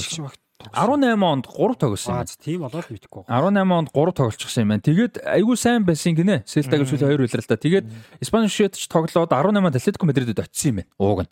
А тэгээ Атлетико Мадрид болохгүй болонгот нь Wolverhampton л зээлэр явуулаад а тэгээ тэнчэнэ жинхэлсэн юм байна шүү дээ. Тийм. Wolverhampton-аас нэг хэсэг гайг байсан шүү. Тий. Ману нүнө Espirito Santo-гийн дор бол бүр яг гарааны тоглож байсан л гэж. Johnny Otto урталт нь баруун болчихлоо. Баруун аль нь тоглодог гэж. Доёрти явал мань хүн Wolverhampton тоглоод эхэлчтэй тэгвэл. Тийм, Доёрти явахаар баруун дээр гарч ирэл та. Яа нэг иймэрхүү юу болвол байна. Тэгээд мань хүн бол ууг нь энэ асуудал юм хүртэл бол яг юу юм байна. Wolverhampton-ы фэнүүд бол их л дуртай тоглогчдын нэг байсан гэж. Юу фэн фаворит тоглогчдын нэг байсан. А одоо юу Wolverhampton-даа ч гэсэн мань хүн бас одоо хоттоо те эргэтэн ч гэсэн айгу хайртай ингээд ийм байсан. За одоо мэдээж ийм асуудал юм гарсан учраас одоо легаси нь бол тийм асуудалтай болж байна гэдэг. За бие барьж чадахгүй тэгээ тохиолдчихжээ. Тэгээ залуу тоглож. За за яг одоо мухаал та. Тэгтээ за яг за тэр хүн дасгалжуулагчийн нүүрлөө нөлөмдөг бол бас илүү онцгой л. Тэгэл тэр дорол алдааг ухаах хэрэгтэй шүү дээ амар л уралчтэй тий. Хамаг юм. Нөгөө эзэн ч гэсэн амар уралчтэй тий. Яа тэгтээ тэр бол одоо бүр аимшигтэй тий. Явж чад нүүрэн дундуур шанаадад авч яадаг. Яа. Бие барь сурах хэрэгтэй л дээ. Спортер хичээлж байгаа хүмүүс тий. Тэр бол аимшигтэй. За нэг иймэрхүү зүйлүүд бол байна. Тэгээ төлөвлөмбөгт бас мэдээж дандаа сайхан гоё зүйл болоод байхгүй юм. Асуудалтай юм их болох юм. Тэгээ бид нар улс төр нийгэмтэй ч холбогдох юм гарах юм. Эдийн засгтай ч холбогдох юм гарах юм. За өөр муу зүйл юу болсон? За энүүгээрээ дуусах болоо. Одоо муу мэдээгээ дахиад явал мэрсэр юм байж байгаа. Гэтэ яах вэ? Энүүгээрээ дуусгахыг гэж бодож байна тийм. Аа тийм энүүгээрээ л дуусгая да. Тий. Тэгээ 3 дугаар хэсэг рүү шууд орох уу. За. За өнөөдрийн Show Bento Show podcast-ын 3 дугаар хэсэг бол story time. За ямар story time байгаа лээ? За өнгөрсөн нөгөө 7 хоногт заяа бид гурав ярьж байгаа хамалтсан юм аа. Манчестер Юнайтед клубын дэмжигч нар бас сүүлийн үед бас жоохон хэцүү байгаа бох. Аврагууд лигээс мултарлаа. Дотоодын лиг бас тийм ээ. Тэгээд энэ хүмүүсийн бас сэтгэлийг сэргээе гэж бид бас ярилцсан байгаа. Аа. Шууд ингээ орчих юм уу завсар. Тэгээ шууд ингээ орчих. Би нөгөө бэлдсэн юм аа одох. Аа за тэгээ за би юу байгаа тий. Камера отраад. За. Оо би ч завсарсны Аа зүгээр зүгээр зүгээр. За яг бичлэг бол явж байгаа. Тэгээд ярьжлаа. За хөлбөмбөгт бол ингээд асуудал юмнууд гарч байгаа ч гэсэн зөрүүлээд бас гой гой юм болохоор нь хэдүүлээ ярьдаг. Айл болох олон талаас нь ярихыг хичээдэг дээр сонирхолтой байгаа гэж найдаж байна. Тэгээд юун дээр комент бичдэг хүмүүстээ баярлалаа. Энэ нас бэлж хооронд урсан ганц юм ярьчих. Айл болох комент бичиж байгаараа айл болох уншдаг шүү тийм тийм. Түр яцсан ба. Комент бол за комент бол уншдаг байгаа шүү. Тэг сэтгэлдээ тогтмол хуваалцж байгаарай. Аль болох их хуваалцаарай. Сонирхолтой байдаг шүү. Тэгээд өөр олон улсад байдаг нь сонирхолтой байгаа. Дээрээс нь сэдвүүдийн талаар тэг биднээс өөр өнцгтэй, өөр туршлагатай, өөр мэдлэгтэй хүмүүсийн комментиг унших үнэхээр сонирхолтой байдаг шүү. Тэг тийм учраас коммент итгэдэг өчээрэй гэж үсэ. Тэгээд за story time. За. За энэ бол одоо 1900 Английн алдарт Манчестер Юнайтед клубын 1998-аас 99 оны улирлын одоо бүтэн нь нэг тийм тойм гэх юм уу да нэг тийм зүйл бол байгаа. За тэр үлрэлийг бол мэдээж маш олон үзэгч хөгжийн дэмжигч нар бол мэддэг. За энэ улирал яг юу болсон бэ гэхээр өмнөх буюу одоо 1997-оос 98 оны улиралд Манчестер Юнайтед клуб бол нэг тэмцээнд төрүүлээгүй. За аврагуудын тэгт бол Монакод хожигч хасагдсан шүүгийн 8-аас Англид бол дотоодын хоёр тэмцээнд бол Арсенал төрүүлсэн. Одоо энэ хүний удирдсан Арсенал одоо тухайн үед дотоодоо дубль хийж Манчестер Юнайтед дарангууллыг бол зогсоосоо. За тэгээ Фергюсон ч гэсэн хэлсэн байдэн шүү дээ одоо тэр 90-ад онд те одоо Ньюкасл Ливерпул жоохон унтчихсан. За Челси бол аврагын төлөө өрсөлдөж чаддгүй байсан. За Мориног ирэхээс өмнө ер нь бол манай багийн заналт өрсөлдөгч бол яхааргүй Арсенал байсан гэж хэлсэн байдаг. Тэгээ яхааргүй Сэр Алекс Фергюсон, Арсен Венгер гэсэн энэ хоёр агуу өрхмийн өрсөлдөөн тий Манчестер Юнайтед Арсенал гэдэг агуу хоёр багийн бас энэ өрсөлдөөн бол Английн хөлбөмбөгийг бол тэгэхээр бас чимж үдий зэрэгтэй ирэхэд бас бас чухал нөлөө үзүүлсэн байдаг. За тэгээд 98 онд Манчестер Юнайтед нэг цом авсангүй. За 98 оны 100 одоо 98-аас 99 оны удирдал эхлэхээс өмнө юу юу болсон бэ гэж. За нөгөө Рупер Мердок гэдэг нэг алдартай хүн байдаг шүү дээ. Одоо ямар хүн би одоо хэвлийн магнат л гэж мэдх юм. Тийм тийм Роберт Мердок. Тийм. Мердок одоо өөр улс төрч мөрч байж магадгүй. Тийм. Би бол нөгөө нэг Берлусконыг нөгөө хэвлэн магнат гэдгээр мэддэг. Тэгсэн чинь манай үнчээс та улс төрч юу бүр амар хүн байлаа шүү дээ. Урлан мурлагч гэсэн нөлөөтэй баг тий. Берлусконы. Берлусконы амар амар. Амар тий. Тэгээ Мердок ч нөгөө Берлусконитой нэг уулзсан гутаа ер нь бол хөлбөмбөгийн баг авъяг шийдсэн юм байна. 1998 онд. За тэгээд Мердокийн нөгөө амар олон компани мэдээж байгаа. Тэгээд охин компани B Sky B гэж нэг компани. Тухайн үед 1998 онд Манчестер Юнайтед клубыг 600 гаруй сая паундаар худалдаж авах тийм а одоо санал тавьсан юм шиг байл. За ер нь бол санал тавьсан л гэсэн байсан да би санаад байна. За тэгээд Манчестер Юнайтед олон анхаарал төртлөө. Гэхдээ нөгөө Манчестер Юнайтедийн дэмжигч нар бол яг тэр охин компани мэдлэлд очихоос бас жоохон дургу. Нэг тийм эсэргүүцэл энэ төр илэрхийлсэн нэг тиймэрхүү цаг үе байсан юм байна. За 1998 оны 100 юу болсон бэхээр мэдээж Франц улсад дэлхийн авраг шалралт тэмцээн болсон. Английн шгшог шүгэ 16-д Аргентинтэй тогссон. За энэ тоглолтод Дэвид Бекхэм Дэвид Бекхэм бол Диего Симонегийн үдэ хатгалганд өртөж улаан хуудас авч тоглолтыг чөлөөлөд тэгээ хүн дутуу үлдсэн Английн шгшог Аргентинтэй торгуулийн цохол цохоод бол хасагдсан байсан. Тэгээд нь Англи даяараа одоо дэлхийн авраг шалралт тэмцээнээс багийг хассан гол буруут нар бол яхахгүй Дэвид Бекхэмийг бол зарлан тунх гэлсэн ийм цаг үе байлаа. За 1998 оны 100 солилцоо намнаас авах юу болсон бэ гэж байгаа. Манчестер Юнайтед клубт хамгийн удаан жил тоглосон байсан хоёр тоглогч бол багийг хөргсөн. За 11 жил тоглосон Шотланд довтлогч Брайан Маклейр бол төрлөх Моторвейл клуб руу явсан. За 9 жил зүтгэсэн Гари Палистер одоо төрлөх Мидсбро клуб руу яваад. За тэг Гари Палистер гэдэг бол яхахгүй Сэр Алекс Фергюсоны болоод хамгийн шилдэг хамгаалагчтай нэг байсан л та. Одоо Фердинандаас өмнө Фергюсоны бүх цаг үеийн 11 гэдэг нэг зураг би харж байхад Стам, Яп Стам, Гари Палистер хоёр төв төв хамгаалагчаар гарсан байдаг нэг тийм зураг байдаг байсан. За тэгээ Палистрын гот түүнийг орлуулахын тулд тухайн үед одоо Нидерландын PSV Eindhoven клубээс тухайн дэлхийн хамгийн шилдэг хамгаалагчтай нэг Яп Стамиг За Манчестер Юнайтед клубын дээд үн бол 10.75 сая паундаар худалдаж авч ирсэн. За ингээд Япстам тухайн үед дэлхийн хамгийн өнтэй хамгаалагч болж улаанч төр болж байсан юм байна. За тэгээд түүний дараа Норвеги товтлогч Швед товтлогч Еспер Блумквистиг Парма клубээс 4.4 сая паундаар аваад За тэгээд дэлхийн аврах шалралт тэмцээний үеэр бас гайхалтай тогсон Патрик Кливертиг Милан клубээс авах гэж яриа хэлцэл нэлээд явж исэн боловч эцсийн бүчт бол бүтлгүүцсэн юм байна. За тэр 98 оны 100 Английн Тоттенхэм Хотспур клуб Оле Гуннар Сүлшарыг 5.5 сая паундаар авахар болоод энэ нь одоо клубын өдөртөг баг зөвшөөрөөд. Сүлшар яг 96 онд Манчестер Юнайтед ирсэн боловч тэгэл нөгөө тоглох нь бага те. Сэлгэ. Тийм байсан. Тэгээд Сүлшар Тоттенхэм санал тавьсан боловч Сүлшар өөрөө явахгүйгээд тэгээ Фергюсоноос гуйж агаад үлдсэн бэл. Гэхдээ энэ одоо үлдсэн нь бол одоо тэр үйлрэл бол асар том хэрэг басна. Тийм шүү дээ. Хажуу гарнаа. За ингээд Английн одоо 1998-аас 99 оны улирал эхэллээ. 8 дугаар сарын 9-ний өдөр одоо тухайн Charity Shield буюу те. Одоо одоогийн Английн супер цомд бол Арсенал клубтад хараа 3 тэгэр очигдсон. Одоо Венгрийн Арсенал бол тэр жил бол Англи одоо авч болох цомыг ол авсан гэсэн үг шүү дээ. За ингээд Манчестер Юнайтед бол тэр тоглолт үнэхээр болох одоо болох байсан. Арсеналын хаанч хүрээгүй ингээд цөм очигдсон. За 98 оны 8 дугаар сарын 12-нд одоо аврагуудын лигийн эрхэм төлөв тэмцээний хүрээнд одоо Пошин аврах Лос клубтай тоглож нутагтаа 2 дэгэр хожиж одоо тэр Арсеналд хожигдсан шууганыг бол жоохон намжаасан байна. За тэгээд 8 дугаар сарын 15-ны өдөр Премьер лиг эхэлсэн. За Премьер лигийн эхний тоглолтод өөрийн талбайдаа Лестер Сити клубтэй тоглоод 2-2 гэсэн үр дүнгээр тэнцээд улирлыг бол тэнцээгээр эхэлсэн. За энэ үед одоо Премьер лигийн бос тоглолтууд юу болсон бэ гэхээр Эвертон Астон Вилла хоёр тоглоод За энэ тоглолтод Манчестер Юнайтед юу яасан бэ? Астон Виллагаас Тринидад Тобаго товтлогч Дуайт Йоркийг авах гэж үзчихсэн байна. Тэгээд нөгөө Астон Виллагийн дасгалжуулагч Жон Грегори гэж байсан. Тэгээд тэр үед бол Дуайт Йоркийг бол явуулахгүй. Йоркийг авах ганцхан боломж Манчестер Юнайтед байгаа. Энэ юу гэхээр Энди Ковлтой соль гэдэг тийм мэдээлэл өгсөн. За тэгээд Манчестер Юнайтед бол мэдээж Энди Ковлоо явуулахгүй. Тэгээд үүнд нь бол Дуайт Йорк бол их игдүүцсэн юм байна. Тэгээд White York клубын удирдлагаа шахсан байж байгаа. Астон Виллад би одоо Манчестер Юнайтед руу явмаар намайг явуулаач гэдэг. Тэгээд Астон Вилла бол зөвшөөрөөгүй. Тэгээд 8 дугаар сарын 15-нд удирдлагын эхний тоглолтод Everton Астон Вилла тоглоход White York баг тоглоогүй гэж байгаа.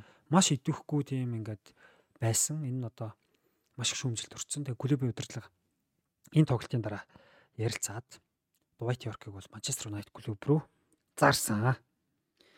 За мэдээж энэ бол хямдхан үнээр зарна гэж бол байхгүй. За 8 дугаар сарын 20-ны өдөр 12.6 сая паундаар зарж. За Йорк бол ингээд Манчестер Юнайтед одоо авсан хамгийн дээд ханш бол дахиад нэмэгдэж штэ. За тэгээ Англи хамгийн үнэтэйгээс хоёр дахь хөлбөмбөгч болж гэж үлдэж байгаа. За би Андорог бол 1996 онд одоо Blackburn-оос Ньюкасл руу Алан Ширүү явсан баг хамгийн үнэтэй байгаа. За бараг л гэж угаасаа тийм байгаа. За ингээд Манчестер Юнайтед хүссэн товтлогч авлаа. За тэгээд Анди Коул Дуайт Йорки гэдэг тийм гайхамшигтай хослол бол тэр улирал бол ер нь бол үүсдэг. За Манчестер Юнайтед бол Теди Шерингем, Оле Гунар Сүүлшар гэсэн товчлогчдор байсан. Товчлогчдын сонголтууд бол маш сайн байсан. Яг уламжлалт маягаар ингээ дөрвөн сайн товчлогчтой байсан. Тэгээд яг харахгүй улирлын туршил Йорки Андика бол хослоод ингээ энэ багийг бол чирээд явдаг. Тийм зохиолтой. За тэгээ 8 дугаар сарын 22-ны өдөр Манчестер Юнайтед клуб Аптон Парк цэнгэлт хүрээлэнд очиж West Ham. West Ham-тай тоглолоо. Энэ удирдлын одоо анхны зочлон тоглолт байсан. За тэгээд энэ тоглолтын өмнө West Ham-ын 500 гаруй дэмжигч бол Manchester United клубын автобусыг ухтаж чулуу мод зэргийг бол шийдсэн. За яг талбай дээр гарахад уг нь хамгийн гол тоглогч бүхний анхаарал хандуулах нь бол Dwight York байх ёстой шүү дээ. Одоо Британий хөлбөмбөгийн буюу одоо хоёр дахь дээд үн те. Гэвч хүмүүсийн хамгийн гол таргет бол Дэвид Бекхэм байсан. Яагаад гэвэл Дэвид Бекхэм Дэлхийн авраг. Дэлхийн авраг шалрууч тэмцээс Англиг бол мултсан. Дэвид Бекхэмийг бөмбөг авах болгонд одоо Вест Хэмийн танха фанатууд бүүлж, дормжилж. За энэ тоглолтыг тиг тиг гэсэн үр дүнгээр өндөрлсөн. За Алекс Фергюсон бол тоглолтын дараа бол хэвлэл мэдээлэлд бол ярьслага өгөхөөс татгалзаад ингээд бага маш хурдан аваад явсан. Тийм мэдээлэл бол байдгаа. За ингээд ингээд ингээд болж байгаа. За тэгээ 8 дугаар сарын 26-ны өдөр одоо нэг Лоц клубтэйгээ одоо 2-7 хоногийн дараа гэсэн үг аврагын лигийн ирэх олох тэмцээний өмнө хариу тоглолтыг хийгээд тиг тиг гэсэн үр дүнтэй Польшид одоо хөссөн үр дүнгээ авч чадсан. Ингээд хоёр тоглолтын нийлбэр дүнгээр Манчестер Юнайтед Европын хөлбөмбөг албаны аврагын лигт орох хариулт авсан байна. За тухайн үеийн аврагын лигийн систем бол маш хатуу байсан. 24 клуб ордог сүүлийн жил байсан. За 24 клуб 4-4-өөр 6 хэсэгт хуваагдана. 6 хэсгийг хэсгийн 1-р орсон 6 баг хасагдах шатанд үлдэнэ. Хэсэгтээ 2 дугаар байр эзэлсэн 6 багийн үзүүлэлт сайтай 2 нь дээшээ нэмэгдээ 8 болоод гардаг гэсэн. Маш хатуу. Хэсэгтээ 2-т орлоо гэд дээшээ гарна гэдэг бол тийм чанга. За тэгээд тухайн үед бол UEFA-гийн коэффициентэнд бол Английн одоо Премьер лиг бол коэффициентийн 6 дугаар эрмэлтэй байсан гэж байгаа. За ингээд Манчестер Юнайтийн чансаа бол 3 дугаар сагс руу орсон гэж байгаа. За Арсенал бол авраг гэдгээр шууд орж байгаа. Тэгээ Манчестер Юнайтед плей-оффын тоглолт хийгээд шалгаараа 3 дугаар сагс руу орсон.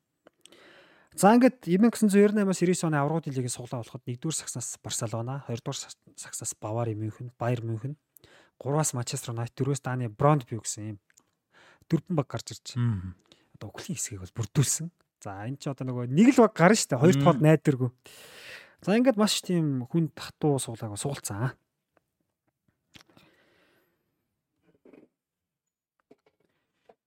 За тэгээд 1998 оны 9 дугаар сарын 9-нд Манчестер Юнайтед дивизион руу дэвшсэн Чартоныг 4-1-ээр ялж Премьер лигийн анхны ялтаа байгуулсан.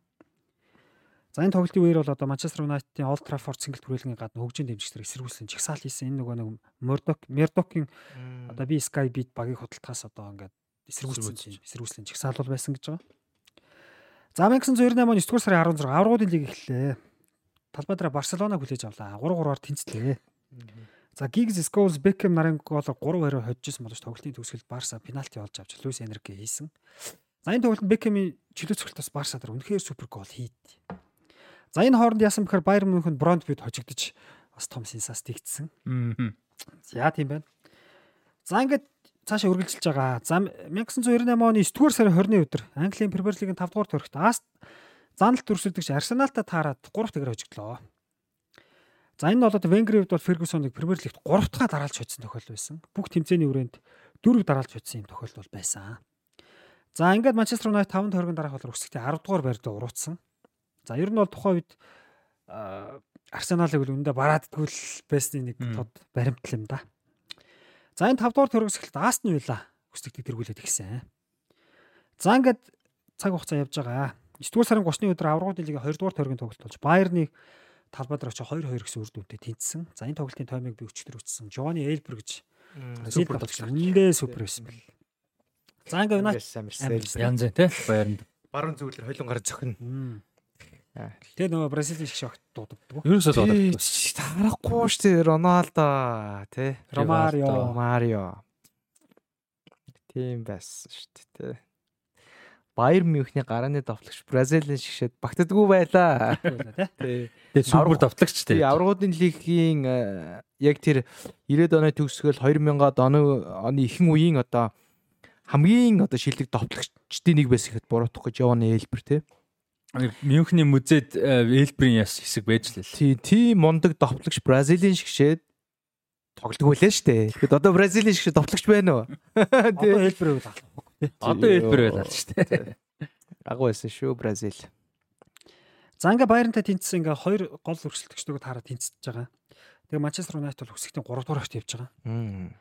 За ингээд юу ялаа? Яг тэгвэл нөгөө 2 дугаар төрөгт Байерн Барсаг очсон. Тэгээд Байерн чи 3 оноотой болчихоо. За 10 дугаар сарын 3 Саутгемптоны талбайд очиж тоглоод 3 тэгэр хожлоо. Энди Кол, Дуат Йорк хоёр маш сайн хослолоо гэж. За Саутгемптоны талбайд өмнө 3 дараалж хожигдсан байсан. Энэ цувралыг бол талсан гэж байгаа.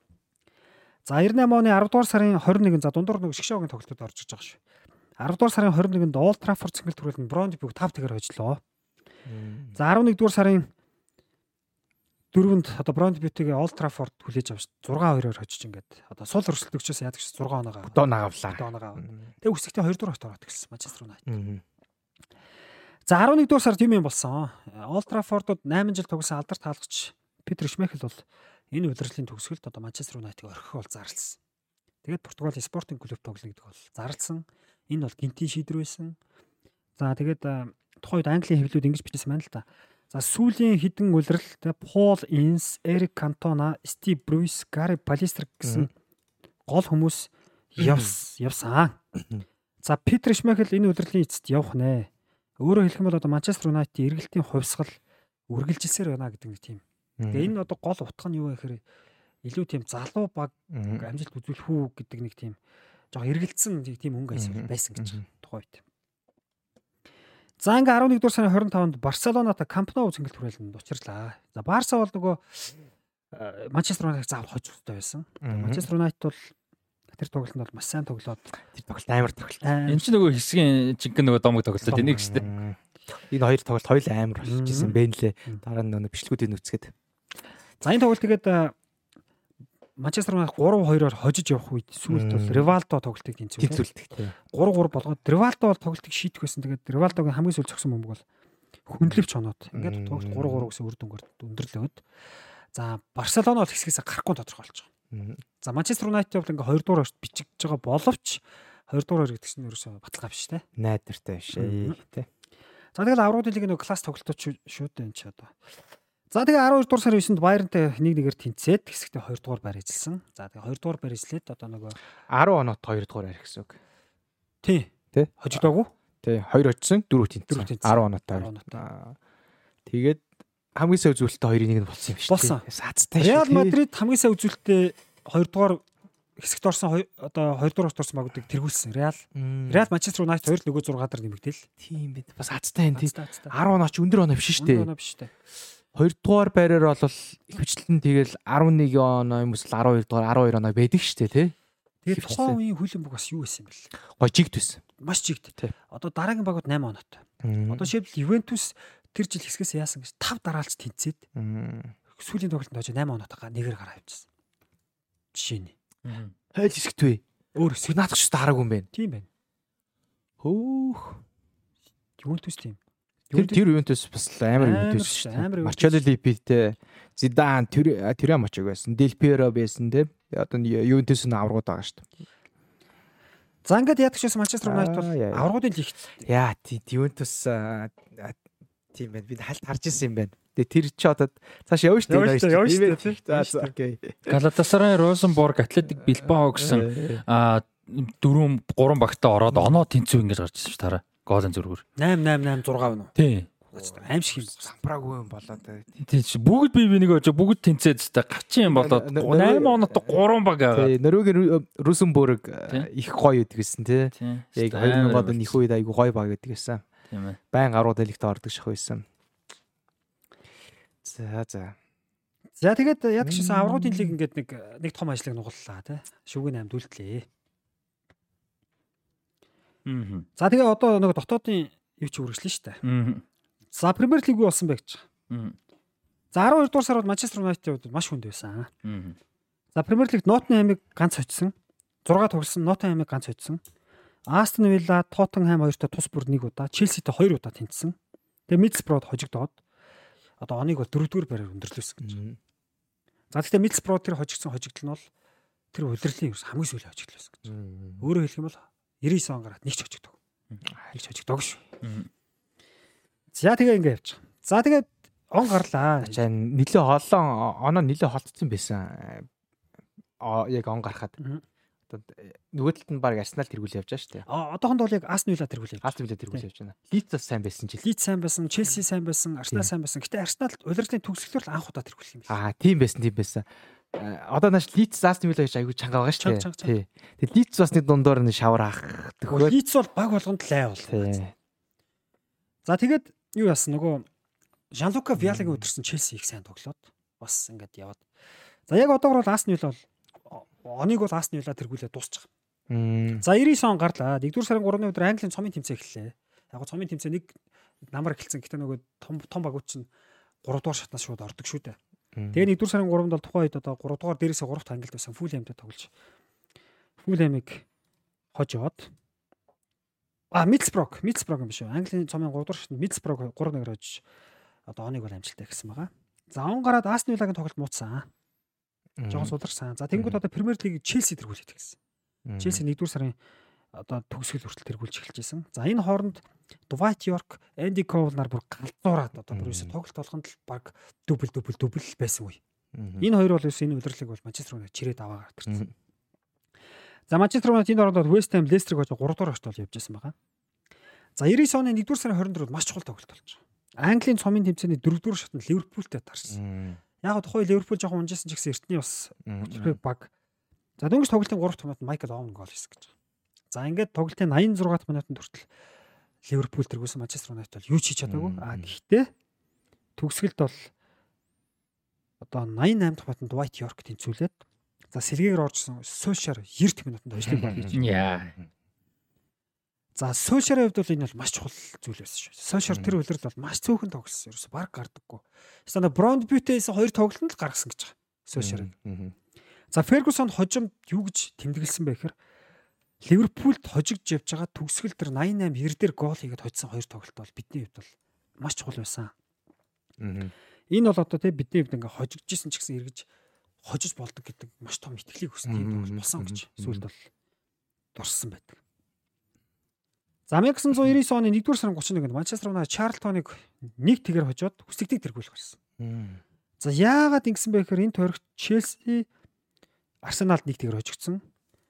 Астон Вилла Ньюкасл 2-1-ээр очсон. Ингээ Манчестер Юнайтед 1-р сарын 31-ээс эхлээд хүсэгтийг тэргүүлээд гисэн. За ер нь бол одоо юу гэдэг 98 оны намар жоохон орон гар байсан тоглолтууд 99 он гараа жигдрээд Манчестер Юнайтед нэг ирчиг байгаад. Тэр үлрэл Арсенал ч гэсэн бас улирлыг их орон гараа эхлүүлж тий. Тийм ээ. Аргуудын лигдээ ч сайн яваг дээ. За тэгээ 1999 оны 2 дугаар сарын 6-нд Nottingham Forest-ыг 8-1-ээр хожиж одоо Премьер Лигийн дээд амжилтыг тогтоосон. За энэ амжилтыг бол хожим нөгөө Tottenham ч нэг 9-ээр хожсон шүү дээ. Веганыг. Тийс тийгээд. Тэгээ сүүлд United ч нөгөө Southampton-ыг бас нэг алаа хийсэн шүү дээ. тэгээ Leicester бас нэг тийм болсон. Liverpool бас нэг тийм болгосон. Тэгсэн тий. Сүүлд бол нилээд байгаа тий. Сүүлд нилээд талцсан. За тэгээд тухайн үед бол Nottingham-ыг 8-1-ээр очих нь бол Премьер Лигийн дээд амжилт байсан юм байна. Andy Cole, Dwight York 2-2 гол хийсэн. Энэ хоёрын хослол дийлдэхгүйсэн. Solskjaer ууртаа сэлгээр гарч 4 гол хийсэн. Яа. Амар юм байна ч удаа. За тэгээ 99 оны Валентины баярын өдөр Английн цомын 5 дугаар шатнд Fulham-ыг нэг тэгэр ажиллаа гэж. За ингээ 2 дугаар сарын 17-нд дотоодын заалт өрсөлдөгч Арсеналтай таарлаа. Өмнө дөрөв тоглолт дараалал хожигдсон байсан. За өнөөдөр бол Манчестер Юнайтед маш сайн тогс 1-1-ээр тэнцсэн. Хэдийгээр Премьер Лиг 5 дараалж хоцсон Ялтын цуврал тасарсан ч гэсэн одоо заалт өрсөлдөгч Арсеналтай бол ингээ хожигдлгүй тэнцсэн. Тийм бай. Өндөр амжилт байсан. За тэгээд 2 дугаар сард одоо үүний дараа Coventry City Southampton-ыг хоцсон болохоор одоо экстектийг бол тэргүүлсэн юмэр явсан байна. За ингээ 3 дугаар сар гарнаа. Европын хөлбөмбөгийн хавар хайлчлан гэрсэн. 3 дугаар сарын 3-ны өдөр аврагуудын лигийн алдарт сүлд бол Old Trafford цэнгэл түрээлтэнд гიშгэлж Италийн алдарт Интер Милан ирлээ гэж. За Дэвид тэр тоглолтын өмнө ерөөс Английн хөвлөд өстө амар мэдээ гарсан. Юу гэхээр 1998 оны дэлхийн аврах шалралт тэмцээнд За нэг Бекхэм Симоны хоёр нүүр болохоор болсон. Гига Симоны очиж байгаа шүү дээ. Энэ тоглолтын өмнө одоо нэг Английн нэг сайт гоё бичсэн байгаа байхгүй. Амар гоё зам. Бекмен он дээрс бийдэг шүү дээ. Яг энэ хэсэг. байдаг Яг энэ тоглолттой. Английн хөвлөд ингэсэн гэж байгаа байхгүй. Дэвид Бекхэмийн насанд хүрсэн шүн гэж байгаа байхгүй. Яа, том болсон. Тийм. Тэр Сент Этьен хотод болсон тэр орой Аргентин хагас хамгаалж Диего Симонегоос болж талбайгаас хөөгцөн ч тоглолт эхлэхийн өмнө чин сэтгэлээсээ биш ч гэсэн баяр хөөртэйгээр гар барим мэдчихсэн гэж байгаа байхгүй. Чин сэтгэлээсээ биш ч гэсэн. Гэхдээ энэ удаад үр дүн шудраг байж Бекхэм ялалт байгуулсан. Аа болохоос хэдхэн хоногийн өмнө ийм төлөвшил өндөр зэрэглийн тоглолт хийсэн тун зохимжтой байв гэж Англи сайтууд бичсэн байгаа. Одоо энэ байна. За энэ тоглолтод бол Манчестер Юнайтед бол алсан. За энэ тоглолтыг юу гэж дүгнэх вөхөр Бекхэмийн 2 ассист, Йоркийн 2 гол, Шмехлийн 2 хаалт гэж дүгнэв юм. Хм. 2 супер хаалт гэж дүгнэв. За тэгээ за Энди Кол, Райан Гигс нар 2 дугаар хаст олцсон гой боломжоо бас алдааг бол эхний тоглолтын дараа л баг дараагийн шатнд төлтөх бол боломж бол ханх байсан. За энэ тоглолтын англичууч нөгөө нэг клуб шиг шог нэг очихоор нэг амар хөөргөдөн шүү дээ тий. Тэгээ Английн хэвлүүд Фергюсоны баг Европ даяар цочирдуулсан гайхалтай үзүүлбэрийн дараа 1968 оны Мет Басбигийн баатруудыг дөөрэж Европын цомыг өргөх замдаа орсон гэдгийг хэн эгүүлсэх билээ хэмээн бичсэн гэж. Аа. Бас гоё гоё бичиж байгаа зү тэ. Хм. Англичаас алднаа ална. За ингээ интриг яадаг ч 2 тэгэр хоцсон бас ингээ ууж мамсгаа авахтайгаа болсон.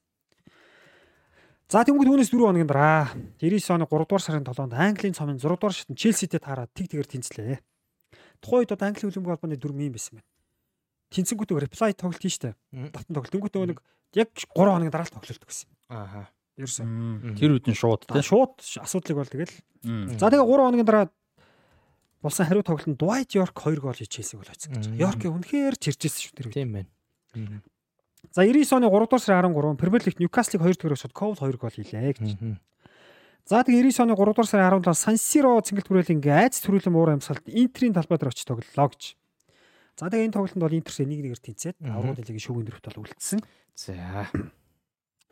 За тэгээ 99 оны 3 дугаар сард те одоо нөгөө Мердокийн одоо би Sky би 600 гаруй сая паундын санал тавьсан байсан те энийг бол одоо тэр Премьер лигийн одоо тэр монопол ба нэгдлийн комисс гэдэг байгууллага бол энийг бол боломжгүй юм хөдөлж авах боломжгүй гэдэг энийг бол хаалцсан гинэ. Энийг бол би сайн зүгээр мэдгүй нэг юм өгүүлбэр л уншсан. За ингээд дөрөвдүгээр сар гэсэн. Энэ бол одоо маш олон тэмцээний хувь заяаг шийдэх маш ачаалтаа маш завгүй юм сар бол эхэлсэн. Яа. Олон тэмцээнтэй үед ч те. Тий, хэцүү. За тэгээ 4 сарын 3-нд Wimbledon-то Premier League нэг нэгээр тэнцлээ. За энэ Wimbledon-то тэнцсэн нь бол ерөөсө удирдлын төгсгөл ирсэн, жижиг клубүүд чангарцсан, ер нь юм нэлээ эвгүй болохын тохио байсан гэж. За 99 оны 4-р сарын 7 аврагуудын лигийн хагас гişээ эхний тоглолтоо талбайдаа хуучин хөгшин хатагтаа нарыг хүлээж авлаа. Ювентустэй тоглоноо. Яа, аврагууд. Одоо өнгөрсөн өмнөх хоёр аврагуудын лигийн одоо 3 финал дараалж тоглосон. Эхлээд дөрвөлээ араас нь 2 финалд хожигдчихсан. Одоо тэгээд дөрөвт финал руугаа гарна гэсэн. Тийм, зоригтой. Зоригтой. Тасгалжуулагч нь Липи байсан баг тий. А Липи халагдсан. А Липи байхгүй. Капеллотой Ажлал. Ажиллаа. Тэр удирдал бол Ювентусыг жоох орон гараа удирдал байсан. Аа, удирдлын дундуур Липиг халаад Анчлотын дөнгөж ирээд баг явсан. Тийм жил байсан. За Ювентус бол яг цэнгэлэл дээр өмнөх 3 удирдалд нь Европын цомын одоо аврагуудын лигийн тэмцээний шигшээ тоглолтод үлдчихсэн. Хасагдах шатанд тоглоо сурчсан. Зинедин Зидан, Эдгар Давидс нарын өндөр зэрэглэлийн хас хамгаалагчдыг игнэндээ нэгтгэсэн баг байсан бичсэн баг. Тэгээд Дел Пьеро байгаа. Дел Пьеро гэхдээ тэр хоёр тоглолтод ороогүй. Байгаагүй юм байна тий.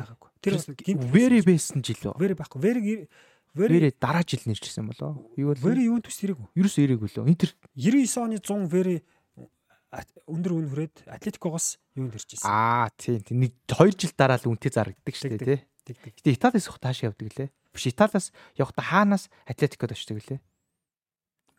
Лацио юм. Оо, Вэри чи юунд Лациод байсан шүү дээ. Лациогоос Атлетикогод Атлетикоос буцаад Интер. Ювентус байгаа юм. Тийм Ювентус байгаа. За ингээд ийм тоглолт болсон. За тоглолтын эхний хэдэн минутаас одоо Ювентус харагдсан гэж байгаа байхгүй. Өмнө шатанд таарсан Интерес бол хамаагүй илүү зохион байгуулалтаа баг байсан гэж. За Интерийг тухайн сэтгүүлчд юу гэж дүгнсэн гэхээр Интер бол олон авэслэг тоглолтын цоглуулга байсан гэж байгаа. А харин Ювентус бол илүү хүчрэг хамтын нэгж байлаа гэж байгаа. Амар хэлсэн байгаа. Тэгээ Ювентус ахлах Антонио Конте одоо Эдгар Давидсын дамжуулалт эхнийг голыг хийгээд ерөөсөө тэр тоглолтод Манчестер Юнайтед талбай дээр бол алуулсан. За Ювентусын гол зорилго бол ерөөсөө нэгт гэсэн үр дүн байсан. Тэгээ Ювентус хамгаалаад эхэлсэн. За Фергюсон арга буюу 79 минутанд одоо Йоркийг суулгах Шерин хэмээг оруулсан. За ингээд хэрвээ зүгээр талбайдаа нэг тэгэр хожигдчих юм бол ер нь тэгээ ямарч найраагүй л гэдэг. Италийн багууд бол тэгэл ерөөсө бат нь бат хийдэг тим цаг үе байсан. Батаранд хийдэг. За ингээд одоо Райан Гигс одоо багийн авартлын аваад болчих. Гэтэ энэ тоглоход баруун жигэр сүрд Бекхэм бас хөндлөн дамжуултын үндсэн дээр. Тэгээ явсараад Райан Гигс 91 минутанд тэнцээний гол хийснээр одоо Манчестер Юнайтед мөрөөдийг ядаж 2 7 хоног хадгалсан гэж байгаа байхгүй. За амар хийлсэн байгаа шүү. За тухайн үед бол одоо эзэн зочин багийн одоо дөрөн бол байсан. Тэгээ Манчестер Юнайтед нэг бол Ювентусыг талбай дээр очиж хожих хэвээр. Нэг бол 2 2 эсвэл 3 3 ч гэдэг юм тийм том тоогоор тэнцэх хэвээр. Тийм өндөр даалгаварт бол болсон. За тэгсэн чинь Ювентустэй тоглож дуусаад 4 хоногийн дараа одоо Английн цомын тэмцээний хагас шиг тоглолт эхэллээ. Смарттай тоглоно. Яас их стресс вэ? Амар занд төрсөлдөгч тухайн юм занд төрсөлдөгч Арсенал тэднийг бол ухтаж авлаа. За тухайд бол хагас шиг тоглолт бол Астон Виллагийн Вилла Парк зингээ тоглолт дундын талбайд бол болсон. За Английн цомын тэмцээний одоо тэр тоглолтод үндсэн бол нэмэлт цагт гоолгүй тэнцээд 3 хоногийн дараа хариу тоглолт явахаар болсон. За 3 хоногийн дараа Вилла Парк цэнгэлт хүрээлэн дахиад тоглосон. Яг тэр цэнгэлттэй нахдаг байсан юм байна тий. Бас сонирн байсан юм байна. Тийм. За тэгээ энэ бол ерөөсөө Английн хөлбөмбөгийн одоо цомын тэмцээний түүхэнд үлдсэн хамгийн классик агуу тоглолт. Би бүр өнөөдөр бүр хайлайтын үзээд. Галзуу тоглолт. Энийг баатайхан CCTV тавар үзчихэл байсан л та. Гэтэ мартсан. Энд бол ерөөсөө Манчестер Юнайтед яг үхлээс ирсэн бохоггүй энэ тоглолт. Гүү харин тий. Тэгээ одоо энэ тоглолт ер нь бол итгэл өсөө. Амар. Тэгсээр. За Дэвид Бекхэм бол Теди Шарамтай маш гоё хослоод Бекхэм бол 20 гаруй метроос хаалгаар цөм цөхөж Дэвид Симний хаалганд бол гол хийсэн. Манчестер Юнайтед бол шууд тоглолтын санаачлаг бол авсан. За гэхдээ энэ хатуу ширүүн багийн алх Ройкин бол нэг Беркампи араас яг орж ил. Яг хадж ил. Тэгээ бол уц авнаа. Тэгээ шар уц авч байгаа. Шар уц авч байгаа. Шууд дулаагүй юм тийм. Үгүй ээ. Беркампиг бол хадж байгаа байхгүй. За Беркамп бол амар өстрээ. За тэгээд гигс сэлгээгээр орж ирээд за удалгүй Беркамп 30 метрээс амар хүчтэй зөксөн баг Япстамын хөлөөс ачир аваад яваад гол орсон. За тэгээд энэ бүмэг бол Петр Шмехл бол барьж чадаагүй. За ингээд ерөөсөө Арсенал гол хийснээс хойш Арсенал бол бүрэн илэрхсэн гэж. Тийм. За тэгээд дараа нь Беркамп дахиад нэг хаалгаар цөм цөксөн Шмехл барьж авч чадаагүй. За энэ бөмбөгийг бол Анелка нэмж зөхиод гол хийсэн боловч одоо хаалгачиг хуурай гол хийсэн боловч хотон тоглолт бол байсан. За үүний дараа Кин Марк Өвөрмарсын араас явж байгаа хүлтэн суухта алдаа гаргаад хоёр дахь шар уцаа аваад. Ройкийн талбайг чөлөөллөө. За нэгэнт бол Арсенал илүү тоглоод эхэлсэн. Тэгээд багийн ахлагч нь хөөгдчихсэн. Ядчих тоглолтын сүүлийн минутанд Фил Нэвэл торгуулийн талбай Трей Парлорыг дэгэж угаагаад пенальти болчихсон.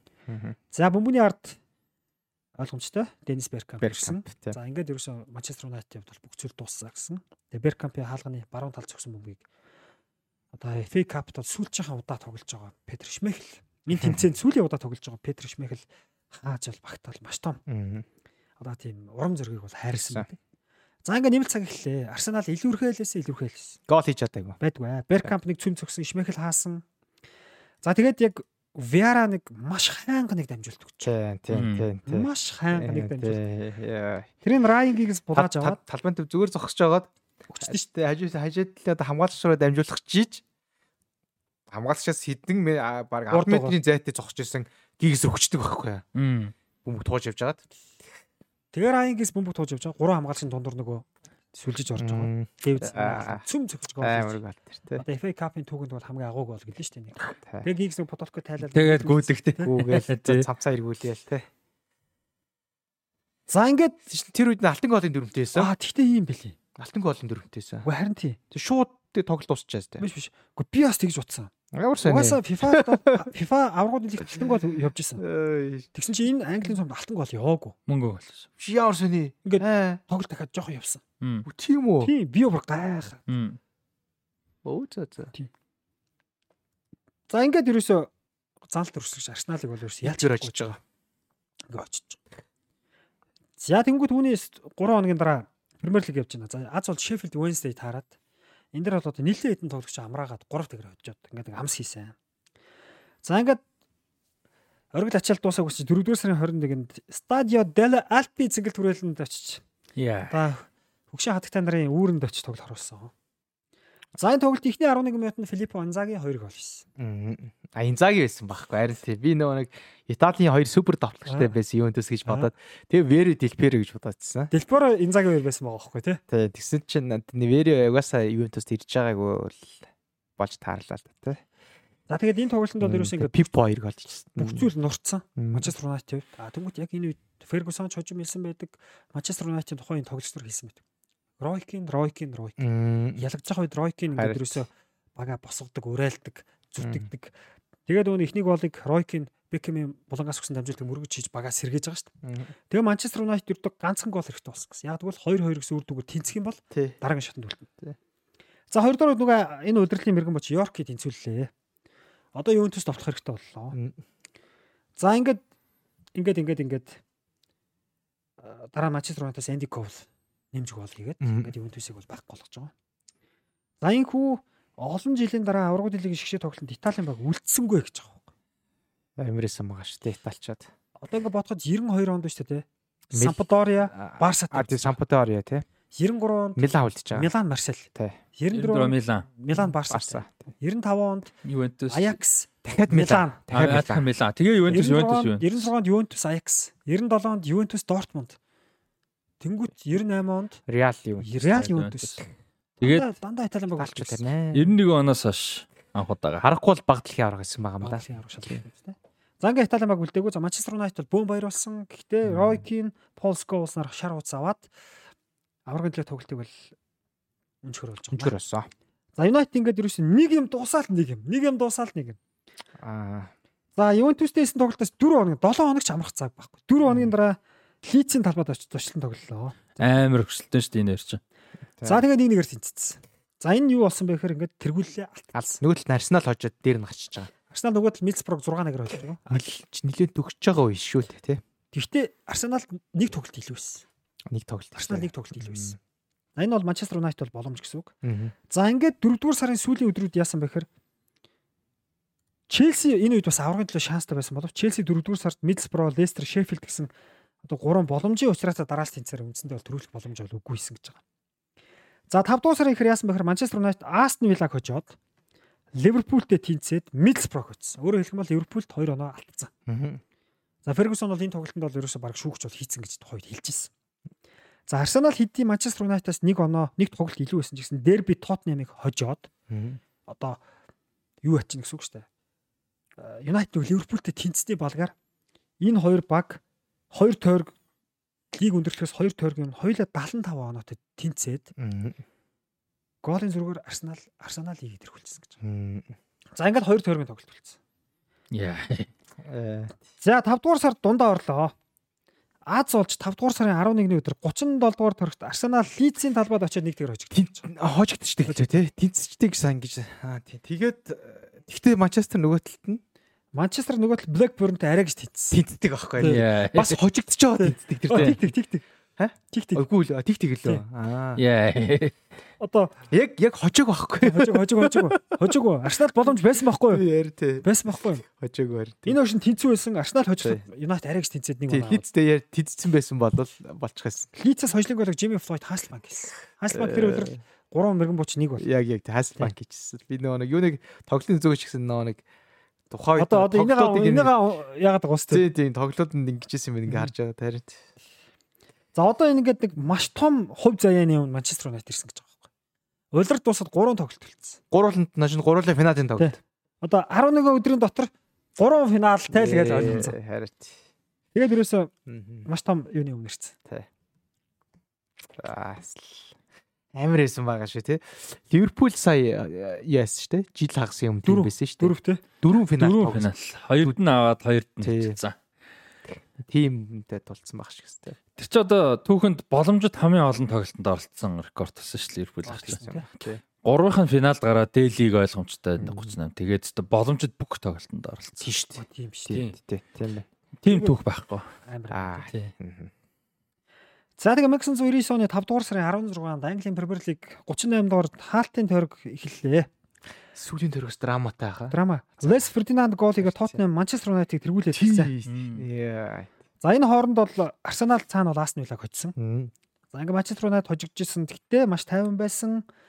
Манчестер Юнайтед тэрвээ ингээ тоглолтын төгсгөлийн 20 минут төгсөл хожигдох юм уу тэнцэж явах юм бол Сольшарыг талбай дээр оруулах гэсэн тийм төлөвлөгөөтэй байсан. Гэвч Сольшарыг оруулах шаардлага гараагүй. Дэвид Бекхэм, Энди Коул гол гол хийж эцсийн мөчд Манчестер Юнайтед хожиж Арсеналд 2-1 хожооч. 2-1-ээр хожоод Арсеналд алдсан. Нико онооны зөрүүтэй Английн Премьер Лиг төрүүлсэн. Өнгөрсөн жил алдсан цомоо бол авсан юм да. Оноо 77 76 хаа. 79 70. 79 70. 70 тална. За ингээд энэ өдрөөс хойш бас нэг хөлөгтэй баяр тэмдэглээг өгч байгаа. Яг гэвэл дахиад хоёр финал авах. Чи юу тэмдэглэвдээ тий. Э За тэгээд 5 дугаар сарын 22-нд Wembley цэнгэлт хүрээлэнд болсон одоо хуучин Wembley цэнгэлт хүрээлэнд болсон Английн цомын сүүлийн финалыг Newcastle-ийн эсрэг хийж одоо тус тоглолтод хоёр тэгэр хацсан. тэр тоглолт гайгүй тийм. Энэ бол хамгийн одоо бас даруухан гэх юм уу? Тий. За ингээд тэр тоглолтод очиод бас баяр тэмдэглээг. Яг гэвэл Мм. үүнээс хэдхэн хоногийн дараа Европын аваргуудын лигийн финалд үлдэх байсан. Дөрвөн хоногийн дараа. За Манчестер Юнайтед тэр тоглолтод хоцсноороо одоо цом төрүүлснээр яасан бэхээр Middlesbrough, Liverpool, Chelsea, Arsenal, Newcastle гэсэн Premier League-ийн 5 багийг хожиж нэлээд хүчтэй 5 багийг ялж Харин тийм. Тийм. тийм. Ялч шүү цом аврах. Бүгдийг очсон байгаа тий. Мм, бас нэг юм зүйл болсон байгаа. За тэгээд Фергюсон ч юу яд юм бэ л шүү дээ. Э, Испани Испани Барселона хотод бол аврагууд лигийн финал болсон. Европын хөлбөмбөг албаноос нөгөө Барселона клуб чинь 1899 онд байгуулагдсан. Тэгээ 1999 онд 100 жилийнх нь ойгоор Кампноуд нуг нь финалыг өгцөн. Гэхдээ Барселона өөртөө тэнд үлдэж чадаагүй. Хийхээсээ гараагүй. Гараагүй. Кампноуд хоёр дахь очиж байгаа тэр үлрэл л да. Тий. А тэнгууд Кампноу Барселонаг хэсэгт нь мултсан хоёр баг Манчестер Юнайтед, Байерн Мюнхен хоёр дахиад Кампноуд очиж байгаа. Кампноуд хоёр дахь тоглож байгаа л. Тэгээд нэг тийм Тэгээ домогт Перлижиг Колина шүрч Яа. яа. За 1999 оны 5 дугаар сарын 26. За энэ өдөр бол бас бэлгэлтэй өдөр байсан. Агуу Манчестер Юнайтедыг 1968 онд одоо тухайн Европын цомд төрүүлэхэд удирж байсан агуу Мет Басбигийн 90 насны төрш өдөр тохиосон. Аа яа. Гэхдээ агуу Мет Басби үнээс 5 жилийн өмнө бурхан болсон байсан. За Юнайтед бол тэгээд Кин Сколс байхгүй. Хас хамгаалтын шугам асуудалтай болсон. Төвийн хас хамгаалтанд Ники Бат, Дэвид Бекмай Яг, гарсан санагдаж байна. За Фергюсон бол бага шинжилэн зохион байгуулсан. За. Еспер Бломквистийг зүүн жигүүр тавиад, Райан Гигсийг баруун жигүүр тавиад. Райан Гигс бол тэр нэг хэд хэдэн тоглолтод бас баруун жигүүрт бол тоглосон гэж байгаа. За тэгээд ингээд тоглосон. За гэхдээ энэ өдөр бол одоо 4-4-2 гэсэн байр дээр тоглосон. За Кин байхгүй болохоор Шмехэл одоо Манчестер Юнайтед лөө хийх сүүлийн тоглолтод багийн ахлагч. Бид нар ч нөгөө нэг тэр цом ом өрхийг үзээд. Шмехэл ахлагч гэж бодоод байдаг биш юм байлээ. Кин нөгөө байхгүй. Тэгээд яг тийм болсон байлаа шүү. За тэгээ Фергюсон бол яг тухайн үед багийнхандаа ингэж хэлчихсэн гэж байгаа байхгүй тий. Байер нь бол тий бидний одоо байнга тардаг Арсенал шиг хүчтэй баг биш ээ.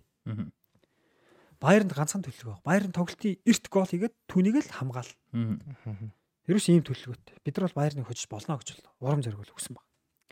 За яг Фергюсоны санаа зовж ирсэн тагуу тоглолт эхлэх 6 минут өнгөрч явахад Марио Баслер чөлөө цогтоос гол хийсэн. За ингээ Байерн бол тэргүүлээд эхэлсэн. Байерны хувьд бол Төлөвлөгөөний дагуу. төлөвлөгөөний дагуу. За энэ үеэс эхлээ Манчестер Юнайтед бол тоглолтоо алдчихсан. За Манчестер Юнайтедас ганц авах юм нь Дэвид Бекхэм байсан гэж. Талбайн төвд Стефен Эфенбергтэй маш сайн тогсон гэж. Бусдаараа Манчестер Юнайтедийн одоо уртлын хүмүүс хэлбэр хог байсан. За үүнд бол одоо хэд хэдэн шалтгаан байсан. Яг бол Манчестер Юнайтед тэр үлрэлт 63 дахь тоглолтод орж ирсэн гэж. Яа. Тамирсан маш их ядарсан гэж. Юусе 3 хоногтыг 4 хоногтыг 3 хоногтыг 4 хоногтыг Мгм. тоглоод яваадсан. За тэгээд бас нэг гол шалтгаан Ройкин байхгүй байсан. Манчестер Юнайтед Лидертэй. мотор моторны тоглолт нэг байхгүй. Поско бас байхгүй. Сколс байх. Хоёр төвийн хас хамгаалагч байхгүй шүү дээ. Тий. За Фергюсон арга үе 67 минутанд Теди Шерингемыг талбайд гаргасан. За Шерингем бол амлсан байсан гэж. Шерингем ч бол тэр удирдлагчангаас сэлгэн цуучлаа шүү дээ. Энди Ковд Йорк хоёр хослоод Шерингем сүүшэр хоёр ингээ сэлгэн цууж байгаа. За тэгээ Шерингемыг блог квистийн оронд оруулснаар яасан бэ гэхээр Бекхэм үндсэн баруун зүгт гарсан. Блом квистийн оронд Гигс зүүндээ гараад ерөөс 3 хагас хамгаалагч. Бат хүнд үлдээл Бекхэм. Бекхэм. Тэгээ урд 3 тавьчих та. Мгм. За энэ бол одоо бас нүдэ онсон тийм солилцоо байсан гэж одоо хүмүүс үздэг. Гэхдээ тоглолтын 73-аас 84 дэх минутанд Байернд гол их дөрвөн боломж олцсон гэж байгаа юм. Амар амар гот шүү. Тий. Амар Юу амар гот шүү. Мм. Дөрвөн боломж олцсон. За энд яасан бэ гэхээр нөө Мехмед Шол сэлгээр гарч нэг чип цогт хийдэж шүү. Голын баяр хийдэг шүү дээ. Тийм шүү дээ. Шол ингээд Мм. шмеклийн дээгүүр ингэж Өлгөөд. үлгэж хийлээ. Хатгаж хатгаж зөхөө. Тий. Ингээ голын баяр тэмдэглэжсэн чинь нөгөөхөд хүндрүүлж байгаа гараад. Бөмбөг явсаар хөндлөж байна. Яа. За үүнээс 5 минутаар Янкер унж татаа зогсон бөмбөг. А Шолох шон оноод. Янкер унж татсан хөндлөж Хөндлөж Хүндрүүлж чам. Яа. За ингээл ерөөсө Манчестер Юнайтед алуулсан гэж байгаа. Мм. За тэгээ тэр үед Байерн ерөөсө ингээ хожоод ихсэн. Тоглолтын төгсгөл орчихсон. Байерн ингээ тоглолтыг ерөөсө гацаах тийм ажил хийсэн гэж байгаа. За Лотер Матеус 80 минутанд Марио Баслер 87 дахь минутанд сэлгэн цуусан. Яп Стам сүлд дурсамжтай юу гэсэн гэхээр Баслер Матеус нар дөнгөж Оскарын шагнал авсан юм шиг жүжиглж талбайг өргөсөн гэж байгаа. Тэгээд би бүр хизээч байгаагүйгээр энэ багийг хожмоор санагдсан гэж байгаа. Тэгээс юу сэтгэл зүй байхгүй те яг тамирч байна те. За тэгээ Бекхэм нэг төвчээргүй бас нэг залууч байсан. Тэгээ нөгөө нэг туршлагагүйч байсан. 89 минутанд Стефен Эфенберг тэр хэрэггүй алтах гэсэн. Тэр нь бол ингээд Байерн тэрийг бөмбөгийг тоглолт орсон нэг минут болсон гэж байгаа юм. За ингээд тоглолтын үндсэн цаг дуусч Перлуши Колина тохиогч захын шүгч 3 минут сонгосныг ингээд илэрхийлсэн гэж байгаа. За энэ үеийг бол Манчестер Юнайтедийн зүгээс бүтэлтэй баг болоогүй. За тэгээ тэр үед яасан бэ гэхээр Германы хөлбөмбөгийн телевизийн тайлбарлагч Марсел Райф гэдэг хүн магадгүй би үүнийг хэлэх ёсгүй байх. Гэхдээ Гари Линекрийн хэлснээр хөлбөмбөгийн энгийн тоглоом бөгөөд 22 хүн 90 минутын турш тоглож төгсгөлд нь германчууд ялдгаа гэж тайлбарлагч шилжсэн юм байна. Яа тэглээ. За ингээд шүүгчийн мэдлийн эхний минут баг дуус дуусч байна. Манчестер Юнайтед булангийн цогцолтыг боллоо. За энэ үед хаалгач Петр Шмехел гүүгээд Шмейхелд гүйдэг штэ. Гүүгээ зоодос растаа урагшаа орчин. За энэ Фергюсон туслах байсан Стив Макларенсаас чи итгэлтэй байна уу гэсэн. Нөгөө тэний хэлцдэг. Тэгээд бойл молч гэж хэлэв. За за одоо дүүрсэн. Шмейхел төвийн зураас даваад давхад хүн бүхэн тоглолт дуусахад хичнээн бага хугацаа үлдсэнийг ойлгосон гэж байгаа юм. За тэгээд Бекхэм өгөөд Бекхэм хим мөрөгдөг, Шерингэ мөрөгдөгтэй эхлээд. Харин Шерингэм тийм Шерингэ мөргөөд тэр явсан бомбыг А юу эхлээд эхлээд шеринг юм шиг. Эхлээд шеринг юм хийдэг байна. Шеринг юм тэнцүүлж байгаа. Гигсийн нэг маш муу цогтөг бөмбөг байдаг байхгүй. Гигсийн маш муу цогсон бөмбөгийг шеринг юм хөл тавьж. Тэнцүүлж нэг нэг болгоод. Тий, тий, тий. За ингээд тоглолт нэг нэг болчихно гэж. За тэнгуү тараа. Тэгэхэд Стив Маклард юу гэж хэлсэн гэж. Нэг нэг болонгот Фергюсоноос шууд ингээд туслахсгажуулагч ажиллаа хийж штэ. Одоо та хамгаалт руугаа бити анхаарал хандуулаарай. Энэ ч ихтэй товтлоод дуусгах гэсэн гэж байна. Тэгсэн чинь Фергюсон ч хашир хүн. Стив энэ тоглолт дуус болоог байна тэхгүй гэж хэлсэн гэж байгаа. За ингээ Юнайтед тэр гол ороод удалгүй дахиад болгон зөвхөн. За энэ Дэвид Бекхэм болон дээр очсон. Тэр голыг алдаад Байерн Байерны тоглогчд нөгөө нэг гачин болсон шүү. Тийм. Клопс ол нэг гэх шиг тэр чигээр ингээд уншдаг норчж байгаа. Тэр тизэрэг бол алдаад шууд ингээд норчдаг шүү. Тэгэхэд норчдаг. Тэгээд булангийн цохилт чинь туудлаг болчихж байгаа шүү дээ. Тэгээ шууд булангийн цохилт болоо. Тэгээ Бекхэмийн булангийн цохилтоос өгсөн мөнгө Шерингем эхлээд толгой өрдөг. Тийм эхлээд Шерингем тийм эхлээд Шоринг Шерингем. Тэгээ Шерингем буусан мөнгөийг сошиал сошиал тэгээ эхлээд ингээд отон тоглолтод орчих гэж хардаг боловч Баерны хоёр тоглолт шон авцсан байсан. Тэгээ ямарч гарцааг болоод сошиал нэг өвдгөр ингэж гулгаж Бастарын гулгалтыг хийсэн гэж байгаа байхгүй. Бастер гол хийж байгаа гол. Тэрийг энэ дөрөв. Тэгээд ерөөсөө Манчестер Юнайтед тэнд ингээд ийм болчихсон. За энийг одоо Европын цомд шүү дээ. 101 секундын дотор 2 гол орсон гэж байгаа. За энэ бол маш богино хугацаа байсан гэж байгаа. Энэ хугацаанд юу болсон гэж? Кампноо цэнгэл түрээлэн том штэ. Нэг тэгэр хожоод нөгөө үндсэн цаг эхлэн штэ. Тэгэхэд Европын Олимпик холбооны ерөнхийлөгч Леонард Юхансон. Европын Олимпик холбооны тухайн ерөнхий нарийн дарга Герхард Айгнер. За Байерны домог одоо Франц Бекенбауэр гурав тоглож шийдэглээгээд цом гардуулах гад хоёр дахин лифтэнд суугаад буу хооронд хоёр гол орсон. Яа, тэр гоо үтээгүй юм шүү дээ тэр мөчийг те. Гэхдээ ядарч хамт байж те. Яа, ямар амар юм бэ те. Амар дээ. Энийг хөө агуу мет одоо сэр мет басбиг 90 насны төрсөн өдрөөр одоо түүний 31 жилийн өмнө тогтоосон агуу амжилтыг тавьчихсан гэж. Агуу сэр Алекс Фергюсон тий. Агуу сэр Алекс Фергюсон мэдээ Шотланд хүн тий.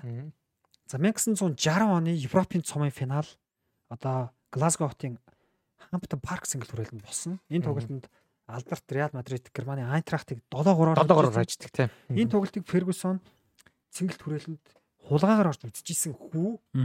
Энэ явдаас хойш ингээ 39 жилийн дараа бага өдөржин тэмцээн хүрсэн гэж байгаа. Бас гоё битж байгаа маа. Тийм. Тухайн Реал болол амар тийм. За Баерны домог тоглогч Лотер Матеус тоглолтын дараа хэлсэн гэж байгаа.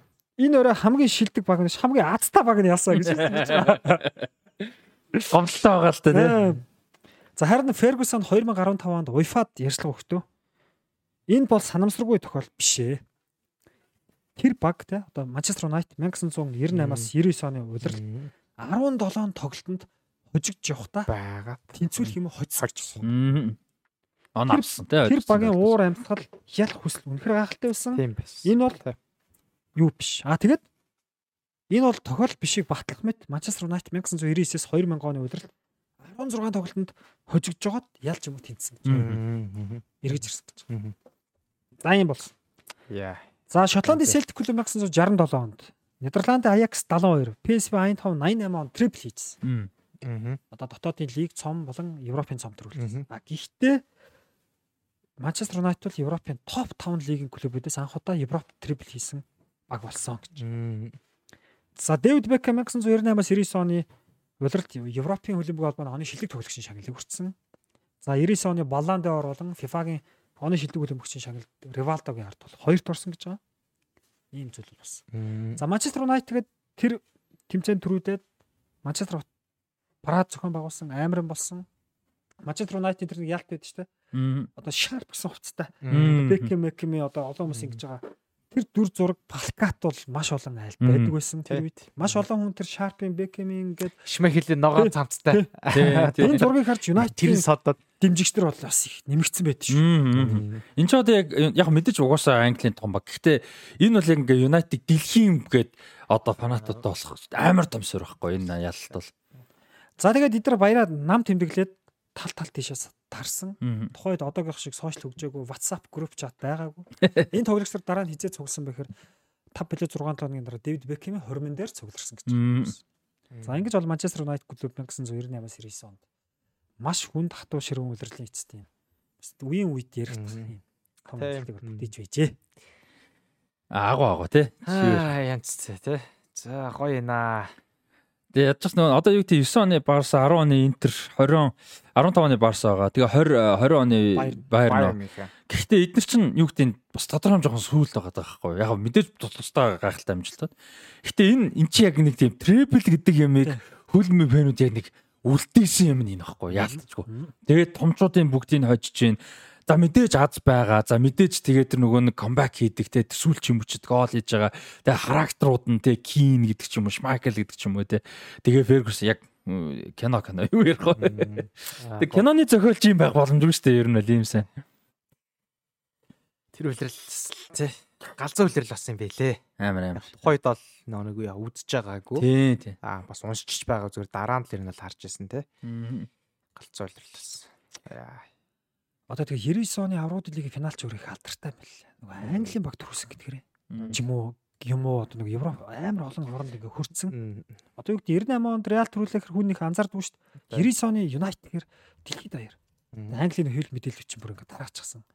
Тэгээ нөгөө Ливерпулээс хойш 84 оноос хойш анхудаа төрүүлж байгаа.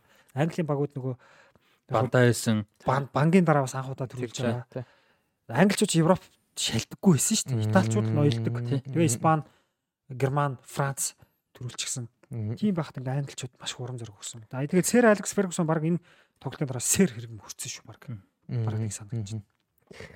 Янцтай янцтай. Тэгээд тухайн Баерны тасгалжуулагч нь одоо бас алдарт Отмар Хитцфелд байсан тий. Хитцфелд нь яг 2 жилийн өмнө Борус Дортмунд тий аврагт лиг төрүүлсэн санагч 97 онд 97 онд. Тэгээд 2 жилийн дараа дахиад финалд чаа. Тэгээд Отмар Фитц Хитцфелд дахиад авсан л да. 2001 онд дахиад 2 жилийн дараа. Тийм 1 онд авсан. Тэгээ 2000 онд хагшид Реал хожигддаг санагдчихсан. Тэгээ 2001 онд а Реалыг хагшид хожоод тэгээд финал Валенсиг авруулж авчаад торгуулийн цогцолоор очдөг. Тэгээд тэр үлрэлт 2000-аас 2001 оны үлрэлт Жованы Элбрас амар хийсэн шүү дээ. Элбр амар. Тий. Тэгтэл 2002 онд э, Бразил тасархай дэлхийн авраг болоход тэр бүрэлдэхүүнд багтаагүй юм да. Тим амир тод тийч багтаагүй тий. Байгаагүй юм да. Байгаагүй санаж байна. Тэр дээр зөвхөн сайн муугасаа гадна өөр янз бүрийн ямар шалтгаан байдаг вэ? Түүнээс биш чинь ганц одоо юу гэдэг ээлбэр багтгааргүй супер тоглогчдоос дандаа байгаа бас биш шүү дээ. Сэлгээнд явбал явчихаар байгаа шүү. Тий бэсэл байхгүй ер нь бол Элбер шигшээдэ тогсон тохиолдол байдаг байдаг. Тийм мэрсэр л байгаа шүү. 99 оны компьютер 99 оны Копа Америк дээр тогсон санагдаад байна. Аа тухайд домогт Роналдо байгаагүй л байхгүй тий. Тэгээ Роналдо гимтэл нийтгцэн 2002-ны дэлхийн аваргаар тэгээ орж ирээ тоглоно байр суурин дээр очино. Тэгэл тэгжсэн байна. 99 онд юу яасан юм бэ? Night цолоо авсан юм ба шүү дээ. Ер нь бол тий. Sir Alex Ferguson 99 онд Knight цол авсан юм. Sir тий Sir Alex Ferguson болж байгаа. Хүлэгт Баатар. Тий. Шүү дээ тий. Ай тэгэхээр. За за гоё түгээр аяллаа. Баярлаа. 98-аас 99 оны гоё үйлрлэлээр. Өстой жинхэнэ нөгөө нэг домогт тий. Хамгийн домогт зөвхөн Ливерпул юуны Манчестерийг гэлтгүү сонсож 2003-аас 2004 оны үйлрлэлээ Арсеналыг яриавар санагчлаа. Тэгээс тэгээс тэгээс тэгээс үйлрлэл нь шүү дээ. Тийм шүү дээ. Одоо энэ 20 жилийн нь. За тэгвэл он гаргаж байгаа л би яри да. Тэгэрэ тэгэрэ. Чи ийм түүхүүд за 8-9 оны Барса бол гоё шүү бас. 8-9 оны Барса амар. Тэгээ 2003-аас 9-10 Интерч бас гоё. Тий. За за 3-4 оны үйлрлэлээ Арсеналаар яриё. За тэгж байгаа. Тэр бол өстой янз стори болоо тий. За за за. Энэ үрээд А энэ гоё сторигоор энэ гоё сэтгэлээрээ өнөөдрийнхөө подкастыг өндөрлөе. Үнэхээр гоё байлаа. Баярлалаа. А Шоу Бонто шоу подкастын сизон 2 18 дахь дугаар байлаа. А ивент тэтгэгч Тэтэм спорт зугаар ажиллаж байгаа та бүхэн 8070 67 утсаар захиалга өгөх мэдээлэл авах боломжтой байгаа шүү. Тэгээд Шоу Бонто шоу подкаст энэ он дуустал дахиад нэг дугаар үлдсэн байна. Тэгээд а та бүхэн бас лайк дараарай, subscribe дараарай, сэтгэлдээ хуваалцаарай. Тэгээд комент бичээрэй, сэтгэлдээ хуваалцаарай. Тэгээд дараагийн дугаараар уулзтлаа. Баяр та.